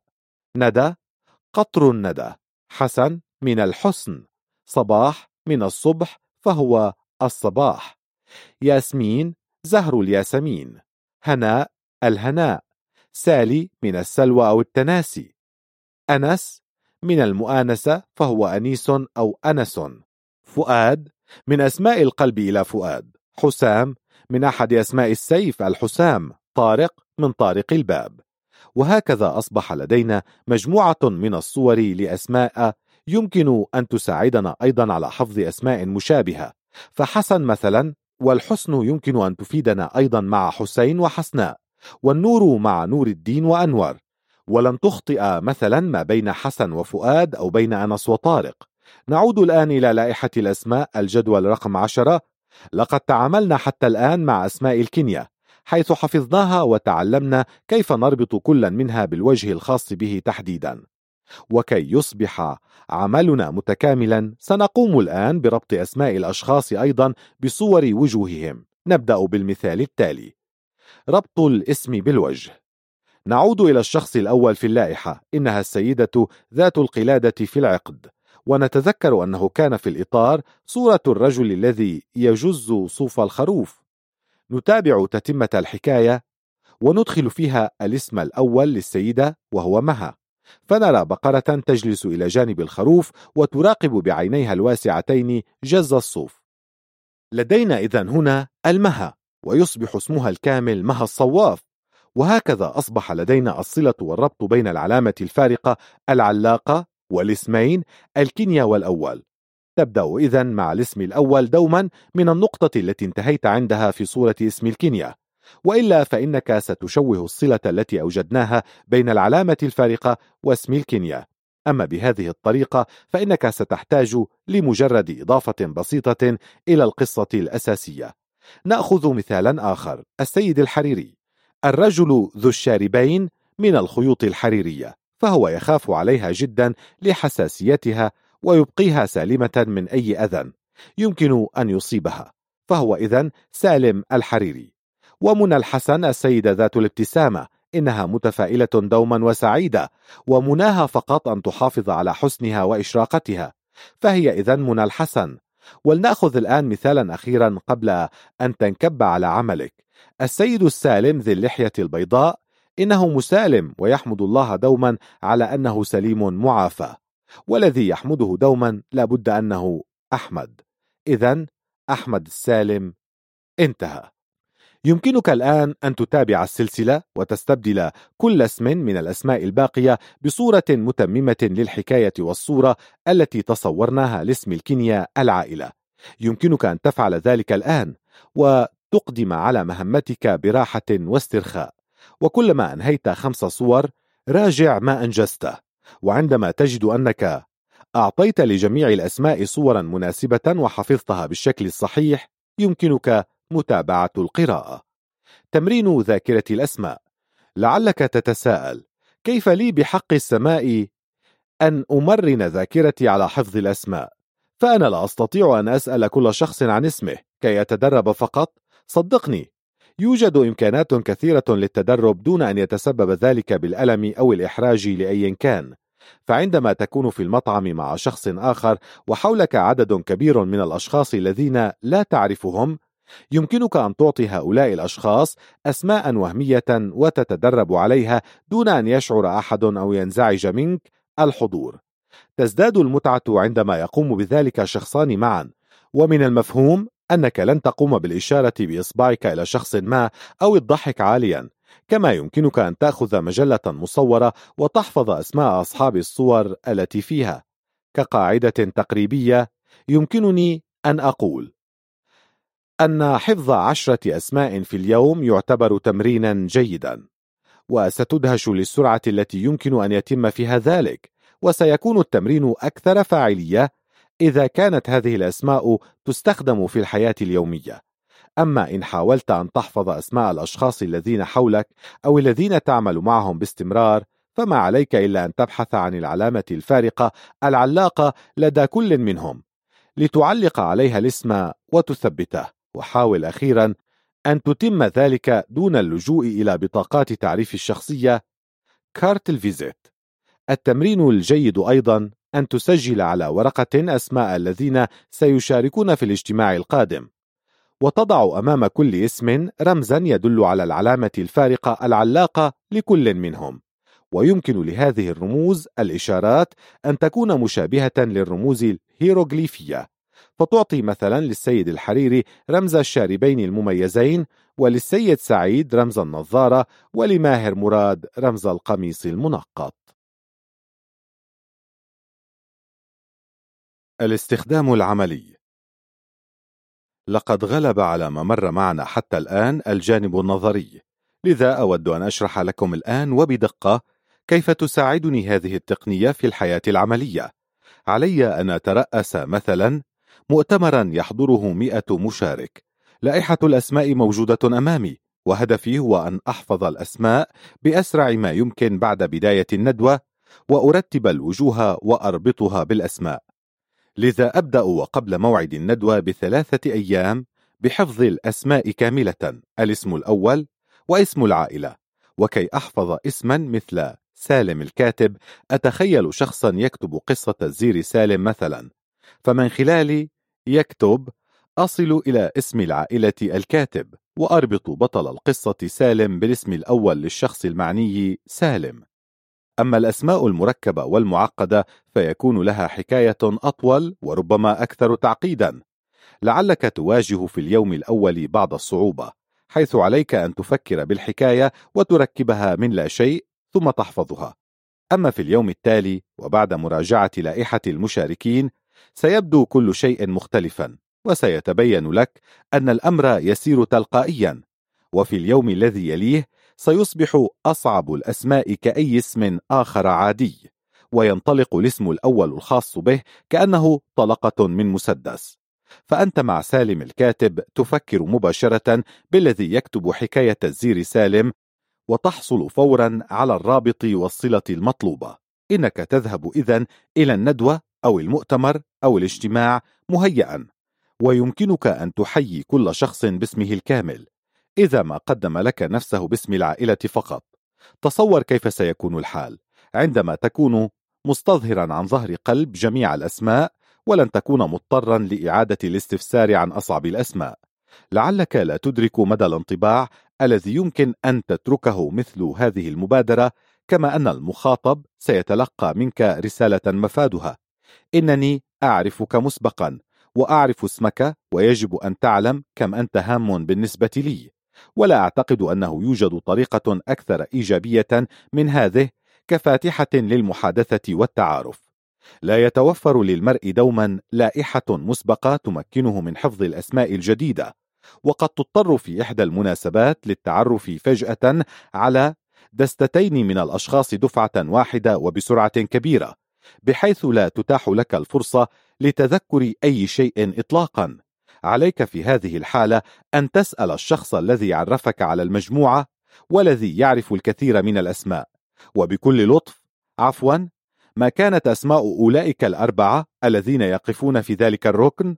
تقوم بحفظ هذه الأسماء الأربعة بهذه الطريقة ثم تأخذ الأشخاص الثلاثة الجالسين إلى اليمين تسأل ثانية وتحفظ مجددا.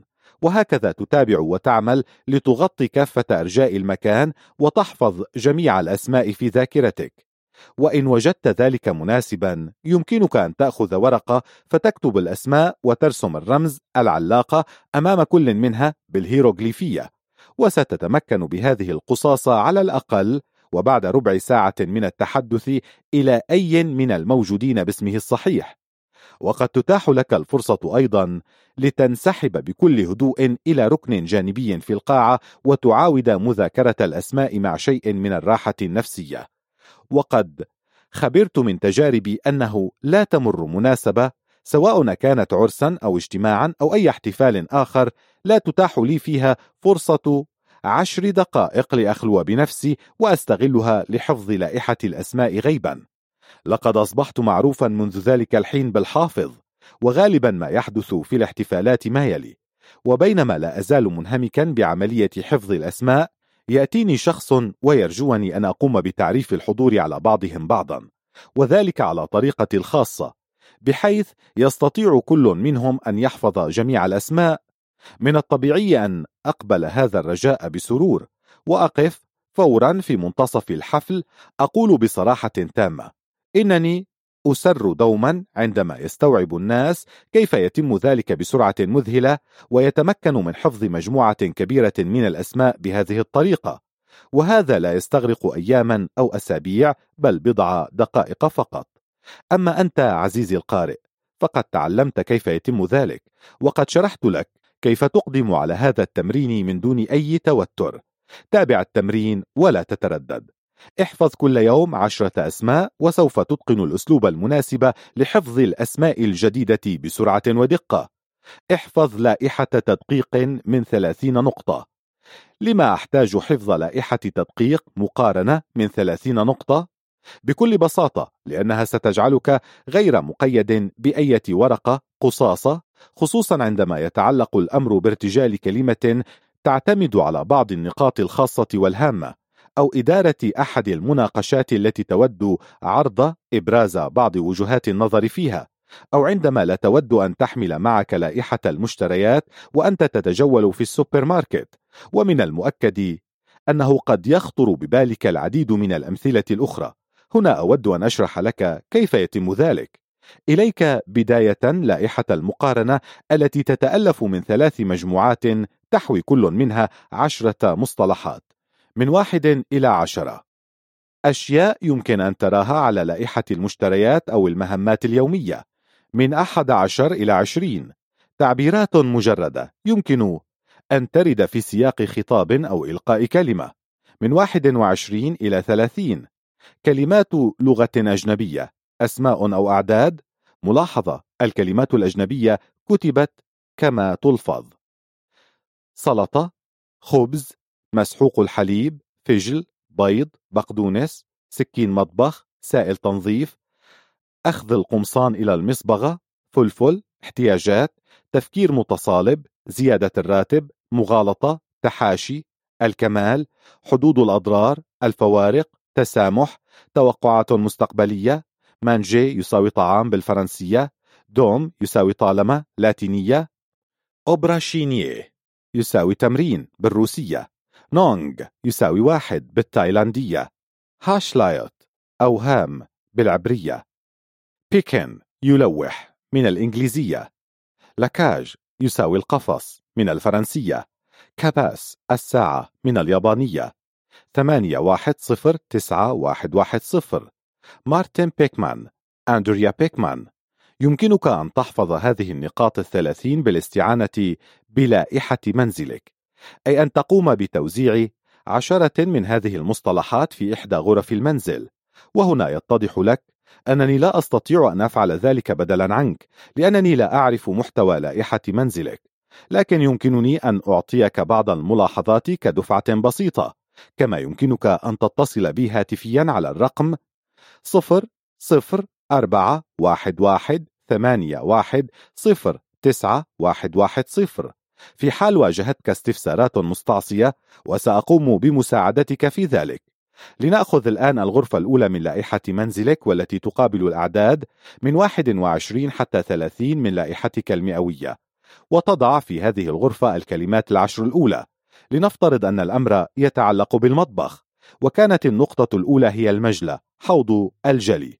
إذا عليك عندئذ أن تضع السلطة على المجلة بينما تضع الخبز على العلاقة رقم اثنين والتي هي آلة تحضير القهوة وهكذا. لا أعتقد أن عملية تعليق أو ربط هذه الأشياء المحددة على العلاقات المقابلة لها ستسبب لك أي مشكلة. تنويه بسيط. كلما أنهيت خمس نقاط توقف لفترة وجيزة لمراجعة ما حفظته وتأكد أن بإمكانك أن تتفحص الغرفة وتتخيلها كاملة وتراجع جميع محتوياتها وأنت مغمض العينين. وإن لم تقم بهذه الاستراحة بعد خمس نقاط فلا بد أن تقوم بها بعد النقطة العاشرة على أبعد تقدير. تتألف النقاط العشر التالية من كلمات مجردة. ربما ترغب في استخدامها في حوار ما أو مباحثات هامة. ضع هذه المصطلحات الآن في الغرفة الثانية من لائحة منزلك والتي توافق الأعداد من 31 إلى 40 من اللائحة المئوية. قد تحتاج إلى مزيد من الوقت في هذه المرحلة لأن عليك أن تجد رابطا بين المصطلح والعلاقة. إحدى محتويات الغرفة. حاول إجراء مقارنة بالنسبة للوقت. كم ستحتاج من الوقت للكلمات الواضحة المحددة؟ وكم ستستغرق مع المصطلحات المجردة؟ ينطبق هنا أيضا ذات المبدأ. عليك بوقفة للمراجعة بعد المصطلح الخامس ثم تابع مع الخمسة الباقية. أما مع المجموعة الثالثة فستواجه بعض الصعوبة حيث علينا التعامل هنا مع كلمات غريبة من لغات مختلفة ورقم هاتف واسمين لأشخاص. يمكنك أن تضع ترجمة هذه الكلمات في الغرفة الثالثة من لائحة منزلك التي توافق الأعداد من 41 لغاية 50 كي تحصل على صورة صوتية لها وتعلقها على العلاقة المناسبة. ستكون فخورا عندما تنجز ذلك وتقول أنك تعلمت بعض الكلمات الجديدة. وهنا لعلك تحدث نفسك قائلا.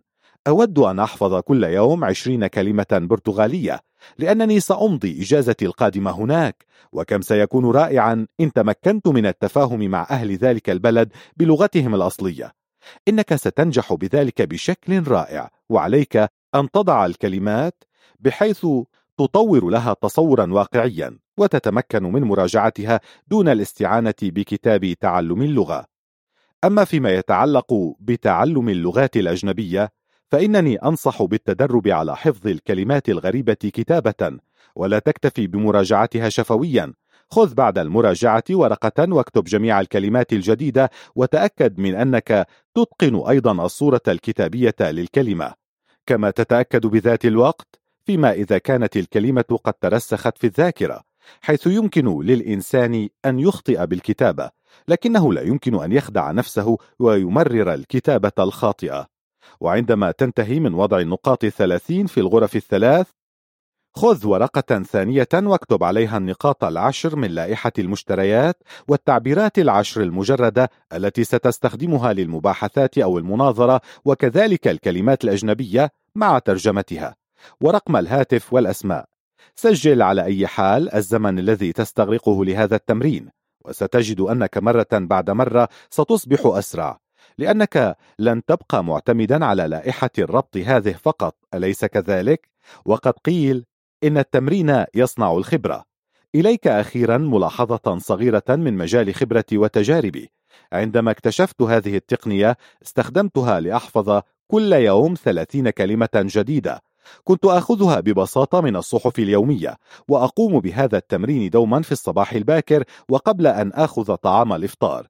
كانت النتائج رائعة. إذ لاحظت كيف كانت سرعتي تتزايد باستمرار. حاول إذن إجراء هذا التمرين يوميا في الوقت ذاته ويفضل في الصباح الباكر. كفانا كلاما الآن. لا أود أن أعطلك أو آخذ من وقتك أكثر. ضع النقاط الثلاثين في الغرف الثلاث الأولى من لائحة منزلك كما شرحنا سابقا. استعن بنصيحتي إن لزم الأمر وأرجو لك التوفيق والمسرة على أي حال. العمل بدون جدول مواعيد. قد لا تصدق ذلك لكن الأمور تسير معي على خير ما يرام منذ أكثر من عام. وأقصد هنا أنني أحفظ في ذاكرتي جميع المواعيد والواجبات التي علي إنجازها يوميا. للشهر القادم كاملا وربما لشهرين. من الطبيعي أنني أحفظ في ذاكرتي الخلفية جدول مواعيد كاملا وأضيف عليه كلما استجد موعد جديد. كذلك فإنني أستخدم الكمبيوتر ولكن كشيء جانبي فقط أو احتياطي. وإن ألقيت نظرة على هذا الجدول فستجد أن لدي ما لا يقل عن خمسة أو ستة مواعيد في اليوم العادي. ندوة في برلين مثلا وموعد مخابرة هاتفية الساعة الحادية عشرة وزيارة طبيب الأسنان وهكذا. وهذه جميعها معلومات يمكن تحديدها تماما برموز أو إشارات بسيطة بمعرفة ماذا متى وأين. يعتمد تقديري في ذلك على أن آخذ من لائحتي المئوية الأعداد من واحد إلى واحد وثلاثين. ولنقل مثلا لائحة الشجرة والغرفة الأولى من لائحة المنزل والرابط العلاقة الأول من الغرفة الثانية وهكذا يصبح لدي لائحة مرقمة من 31 نقطة. أستخدم هذه اللائحة للشهر الأول ولتغطية الشهر الثاني أخذها ذاتها مضاعفة. لقد تعرفنا في موضع سابق كيف نحمل اللائحة أكثر من مرة. وكبديل لذلك يمكنك أن تستخدم الغرف الثالثة والرابعة والخامسة والعلاقة الأولى من الغرفة السادسة إن لزم الأمر. ومن الطبيعي أن تستغني عن العلاقة الأولى من الغرف الثانية والسادسة مع الأشهر التي تحوي 30 يوما فقط. عملية حسابية بسيطة. إن أردت أن تأخذ توقعاتك لشهرين مثلا يلزمك في العادة أن تضع في دماغك 61 يوما. لكانون الثاني يناير وشباط فبراير أو شباط فبراير وآذار مارس فقط 59 يوما. أما لتموز يوليو وآب أغسطس فيلزمك 62 يوما. لعله من السابق لأوانه الحديث الآن عن ذاكرة المواعيد للشهر الثاني. ويكفي بداية أن تحفظ مواعيدك لشهر واحد فقط. خذ بيدك جدول مواعيدك ولنفترض أن الشهر القادم هو نيسان إبريل.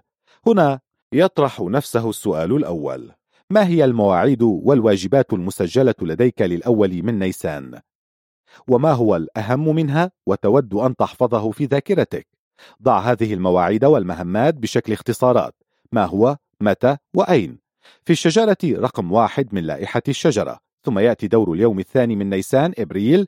فكر بالاختصارات التي يجب أن تربطها بمفتاح كبسة الإنارة.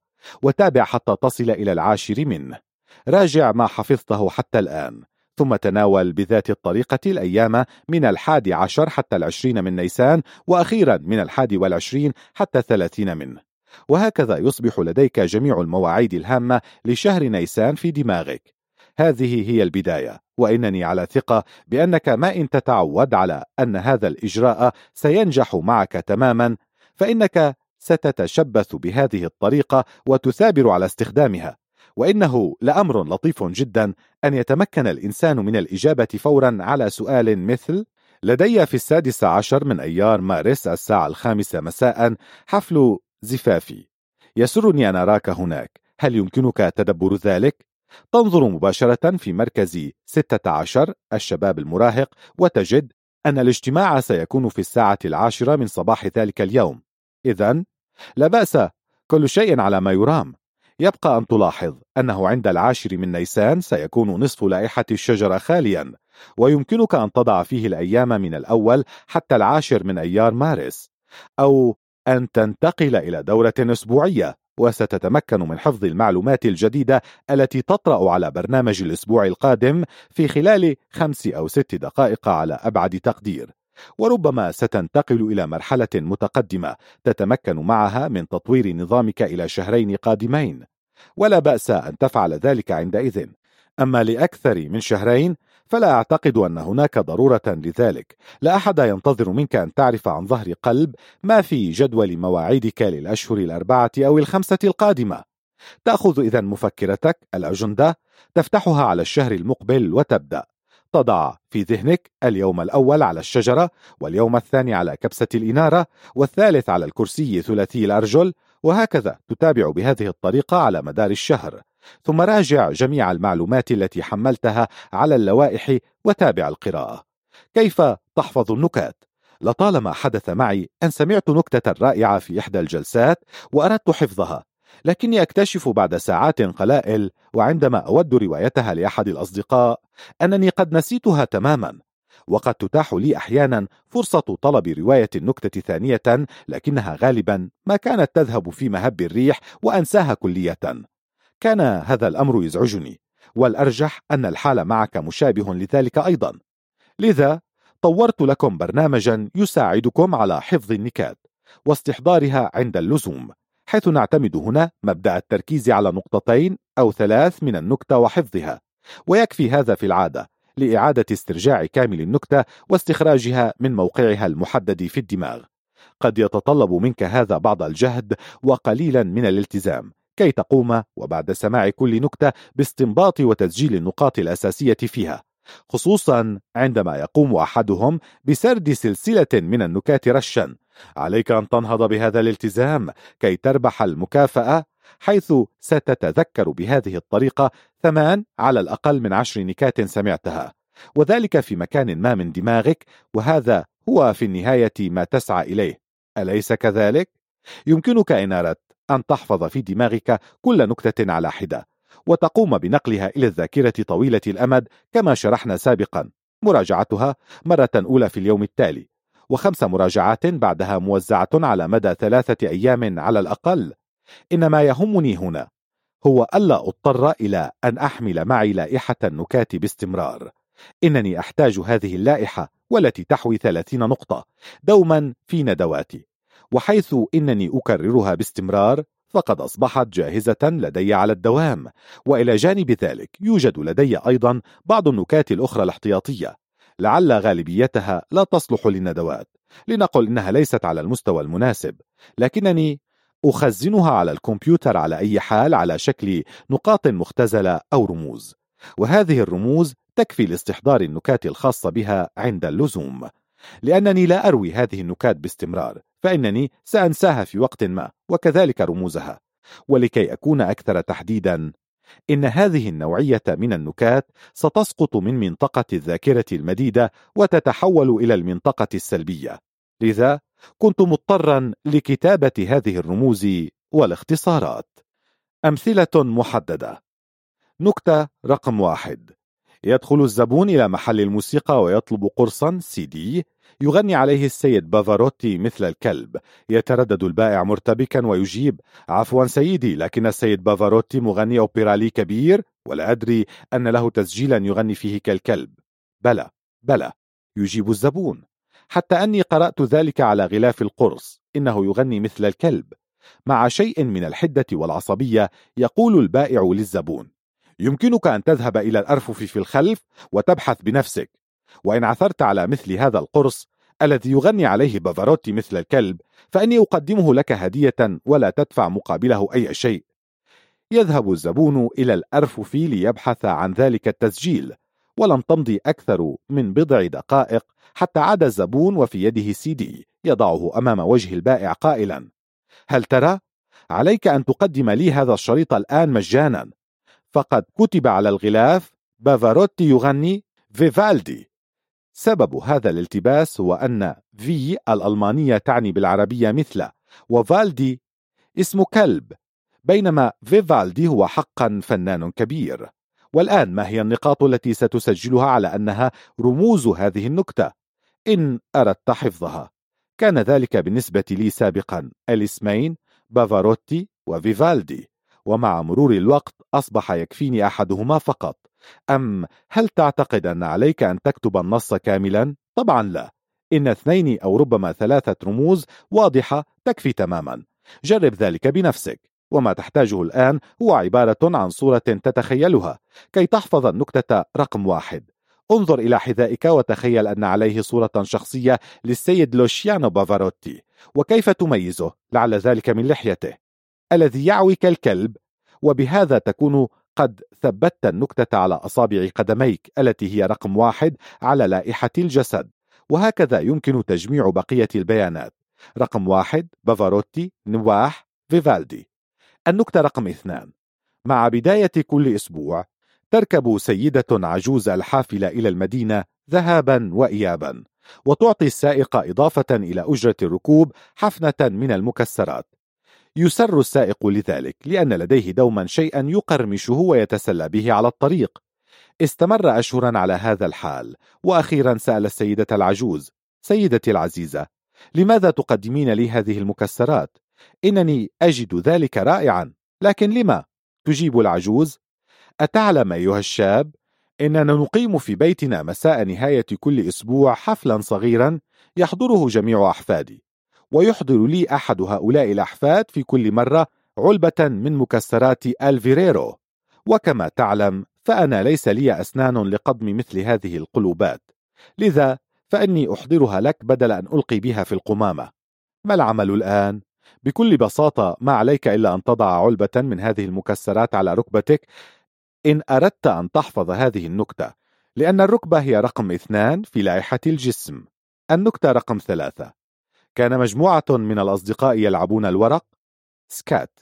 ولاحظوا أن أحدهم قد تحسن لعبه فجأة وبدرجة كبيرة جدا. تعجب الباقون طبعا وسألوه ما الذي فعلته يا يعقوب؟ حتى تحسنت كثيرا وما الجديد الذي تعلمته بهذه السرعة الفائقة؟ طبعا يجيب يعقوب. لقد حضرت إحدى ندوات تمرين الذاكرة. لا تمزح يا رجل فهذه الندوات لا تجدي نفعا. يرد الآخرون. بلى بلى. يعقب يعقوب فأنتم ترون بأنفسكم كم تحسنت أنا شخصيا عندئذ يسأله أحدهم وما اسم المحاضر في هذه الندوة؟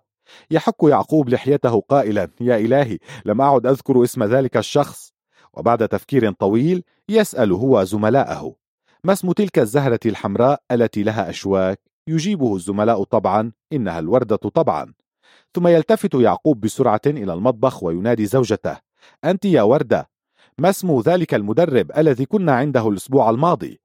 من أجل هذه النكتة والتي توافق إلى حد ما موضوع ندوة الذاكرة تصورت أن في جيب بنطالي رقم ثلاثة من لائحة الجسد وردة وهذا يكفي لأن الوردة كانت هي محور نكتة اللاعب الذي يدعي أنه حضر ندوة تدريب الذاكرة بينما هو لا يذكر اسم المحاضر ولا حتى اسم زوجته الأول.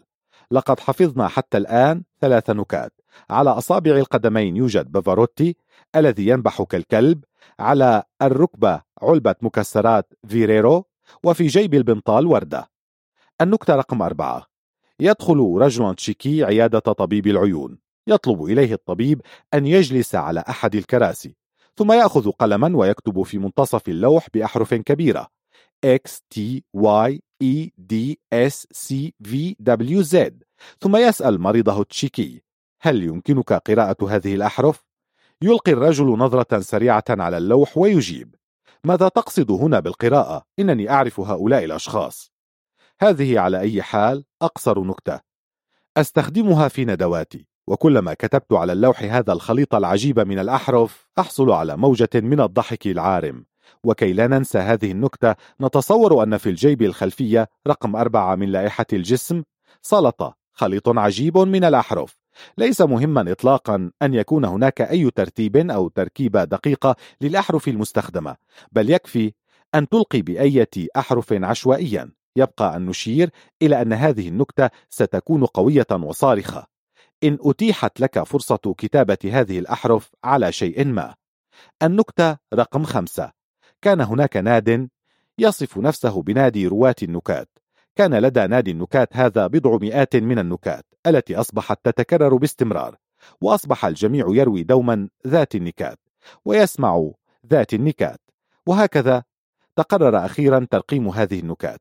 دعي في أحد الأيام ضيف جديد لزيارة هذا النادي. أخذ يتأمل الجميع ويراقب ما يجري حوله. تقف فجأة سيدة وتصيح. 428 فينفجر الجميع في ضحك صاخب. تجلس تلك السيدة ليقف رجل ويقول بأعلى صوته ثلاثة وثمانون. يمسك الجميع بطونهم من شدة الضحك. ويسود القاعة جو من الصخب والمرح. ينظر هذا الضيف حوله ثانية فإذا بشخص آخر يقف ويصيح 417 ثم يجلس. وإذا بالحضور يتلوون جميعا من فرط الضحك. هذا جيد. لكن علي أن أجرب ذلك بنفسي. يفكر الضيف فيقف أيضا ويقول 501 لا شيء يتحرك بل يسود جو من الصمت المؤلم حتى أن أحدا من المشاركين لم يحرك فمه بابتسامة مجاملة. يجلس الضيف مخذولا ويصمم ألا يفتح فمه ثانية لكن شخصا آخر يقف ويقول 588 وإذا بالجميع يخرون من شدة الضحك. وكذلك التالي مع الرقم 288 وبعد أن انخرط الجميع في ضحك وهرج ومرج تشجع صاحبنا ثانية ووقف ليصيح بأعلى صوته. مئتان! لكن خيم في هذه المرة أيضا سكون مؤلم. عندئذ سمع هذا الضيف أحدهم يقول للآخر طبعا يعتمد الأمر على الخبرة وكيفية رواية النكتة. كرمز لهذه النكتة أتصور ببساطة وجود كتيب على خصري يحوي جميع النكات بأرقامها. انتهى. النتيجة أعتقد أنه أصبح بإمكانك الآن أن تروي هذه النكات في محيط أصدقائك. مراجعة. رقم واحد أصابع القدمين بافاروتي فيفالدي مثل فالدي. رقم اثنان الركبة العجوز والمكسرات. رقم ثلاثة جيب البنطال الزوجة وردة. رقم أربعة الجيب الخلفية التشيكي وسلطة الأحرف. رقم خمسة الخصر. نكات مرقمة في كتيب.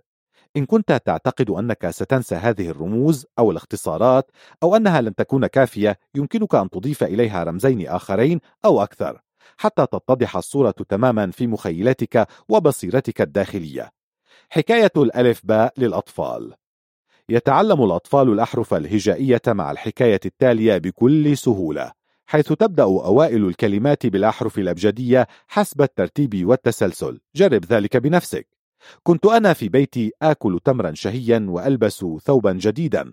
شاهدت حمارا يحمل خوخا وعليه درع ذهبي. رفع رجله فرفسته زرافة حمقاء. كان سعيد شاهدا على ذلك وصديقه ضرار طالب الزراعة يحمل على ظهره عصا غليظة ليضرب فأرا هاربا من قط كبير. كان ليلا مقمرا وأراد أن يذهب إلى نهر بعيد لكنه رأى هرا بريا متوحشا عندما حضر والده وأمره ألا يذهب إلى ذاك النهر. بيانات من الجغرافيا. ملاحظة للمترجم. يسرد المؤلف في المقطع الأول من هذا الفصل مقاطعات إيطاليا العشرين مع أسمائها بالإيطالية والألمانية ويريدنا أن نحفظ هذه الأسماء مع مواقعها على الخريطة. كما يسرد في المقطع الثاني في قصة أسماء الولايات المتحدة الخمسين حيث علينا أيضا أن نحفظها عن ظهر قلب مع أسماء عواصمها ومواقعها على الخريطة. لكني وجدت أنه أولى بالقارئ العربي أن يتعرف أولا على دول العالم العربي وأسماء عواصمها ومواقعها من العالم. أقطار العالم العربي. لا شك أنك تعرف عزيزي القارئ أسماء معظم دول العالم العربي ومواقعها وأسماء عواصمها. لكننا لاحظنا في الآونة الأخيرة ومن خلال برامج المسابقات في بعض المحطات الفضائية أن كثيرا منا لا يعرفون مثلا ما هي الدول العربية المطلة على البحر الأحمر أو عدد الدول العربية في أفريقيا أو اسم عاصمة جزر القمر. لذا سنحاول ومن خلال أسلوب الحكاية الذي يقترحه المؤلف أن نتعرف أكثر على عالمنا العربي وحسب ومن أقصى الشمال الشرقي نبدأ. عاش الخليفة هارون الرشيد في العراق. وحكم العالم الإسلامي من بغداد حيث كان يخاطب الغمامة إن مرت فوقه. اذهبي وأمطري في الكويت أو الدوحة من قطر فإن خراجك عائد إلينا. أما النوم فإنه يحلو في المنام من البحرين. ومن هنا أرى ظبي أبو ظبي يجري من إمارة إلى إمارة الإمارات. وعندما تتجه أكثر نحو الجنوب انتبه كي لا تسقط مسقط في بحر عمان. بمحاذاة بحر العرب نتابع غربا فنجد في اليمن السعيد صناعا مهرة صنعاء يصنعون السيوف والخناجر الرائعة وفلاحين يقطفون البن الشهير. نستعد للإحرام أثناء توجهنا شمالا حيث سنؤدي العمرة أثناء مرورنا بمكة المكرمة في المملكة العربية السعودية التي يتوسطها نجد مرتفع فيه رياض الرياض غناء وإن تابعت بذات الاتجاه فلا بد أن تزور بيت المقدس القدس ثالث الحرمين الشريفين من فلسطين العربية التي نأمل أن تتحرر قريبا. دعنا نعبر نهر الأردن إلى أرض عمون عمان. التي لا تبعد كثيرا عن الجامع الأموي بدمشق وإذا بك في سوريا الملاصقة للبنان حيث تطل من أرزها وثلوجها الشاهقة على الأبيض المتوسط وبيروت الزحمة والسياحة وإذا ما انتقلنا إلى أفريقيا فأول ما نشاهده من الطائرة هو نيل مصر العظيم وعليه قاهرة المعز. القاهرة أكبر مدن أفريقيا.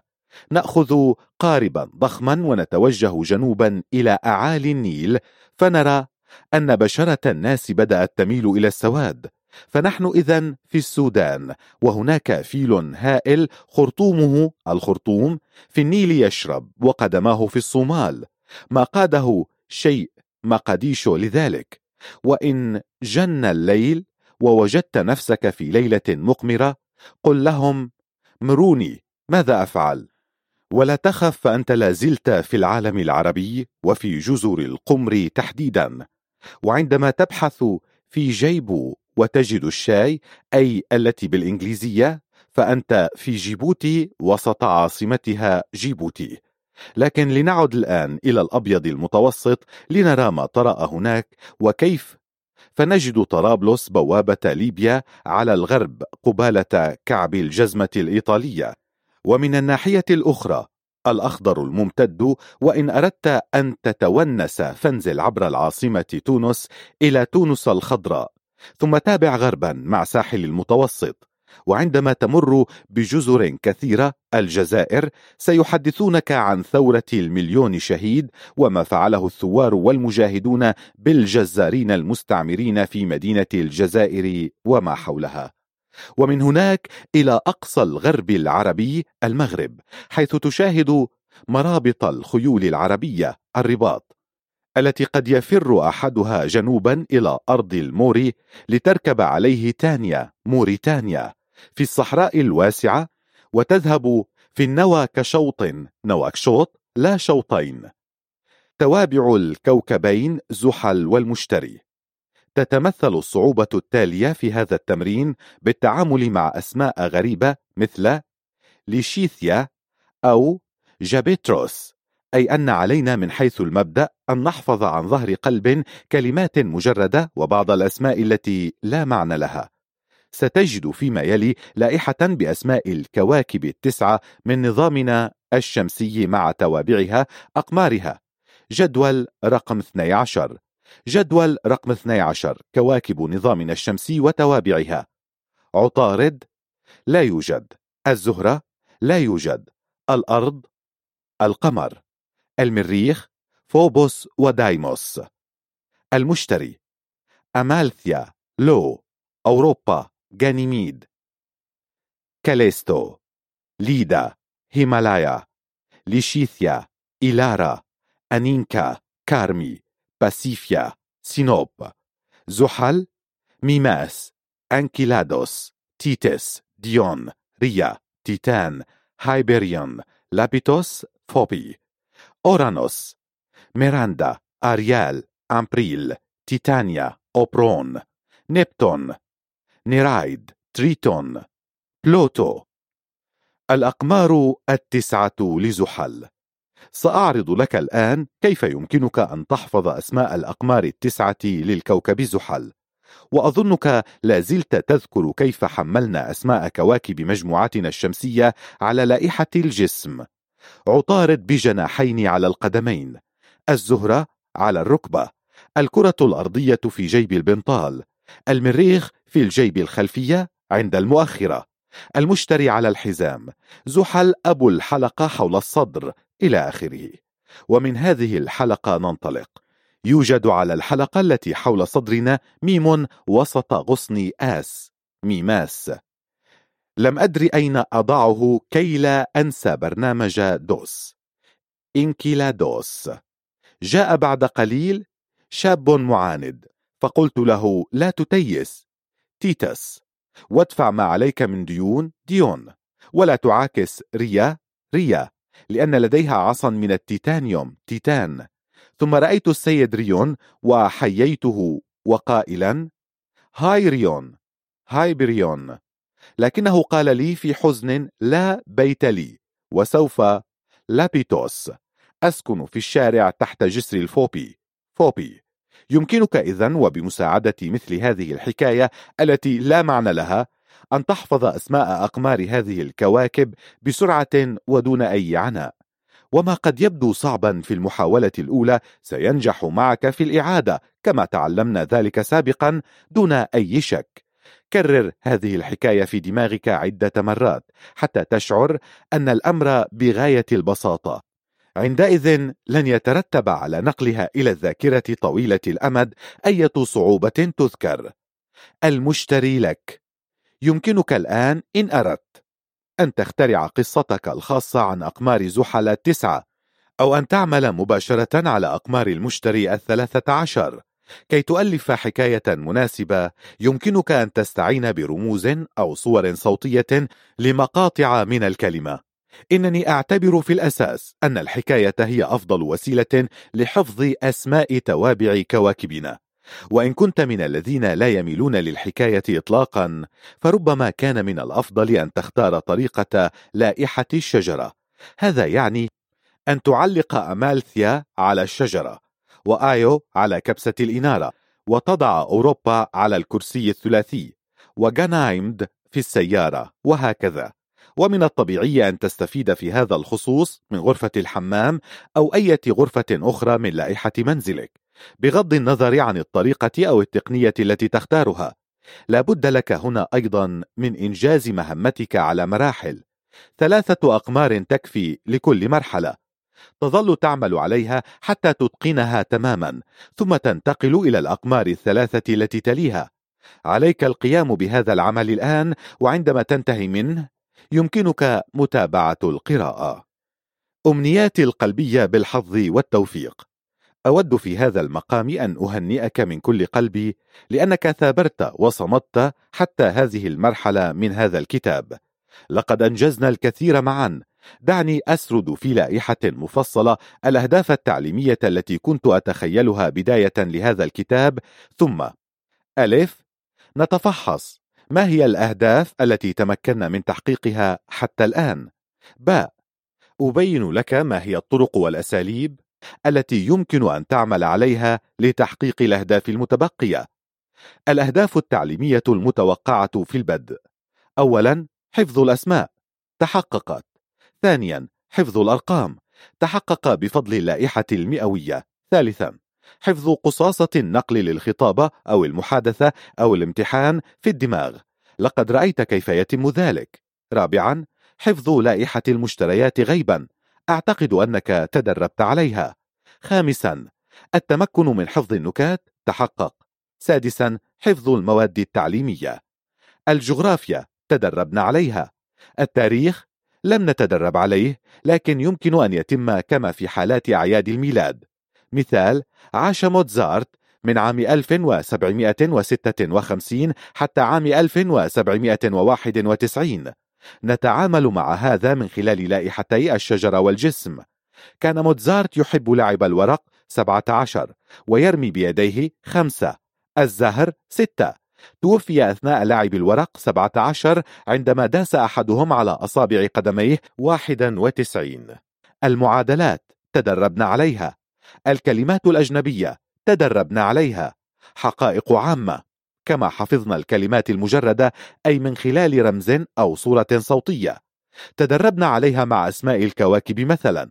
سابعا حفظ مجريات من علوم الاقتصاد وإدارة الأعمال.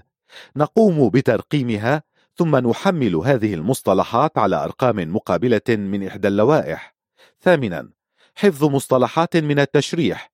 نرقم العظام أو أعضاء الجسم بتسلسل منطقي ثم نحول المصطلحات إلى صور ونضعها في لائحة. أعرف طالب طب حفظ 500 مصطلح من التشريح في أسبوع. تاسعا حفظ نصوص القوانين مع أرقام المواد والفقرات. سأريك كيف يمكن أن يتم ذلك من خلال مثال عملي. خذ مثلا المادة رقم 418 من القانون المدني. أنت تقود سيارتك أربعة خلال زحمة إغلاق المحلات 18 وهكذا يصبح كتاب القانون المدني بين يديك. تضع في السيارة النقاط الخمس الأساسية التي تحتاجها كي تتذكر نص المادة عند الحاجة. انظر طريقة حفظ النكات. بعض الأهداف التعليمية الإضافية. أولا الكتابة الأجنبية. أحد المواضيع التي لم نتطرق لها في هذا الكتاب هو شكل كتابة اللغات الأجنبية. إن كنت ستتعامل مع إحدى اللغات اليابانية أو الصينية أو العربية أو العبرية فإنني أقترح عليك أن تتصل بي.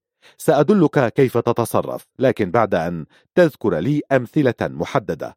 فأنت تبحث من خلال شكل الكتابة عن صورة. تأكد أنني سأساعدك بكل سرور. وليس الأمر بهذه الصعوبة حتى لو خرج عن إطار هذا الكتاب.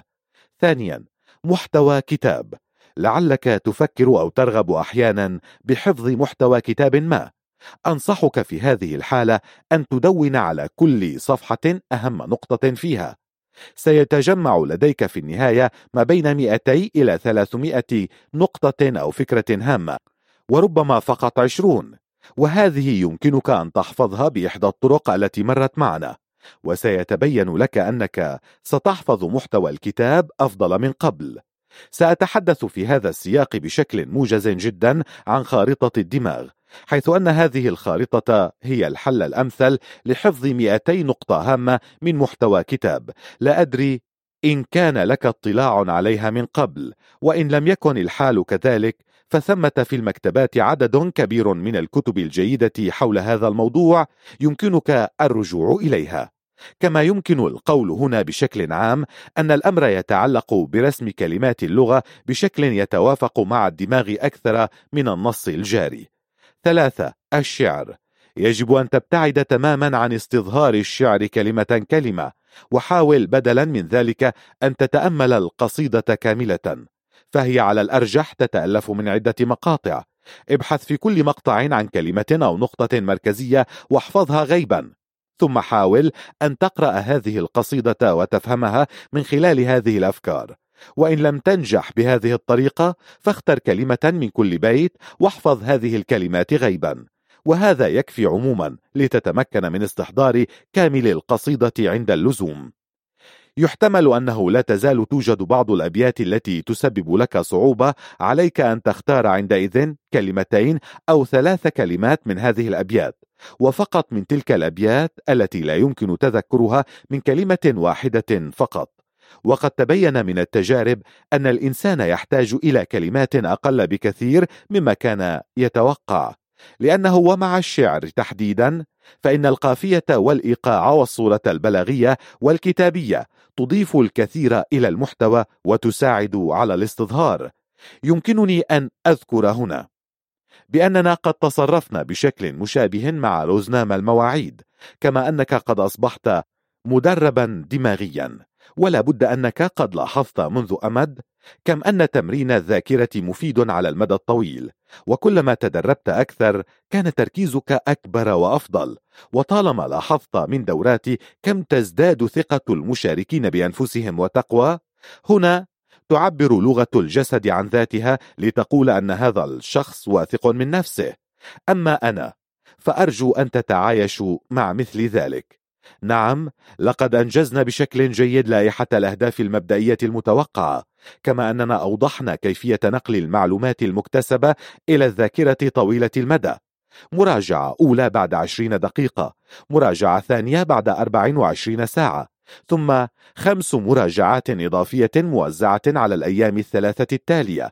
وحيث أنك قد حققت إنجازا رائعا فإنني أقدم لك خالص تهنئتي وثنائي وتقديري. لقد كنت متشككا جدا فيما إذا كان شخص ما سيتمكن من تحقيق هذا التمرين الوافر مع كتاب واحد. لقد قرأت الكتاب وماذا بعد؟ إنني أنصحك بأن تخصص لكل يوم من الأيام التالية هدفا محددا تعمل للوصول إليه بمساعدة أحد أساليب الذاكرة الفائقة. لنفترض أن أمامك مثلا اجتماعا هاما. خذ على نفسك أن تحفظ أسماء الحضور. وإن كنت تشاهد فيلما أو مسلسلا تلفزيونيا فحاول أن تحفظ أسماء عشرة أو عشرين من الممثلين. وتتعلم في اليوم التالي عشرة أو عشرين مصطلحا مجردا من إحدى الصحف أو كلمة أجنبية من أحد الكتب التعليمية. عليك أن تبذل قصارى جهدك كي تمضي كل يوم من أربع إلى ست دقائق مع حفظ ومذاكرة أحد هذه الأمور التي ستجلب لك المتعة والفائدة لتعاملك اليومي معها. لقد استمتعت ذات مرة بحفظ أسماء المشاركين في منتدى اتحاد العمل في ألمانيا حيث وقعت بيدي صحيفة نشرت صور وأسماء ومهام عدد من المسؤولين المشاركين في هذا المنتدى. فحفظت صورهم وأسماءهم وعمل كل واحد منهم. وعندما سمعت بالراديو أن السيد هوندات تحادث مع السيد شيمول أو السيد شرودر كان لدي تصور واضح عن من تكلم مع من وحول ماذا. وسواء صدقت أم لم تصدق فإن معرفتي بالأمور السياسية والاجتماعية قد تحسنت كثيرا منذ ذلك الحين وفي فترة زمنية قياسية. يمكنك مع قليل من الخيال وشيء من أساليب الذاكرة الفائقة أن تعيش لحظات من المتعة والفائدة. لقد حدث أن اتصل بي ذات مرة أحد المشاركين بندوة قريبة ليقول لي أنه حصل على غداء مجاني في المطعم. سألته كيف؟ وكان الجواب قصة طريفة. دخل أحد تلامذة الذاكرة الفائقة إلى المطعم وبينما هو ينتظر إعداد الطعام وتقديمه له فكر بالقيام بأحد تمارين تقوية الذاكرة فكر ونفذ مباشرة التفت إلى السيدة اللطيفة التي على الطاولة المجاورة وسألها أتسمحين سيدتي بكتابة عشرين كلمة أو نقطة من أي نوع كان على ورقة؟ إنني أود أن أمرن ذاكرتي وما الذي سأفعله أنا بهذه النقاط؟ سألته السيدة التي تبدو لطيفة أجابها الشاب بلباقة أرجو أن تقرأيها علي بعد كتابتها لأنني أود أن أحفظها غيبا. تبتسم السيدة مع شيء من الأسف على طريقة تفكير هذا الشاب لكن فضولها دفعها إلى مسايرته وكتابة ما طلب. رغم قناعتها بأن هذا أمر مستحيل ثم يقول لها تلميذ الذاكرة الفائقة مع شيء من المزاح سأريك كيف يتم ذلك وإن أعجبتك الطريقة تدفعين لي ثمن غدائي. توافق السيدة وتقول سأقدم لك غداءك على حسابي بكل سرور إن نجحت بذلك. شيء رائع حقا. فكل طرف سيستفيد من هذه الصفقة ويستمتع بذلك أيضا. إن كنت ستجد كبير عناء في استنباط تمارين جديدة باستمرار يمكنك طبعا أن تلجأ وبكل سرور إلى كتيب التمارين والأشرطة المرافقة المنوه عنه سابقا. وقبل أن أتركك مع تقنيات الحفظ الجديدة هذه وأطلقك للحياة لازال لدي رجاءان أولا ارجع إلي عندما يستجد لديك أي نوع من الأسئلة سواء كانت هذه الأسئلة حول أي من ندواتي أو أنها تتعلق بمسألة داخلية بمؤسستك. كأن تضطر مثلا لإلقاء كلمة في حفل كبير أو أن الأمر يدور حول حاجة أولادك لمساعدة بالحفظ والدراسة. أرسل لي فقط رسالة إلكترونية أو فاكسا موضحا فيها الحالة التعليمية واستفسارك. قد يستغرق الجواب يومين أو ثلاثة أيام لأنني أجيب على جميع هذه الأسئلة بنفسي. إنك لن تزعجني بهذه الأسئلة إطلاقا بل على العكس. لأنه عندما تبرز مثل هذه الأسئلة فهذا يعني أنني لم أوضح هذه المسألة تماما. كما أن سؤالك أو مراجعتك ستساعدني على أن أطور برامجي وأساليبي. فكما أنت إنني أتعلم أنا أيضا على الدوام.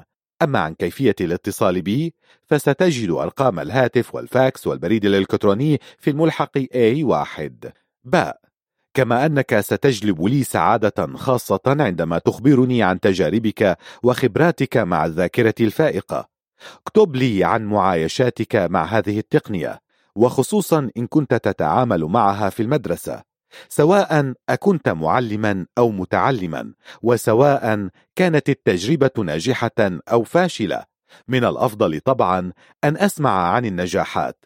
أرجو أن تزودني ببعض المعلومات المرتجعة كقصص طريفة أو أي أحداث غريبة يمكن أن تحدث معك لها علاقة بموضوعنا.